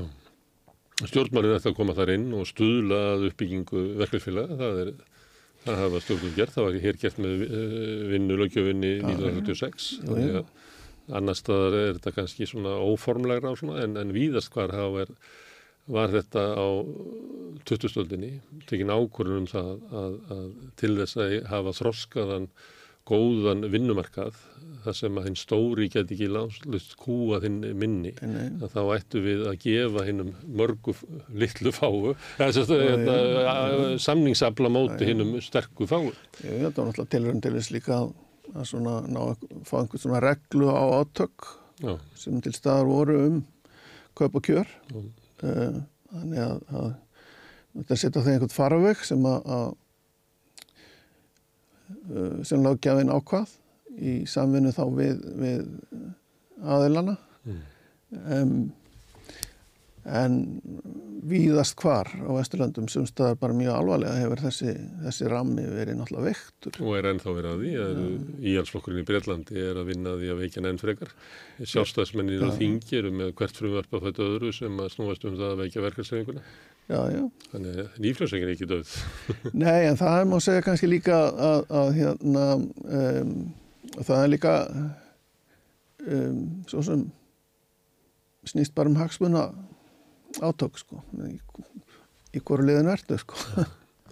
Herðu, en uh, uh, nýfljósengin hrínur mm. eh, Já, hrynur eh, og hrynur, Já, þú veist að það er erfitt það er lengi sem hefur trú á henni eftir 2008 maður heyrir ekki því haldið fram þótt að sé svona klísjunar úr henni lifi sko, að að auðvitað á ríkið er að vasast í því að rekka banka og allt þetta sem er bara hangir í loftinu og, og hérna verið að skoða fjölbreytar í rekstrarform í helbriðskerfinu og vandamál er ekki peningar heldur rekstrarformið og þetta er ennþá lifandi í umræðinu vegna þess að það eru bara gríðalegir hagsmunir, enga fjármaksins sem að nota hana eh, það sem að eftir lifir af henni til þess að fá sitt fram að bara auka það svæði sem enga fjármagnir hefur í, í samfélaginu. En í pólitíkinni þá hérna, missir hún aflsitt sem svona uh, hugmyndastefna sem að, að dregur til sín fylgi. Já, hún, hún, hún, ekki, hún getur ekki lengur sko svona grunnfórsendurnar get ekki lengur náði yfir allt í pólitíska svið þannig að, að um, hægra megin þá fara menn að leita einhverju nýju og, og vinstra megin eh, líka með miskoðum árangri. Um, sjáum það má eiginlega segja kannski að, að tími frjálsíkunar taki enda í uh, við annars vegar kjör Donald Trumps og svo Brexit. Uh, en að þess að þegar Donald Trump býði sig fram í prókjöri republikanumflokksins þá eru þar nokkrir anstæðingar hans sem allir um, vilja vera einhvers konar nýr Ronald Reagan. Mm. tala allir þannig. Reagan er þeirra mótel nema, nema Trump. Sem að svo notaði í slagorði hans Make America Já, Great og Again. hann notaði nú slagur líka frá sko, Franklin Roosevelt. Um, hérna glemdu menn og, og, og líka slagur frá frá svona sem anstæðingum Roosevelts frá því fyrir, krepp, fyrir stríðum hérna uh, America First og annað svoleiðis mm. svona þetta er svona þjóðarni sigja sem að tekur yfir og anduð á uh, frjálsum Al- alþjóðlegum. Eh, alþjóðlegum frjálsum viðskiptum, já það sé vandamálið og, og það var náttúrulega svona grunn kannski kenning frjálsíkjunar og sem leiti það sem að fólki þótti mest svona jákvæðast við hana meðan hún var á hétt að, að, að opna hagkerfi og, og geta keift og selt yfir landamæri nokkuð öðulega um, en afleðingarnar af því um, voru auðvitað mjög mismunandi innan samfélag og í bandaríkjanum sérstaklega sem að e, velferðarkerfið er veikt þar hefði gróð þetta náttúrulega undan um, svona gamlum framleiðslu samfélögum og, og það er það sem að Donald Trump um, notfæriði sér og um, setti totla á til hægra og vinstri sem að, var náttúrulega líka algjörlega andstætt, ekki bara frjálsvíkin heldur öllu því alþjóðlega kerfi sem bandarækjumann hafði komið upp á margar ára til að skeið. Þannig að það þýleitinu til sko var hann að neyta svona helstu helstu forsendum uh, uh, frjálsvíkinu og það sem hann gerði líka sem er að vísu kannski hluti af uh, vandamálum republikanaflokksins í bandrækjanum að, að þegar þeir eru í stjórnaranstöðu þá vilja þeir gætnan minga fjárlega en þeir eru, eru við stjórn þá vilja þeir helst lekka skatta en er alveg saman fjárlega mm. um, en þeir vildu og hafðu haft þá, þá stefnu lengi að, að draga úr alls konar bótum og velferðarkerfi mm. til þess að minga fjárlega vita og sko vel að það er ekki endalust að lækka skatta og þú lækkar ekki útgjöldinu einhverjum tíum móti þó svo að skattalækjum síðan stundum seldar þannig að er auki tekjur ríkisins mm. Þá hefur nú reynsla syngt að það, það er ekki rétt mm. um, og þess að Donald Trump gerði líka er að hann, hann neytaði öllum slíkum uh, hugmyndum til þess að skera niður heilbreyðstrykkingar til eldra fólks eða fátakara sem að, hann vissi ósku vel að það var ekki vinsalt. Þannig að þeir eru svona miklu, dæle, miklu dilemmu með þetta hvernig eh, eh, hvert er ég að fara og, og þá verður þetta svona loka af landinu, það er frjálsviðskipti, það er flutningar inflytjendur um, eh, sem eru vandamálið.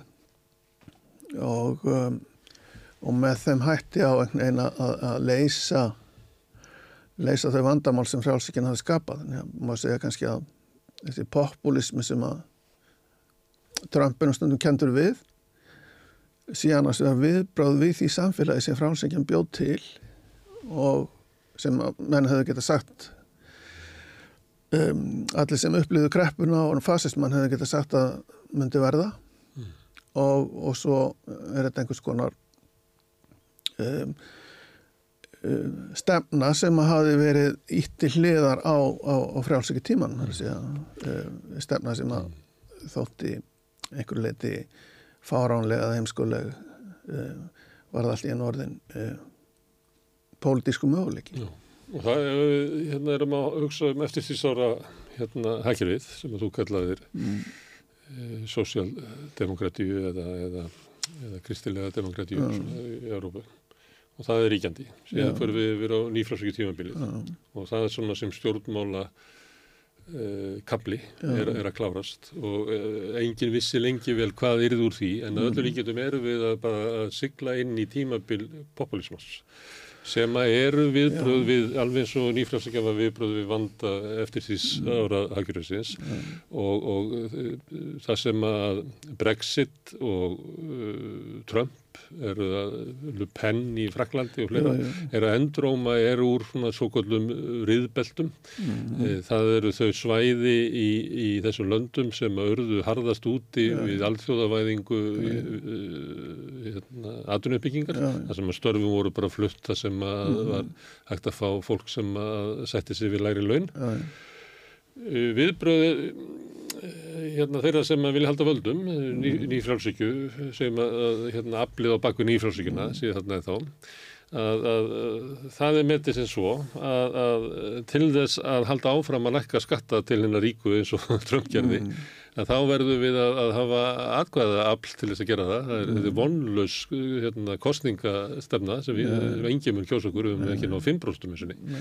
Þess vegna verðum við að búa til stjórnmálastefnu sem að kannski er mótuð út úr yfirbeltunum sem er að það að heimurinn er færi að vestandi. Það er verið að grafa undan okkur. Það eru einhverjir sem hafa komið hingað og sagt okkur að, að, að við erum bara að hafa byðlund, hægt og bítandi mm. myndi alþjóðavæðingi leiða til þess að við myndum öll liftast mm. og við erum búin að býða hérna í tvær kynsluður og það gerist ekki neitt. Mm. og það er bara er, er mikil hérna, reyði, óanægja með allar stofnarnir samfélagsins. Hérna, samfélagið er ekki að þjóna okkur við erum honum eilíðan í einn samfélagi. Og það allt í hennu verður sko er svo ríkjandi mm. hérna eða svo hugmyndastöfna sem er mest árif mm -hmm. en ef við varum að leika okkur að segja að við verum komin inn á tímabil populismars mm. að þá er líka hægt að segja ok, látu þetta aðeins til hliðar hvernig þetta byrtist en, en, en populismin hann byrtist líka á því að það er, það er hrun fjölmilana skortur á svona hérna samíluðu vettvangi. Við erum komin með hérna sem við höfðum kannski á eftirsísnáru tímambilinu við getum bara ímynd okkur Kennedy árin eða eitthvað. Mm. bandaríkjana sem ótrúlega trú á háskóla samfélagi og svona samíla mm. lausna við myndum í saminningu finna þú veist líf og koma fólki til tungsins og leysa öll vandamál. Það eiginlega á nýfrásíkinni það kvarf eiginlega þessi, það var grafið undan háskólasamfélaginu. Það sem að Trump og fleiri nota núna er að segja þetta sé bara einhver vittleisa, þessi einhver, hérna, einhver marxismi búin að taka yfir háskólana sem er eiginlega að grafa undan öllu sem öllu okkar gildum og eitthvað flera en það er ekki samílegu vettvangur til að tala um, um miklu meiri áherslur á sko fóringja heldur en var kannski á, á hérna það sem að var að vera að deilum svona hugmyndastefnur mm. og, og, og annað svona enginni populismans Eh, kannski ekki nýðurstaðan sem að Brexit og, og Trump tekur en það er samt eftir. Og þá er hérna það sem að hérna er eiginlega mér finnst eiginlega uh, það sem að vettum að velta fyrir okkur. Eru við kannski bara komin inn á tímabil populismans og gamlir flokkar að þeir eru að umbreytast í populíska flokka? Við sjáum að það gerast til dæmis afgerandi með íhalsflokkin sömuleyti sjáum við það hér að þetta er þetta er meir og minna sko tala um einhverja sko fóringja sem að eiga að vera mm. þú veist hvort að þeir séu með þessi fóringi hérna hjálpa okkur águn í framtíðina eða hinn fóringin hérna þessi skautun sem að veldur því að það er eiginlega ekki samílu grunduðu til þess að tala og inn, inn í slíku umhverfi að þá koma bara annars konar stjórnmál heldur en þá tíma sem að var kannski 1970 þar sem að var svona eitthvað sáttum að sko með hvaða hætti sko átökin í samfélaginu farið fram og umræðan um það hvert hérna, samfélagi ætti að, ætti að fara? Já, sko það sem við kallum, sem ég kalla sósíaldemokratiska, kristdemokratiska tíma sem hafa enginnist á ákveðnum svona ákveðnum ramma sem að flestir voru sammálum, það þýtti þó ekki að það voru ekki sagt, hugmyndafræðilegir valkostir en þeir voru einhvern veginn svona sama sem er vittinni getur við sagt en voru að tala saman uh, um sveipaða hluti. Sam og nýfljóðskjóðurunum? Já, og síðan kemur nýfljóðskjóðurinn og... Hefur þú árið 2000 sagt að ég veitum að fara að vinna með að efla hérna, hlut samfunni fyrirtækja? þú, uh, fólk hefur bara látið eins og það heyrði ekki það er. Nei, nei, það er ekki skilið það. Það var ekki búin að reyna það stát. Það er leist tóst. Og nú erum við komin einhver tíma sem er tími populismans. Já, en sko fólk talar um skautun sko, það var náttúrulega gríðarlega skautun í samfélögum hérna uh, millisins árana höfumundafræðilega skautun og við vissum alveg út á hvað hún gekk. Mm. um, það var uh, þetta óráa tími og skautun líka áraunum í kringum 1970 viðast á Vesturlöndum. Það var oft kyn, kynnslóðskipti kannski líka um, um, ég held að fólk hafi nú eh, yfirleitt átt að segja út á hvað það gekk. Um, þessu skautun sem fólk talar um í dag er aldrei erfiðari að, að átt að segja á af hverju af hverju sér til stað um, um hvað snýst hún? Það er það verið stundum því verið flekt að þetta snúist aðalega um uh, svona gildismat sem er þá svolítið á skjön við kannski hugmyndafræðilega deilur eins og við höfum þekktar. Þannig að, e, flokkarnir, þessi gamle stjórnmálflokkar eru aldrei svona veikburða hugmyndafræðilega. Um, sjáum til dæmis bara um, flokkinn sem vinstri græn sem voru alltaf svolítið um, held upp og það er væru hugmyndafræðilega sterkir. E, svona, svona arfleiður þeirra fyrir rennurum, getur við sagt e, þeirra kostninga bara átta síðustu kostninga hefur aðalega snúist svona um persónu Mm. formansins Sepp og ég var að að koma að já, veila. já, og, og hérna uh, og þá verða kannski valkostinir í stjórnmálum svona óljósari uh, og það má kannski segja að við séum ekki búin að átta okkur alveg á en þá hvers konar valkosti við þurfum um, í dag það er að segja gamlu flokkarnir sem voru byggður ákveðnir hugmyndafræði e, og hagsmunum náttúrulega í samfélaginu þeir um, eru svolítið ráðvildir og um, og við erum ekki kannski alveg búin að, finna aftur Mm. sko, hvaða valkosti við, ég, það er náttúrulega er mikilvægt í líðræðis samfélagum að það séu valkostir gleyma því, mm. gleyma því að ef allir flokkarnir eru eins þá náttúrulega á endanum samanber þetta á að geta nafn á þýsku populistum sem er náttúrulega svona bara hægri, mjög hægri sinnaðir það séu valkostur fyrir Þýskaland Mm. sem að sprettur upp úr því að, að Merkel sagði við Þýsku þjóðina þetta þurft að gera það var engin annar valkostur fólk sætti sig aldrei við það til lengdar í, í líðræði samfélagum mm. einhverju aðri valkostir kom upp vegna þess að, að það er ekkit alltaf allir ánæðir með þá stefnu sem rekin er og það, hún finnur sér einhvern farveg. En þegar að Margaret Thatcher sagði þetta sama, að það væri ekki um annar valkostur við nýfrálsvíkina, Já. þá sagði vinstri bara mér að minna, já, einmitt, já, það er ekki annar valkostur og fór bara vagnin. Þannig Já, að, að viðbröð hérna, hægrisins Jú. gagvart þessu í Þýskalandi eru miklu meira afgerandi. Og þá hérna því að, að þú segir hérna, við um eftir að finna útrússu og að því að þú, þú kemur svona ég- freka vinstra já. megin í lífinu, býstu við. Er það ekki bara að, að vinstrið hefur ekkert fundið út úr þessu? Ég menna, hérna, hrun nýfrálskjunan 2008, Mm. Hægrið er búin að finna lausnina. Það verður hérna þjóðurnissikja sem Mm. er ótrúlega st- mikið hreyfi Já. aflýs í pólitísku umræðu. Uh, setjum hann, hann og ofan á svo höldum við bara hérna, nýfrálsökinni hérna, eh, hérna, höldum áfram að engavæða og lækka skattana og eitthvað fleira Mm. fáum svona einhverja kalla eins og Trump eða Boris Johnson eða bara hvert sem er til þess að keira þetta áfram á meðan er vinstrið veist, hérna, og, og, og hérna, ekki búin að finna sína leið Mhm. tímabili held maður að það er eitthvað svona reyfing út úr sko Bernie Sanders og, og, og Corbyn og eitthvað fleira en, en þá kom bara í ljós að hérna, að hérna til dæmis inn í verkamannaflokknum voru svona hægri kratar sem bara gátu eins og þau vildu freka kjósa bara fasisma heldur en sko einhverja rótaka sósialisma og bara það var bara gríðanlega hörð anstaða gegn þessu uh, hérna Bernie hérna, sem hefði mögulega geta unnið hérna, Trump af því hann er umverulega að svara hérna, ástandin í samfélaginu. Svipað og Trump var umverulega að svara að hann var, ekki verið, það var ekki hægt að stilla honum upp sem valkosti á, á móti hérna, sest, móti óánæginu eða erfileikunum í samfélaginu heldur var stilt upp hillari sem var að segja við heldur bara áfram á sömu braut og þetta er allt að koma hjá okkur krakkar býðum bara aðeins, við erum búin að býða í 30 ár kannski 10 ári viðbót, eitthvað en það var það- þegar vinstrið já, já. þetta, þetta er kenning Já, já. þegar vinstrið þegar kemur að þessu Mm. að þá var það bara svo langdautt Já. að þegar það hruni kemur að þá er það bara ekki tilbúið að endur skoða sko sína að, að það allt í henni kemur vinstrið á móti sko hérna Trump og félugum og fyrir að verja kerfi sem að var sem er að grafa undan sko lífskjörum og völdum verkalýsis og almenning í löndunum.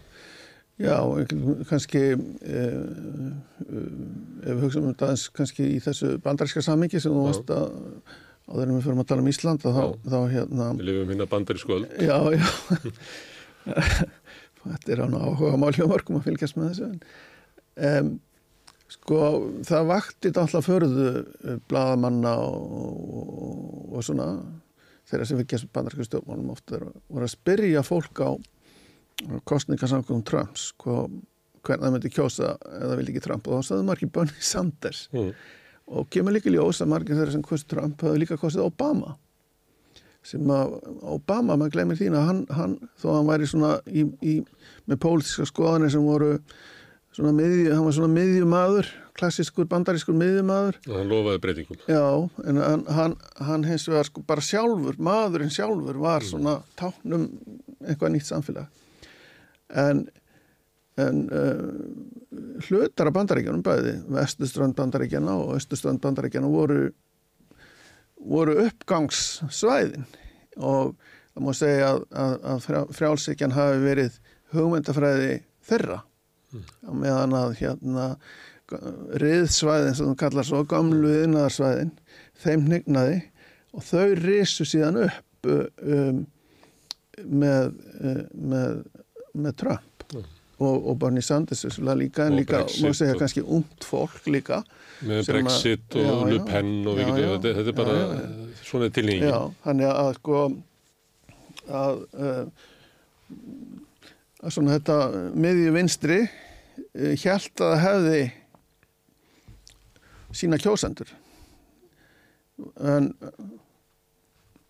en um, glemdi hluta þeirra, hafði ekki synd þeim. Og og og það er það sem náttúrulega gerist þegar menn tapa kostningum þá fara menn eitthvað að endur skoða sín mál, svona svipað og þú talaður um breska verkamannaflokkin það er ekki bara það að tatt sér inn í hugmyndabaráttuna heldur vann hún kostningar hvað eftir annað þannig menn en hérna þurfti einhvern veginn að reyna að finna út úr því hvernig þeir ætla að að koma henni frá völdum en um, Sömuleiti má segja kannski að maður er eins og hann, hann er nú svona frekar gamaldags í, í mörgu. Hann, hann svona dettur niður í kaldastriði. Það er hérna, það eru verkalisfélög eins og voru á kaldastriðsárunum og það er einhver eðnaða stefna sem að e, fylgdi þessu svona hernaðar, e, e, hernaðar stefnu bandaríkjana. E, þeir eru alltaf síðan vandræðum núna með að einhver japansk fyrirtæki vil kaupa US Steel sem enginn hefði verið einhvern hugsa um sko hálfa mínútu hérna á frjálsvíkjutímanum en nú er þetta stór pólitist mál í bandarækjunum hvort að það leifaði um að, að kaupa það. Mm.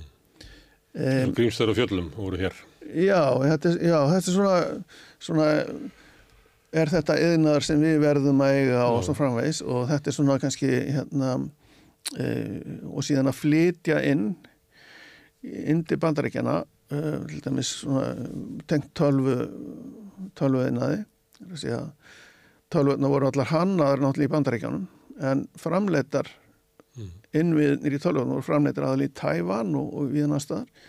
Nú vilja menn flytja þetta inn til bandaríkjana og eina leðin til að gera það er með styrkjum og skattaafslætti og öðru, slíku Svipað og aðra uh, tækniframferðir voru drifnar áfram á, á eftirtísarunum. Já, ég meina, já, já, en, en þetta er náttúrulega veldu vandræðum þá kannski til dæmis í Evrópu, hvað þeir Evrópu búið að gera, ef þeir gera þetta líka og svo framins. Svo, svo hérna, svo þessi nýju, svona þessi grænu, þessi græniðnaður, þessi að vind og sólarorka, þeir geta fluttit allt einn frá Kína, Kína bylnins framleiðir allar sólarsælur í heiminum, en þeir vilja það ekki, þannig að þeir styrkja eðinaður, þá er þetta spurningin hversu lengi lifur hann eftir að hætta styrkjónum. Þetta er svona kannski viðbröð vinstirsins í bandarækjónum við, við Trump. En, eh, en í Evrópu mann verið náttúrulega með sænski sósíaldemokrater vera, vera að stokka upp sína stefnu mjög rækilega en það kannski full þarf á Og treystaði sig til þess að vera á móti enga veðingu skólakerfisins og helbyrðiskerfisins í dag. Þeir hefur ekki treystið til þess eh, hinga til. Þeir hefur bara sætt sig við nýfrálsíkuna og, og gleift já, hana bara. Já, já, það var nú líka öflinnan flokksinn sem vildu, vildu þetta. Já. Já, kannski stóra vandamáli þar þetta að, að, að hérna, velferðarkerfið er að stórum hluta orðið reykjað fyrirtæki sem skráða marka og gríðalur hagnaður sem úr þeim fer.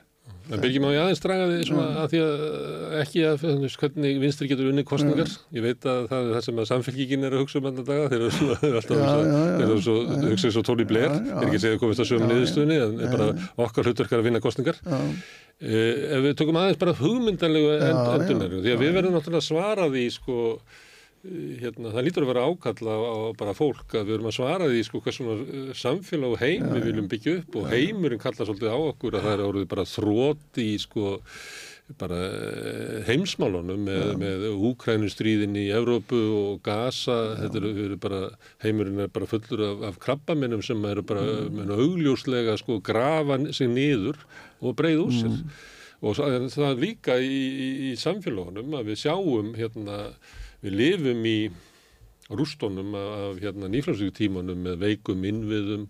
Ég menna mm. samtöku yðnaris er alltaf að reikna sko innviðaskuldin okkar Já, og já. taka ekki húsnaði með þannig að við erum kannski með innviðaskuld upp á 900 miljardar eða eitthvað ef við takjum þetta saman. Eh, sem er bara hérna vanntekni skattar af hinnum ríku sem að hefðu geta farið í því að byggja upp gott samfélag sem að myndi nýtast eh, allri heldinni og þannig að sko verkefnin eru sko hrópandi.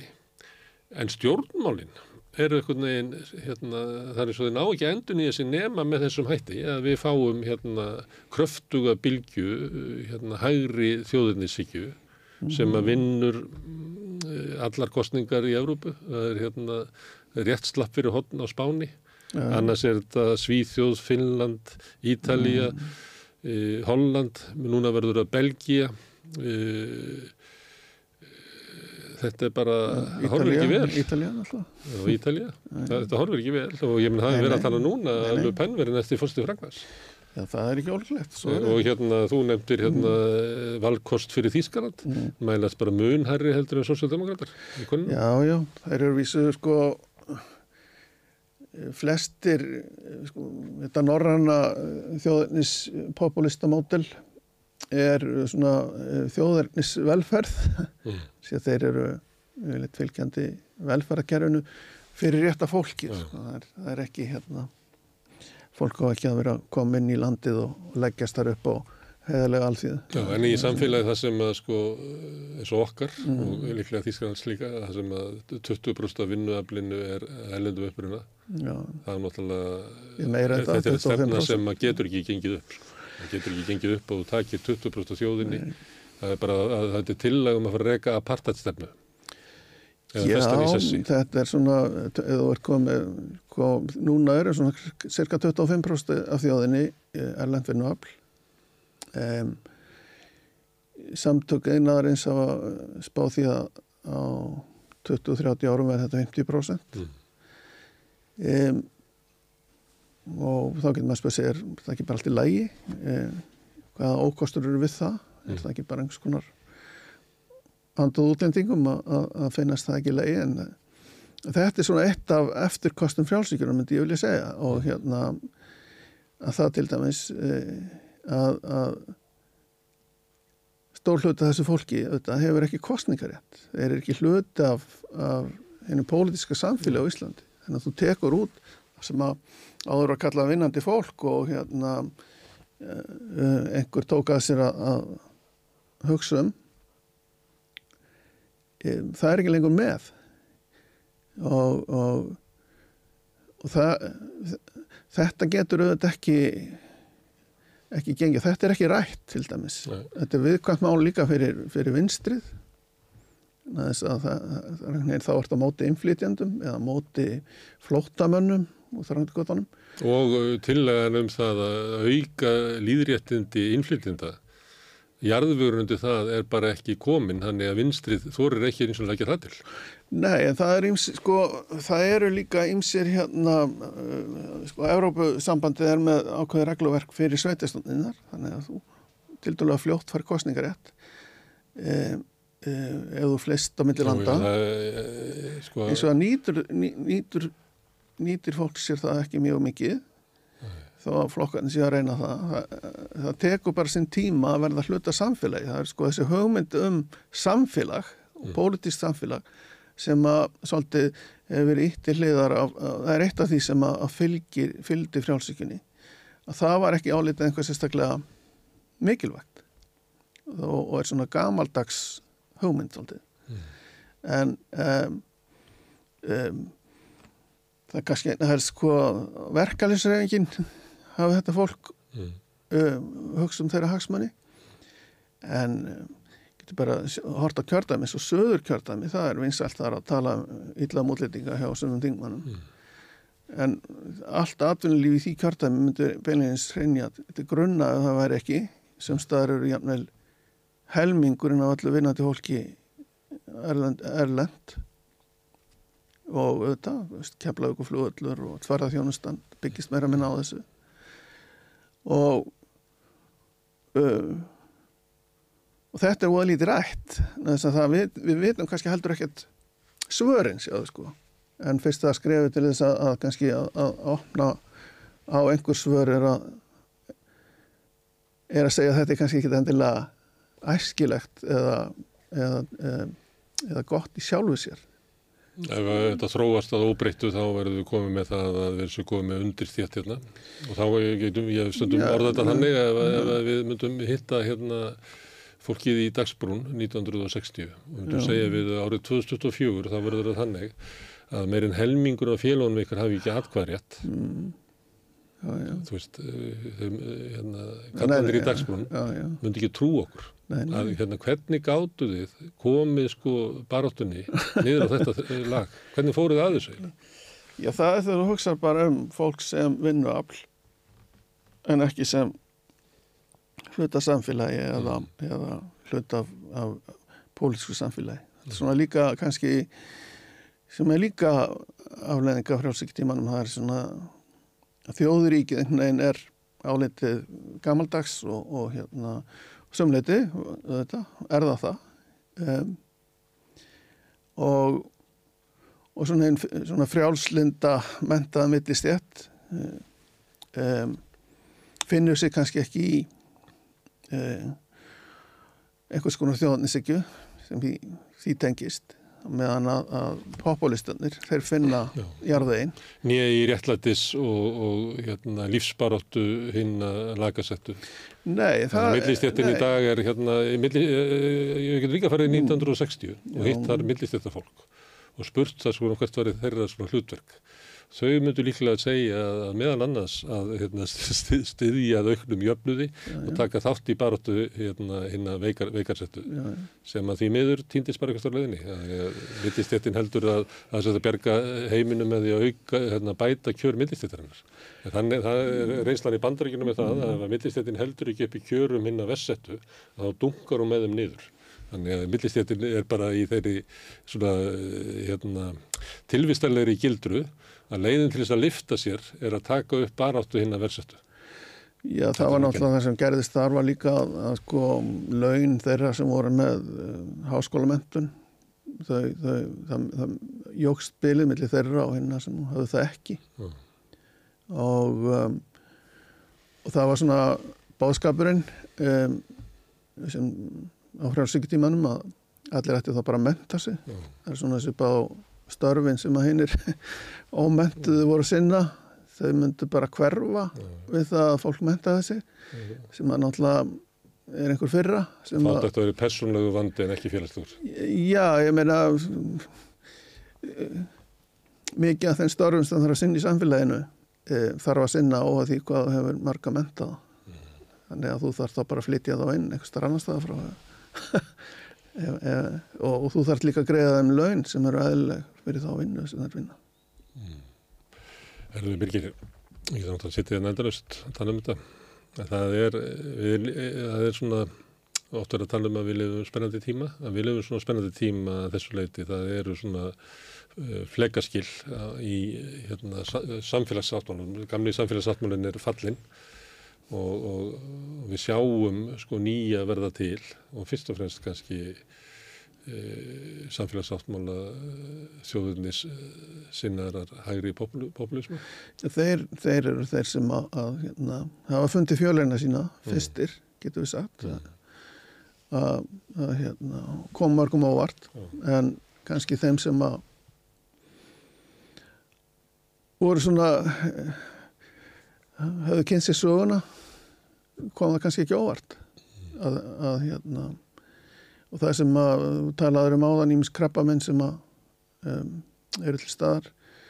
E, við skulum ekki glemma því líka að uh, mitlisist árin voru tími átaka. Þetta endaði náttúrulega með stríðum alls saman. Mm. og og uh, viðskipta hindranir er ekki kannski beinleinis til þess að auka velvilja á milli, milli þjóða þannig að, að það þarf að finna einhvern, það þarf líka að stokka upp sko þeirra alþjóðlega kerfi sem bandarækjumenn beigður hannar upp eftir stríð í þeim tilgangi að koma í veg fyrir viðskipta stríð að einhverju tægi. Það var náttúrulega úkrænustríðið þóttu vera lærdómur um það. Það, það hérna, mingar ekki líkur á stríðum að vera með viðskipt á milli þjóða og það er bara gas hérna, leðslunar frá milli Rúslands og Þísklands sem það var skrúa fyrir. Lærdómur er virðist vera þannig og ég er ekki að segja þessi réttur að svo leið að, hérna, að auka viðskipti milli landa myndi stuðla til fríðar. Bara stjórnvöld á Vesturlöndum bara hættu við það. Svo nei, nei, þetta er ekki lauslinn og eru núna bara í því að flytja sko framlegslu inn á sitt svæði og eru að fara sko að vígbúast kakvart hinu hluta heimsins. Já, já, en sko reynsla millistir árana var nú allanur sko að hérna um, menn óttast kannski þá ekki lengur að, að hérna náttúrulega Európa fari einberðis í stríð hverju hver annan en, en um, að þú getur ekki bæði e, getur ekki breytt sko þó þú allir að stunda eðlilega viðskipti við landis og Rúsland þá er alveg óþarfi fyrir það að breyta þér í London grad sko það er kannski má hafa eitthvað svona millivegi í því mm. þú þarfst að lifa segja nú að náist nú eitthvað lausn á þetta stríð í Úkrænu sem nú að geta sérstaklega líklegt þá þarfstu samt að lifa með Rúslandi sem þínum stæstan ákræna og ætlar þá ekki að taka, hafa neinn samskiptu við hann, ætlar ekki að vera neinn viðskiptu við hann. Um, um, það er ekki líklegt til, til árangus, en það er heldur ekki líklegt til árangus að, að gera eins og gert var hér fyrir stríðið. Að leggjast bara flatur fyrir, og það er náttúrulega frjálsikjans, leggjast flatur fyrir illa fengnum auð í rauninni frá Rúslandi sem flætti hér yfir mörg vestrana ríki. Mm og það hefur bara afgjörandi áhrif á efnaðslíf Englands og kannski fyrst og náttúrulega London. Já. London var eiginlega svipað og Miami á, á, á tímum hérna, kókain hérna, já, já. þar sem að, að kókain ströymurinn frá Suður Ameríku hefur bara eiginlega mótað hérna, flórist efnaðslífið í Flórida og það sama má eiginlega segja með rúsneskan auðið á London. Já, það er ekki til þess fallið en til að, að hérna, auka frið eða skilning sko. það, það, það gengur náttúrulega ekki. Herðu, Birgir, við komumst ekki lengra að sinni en við munum halda áfram, kæra þakkir. Já, takk sem leys. Hérna, við munum halda áfram að ræða, kannski ekki alveg þetta, en soldið um hérna, þetta tímabil e, populisman sem við höfum verið að hérna, fjallum hér. Ég ætla að fá hann Eirik Bergman til þess að koma hinga og við ætlum að ræða soldið um það hvaða árif e, málefni hælisleitenda og, og innflytjenda hefur raunverulega haft á stjórnmálinn í Evrópu. En þetta eru lokin hjá okkur í kvöld. Ég þakka Birgi eftir og öllum gestum sem hafa hinga komið og hérna, ykkur sem er að hlusta minni á að, að þetta er samfunnuverkarni sem við höfum hérna að byggja upp samstöðuna. Það eru við sem erum búið þætti, bæði hérna megin og hinna megin myndavélana, gesturna sem hinga koma og ykkur sem er að hlusta. Þið getur verið virkir því að benda vinum og vandamönnum á efni sem ykkur líkar í samstöðunni. Þannig byggist upp dreifikerfi samstöðunar. Þið getur bent á að við erum á Facebook og á YouTube, við erum líka á öllum hlaðvarsveitum, við erum í útvarpinu á 89,1 á stór höfuborgarsvæðinu. Það má líka ná, í, ná útasendingunum á spilaranum, hann er á netinu spilari.is og svo er spilari líka app sem maður hlaða niður í síma og hlusta á samstöðuna og allar íslenskar útastöðar hvað sem er í heiminum. Við erum komin í sjónvarpið til þeirra sem að fá sjónvarpið sitt frá símanum. Þar eru við nummer 5 á fjärsturingunni, vonandi munu önnur fjarskiptafyrirtæki bjóða sínum viðskiptavinnum upp á efni frá samstöðunni í framtíðinni. E, Þið sem að viljið hjálpa okkur að byggja upp þennan fjölmiðil getið e, gert áskrifundur. Þið farið þá inn á samstöðum.is, það er knappur sem ástendur áskrift. Ef þið ítið hann þá getið þið skráð ykkur fyrir 2500 krónum á mánuði.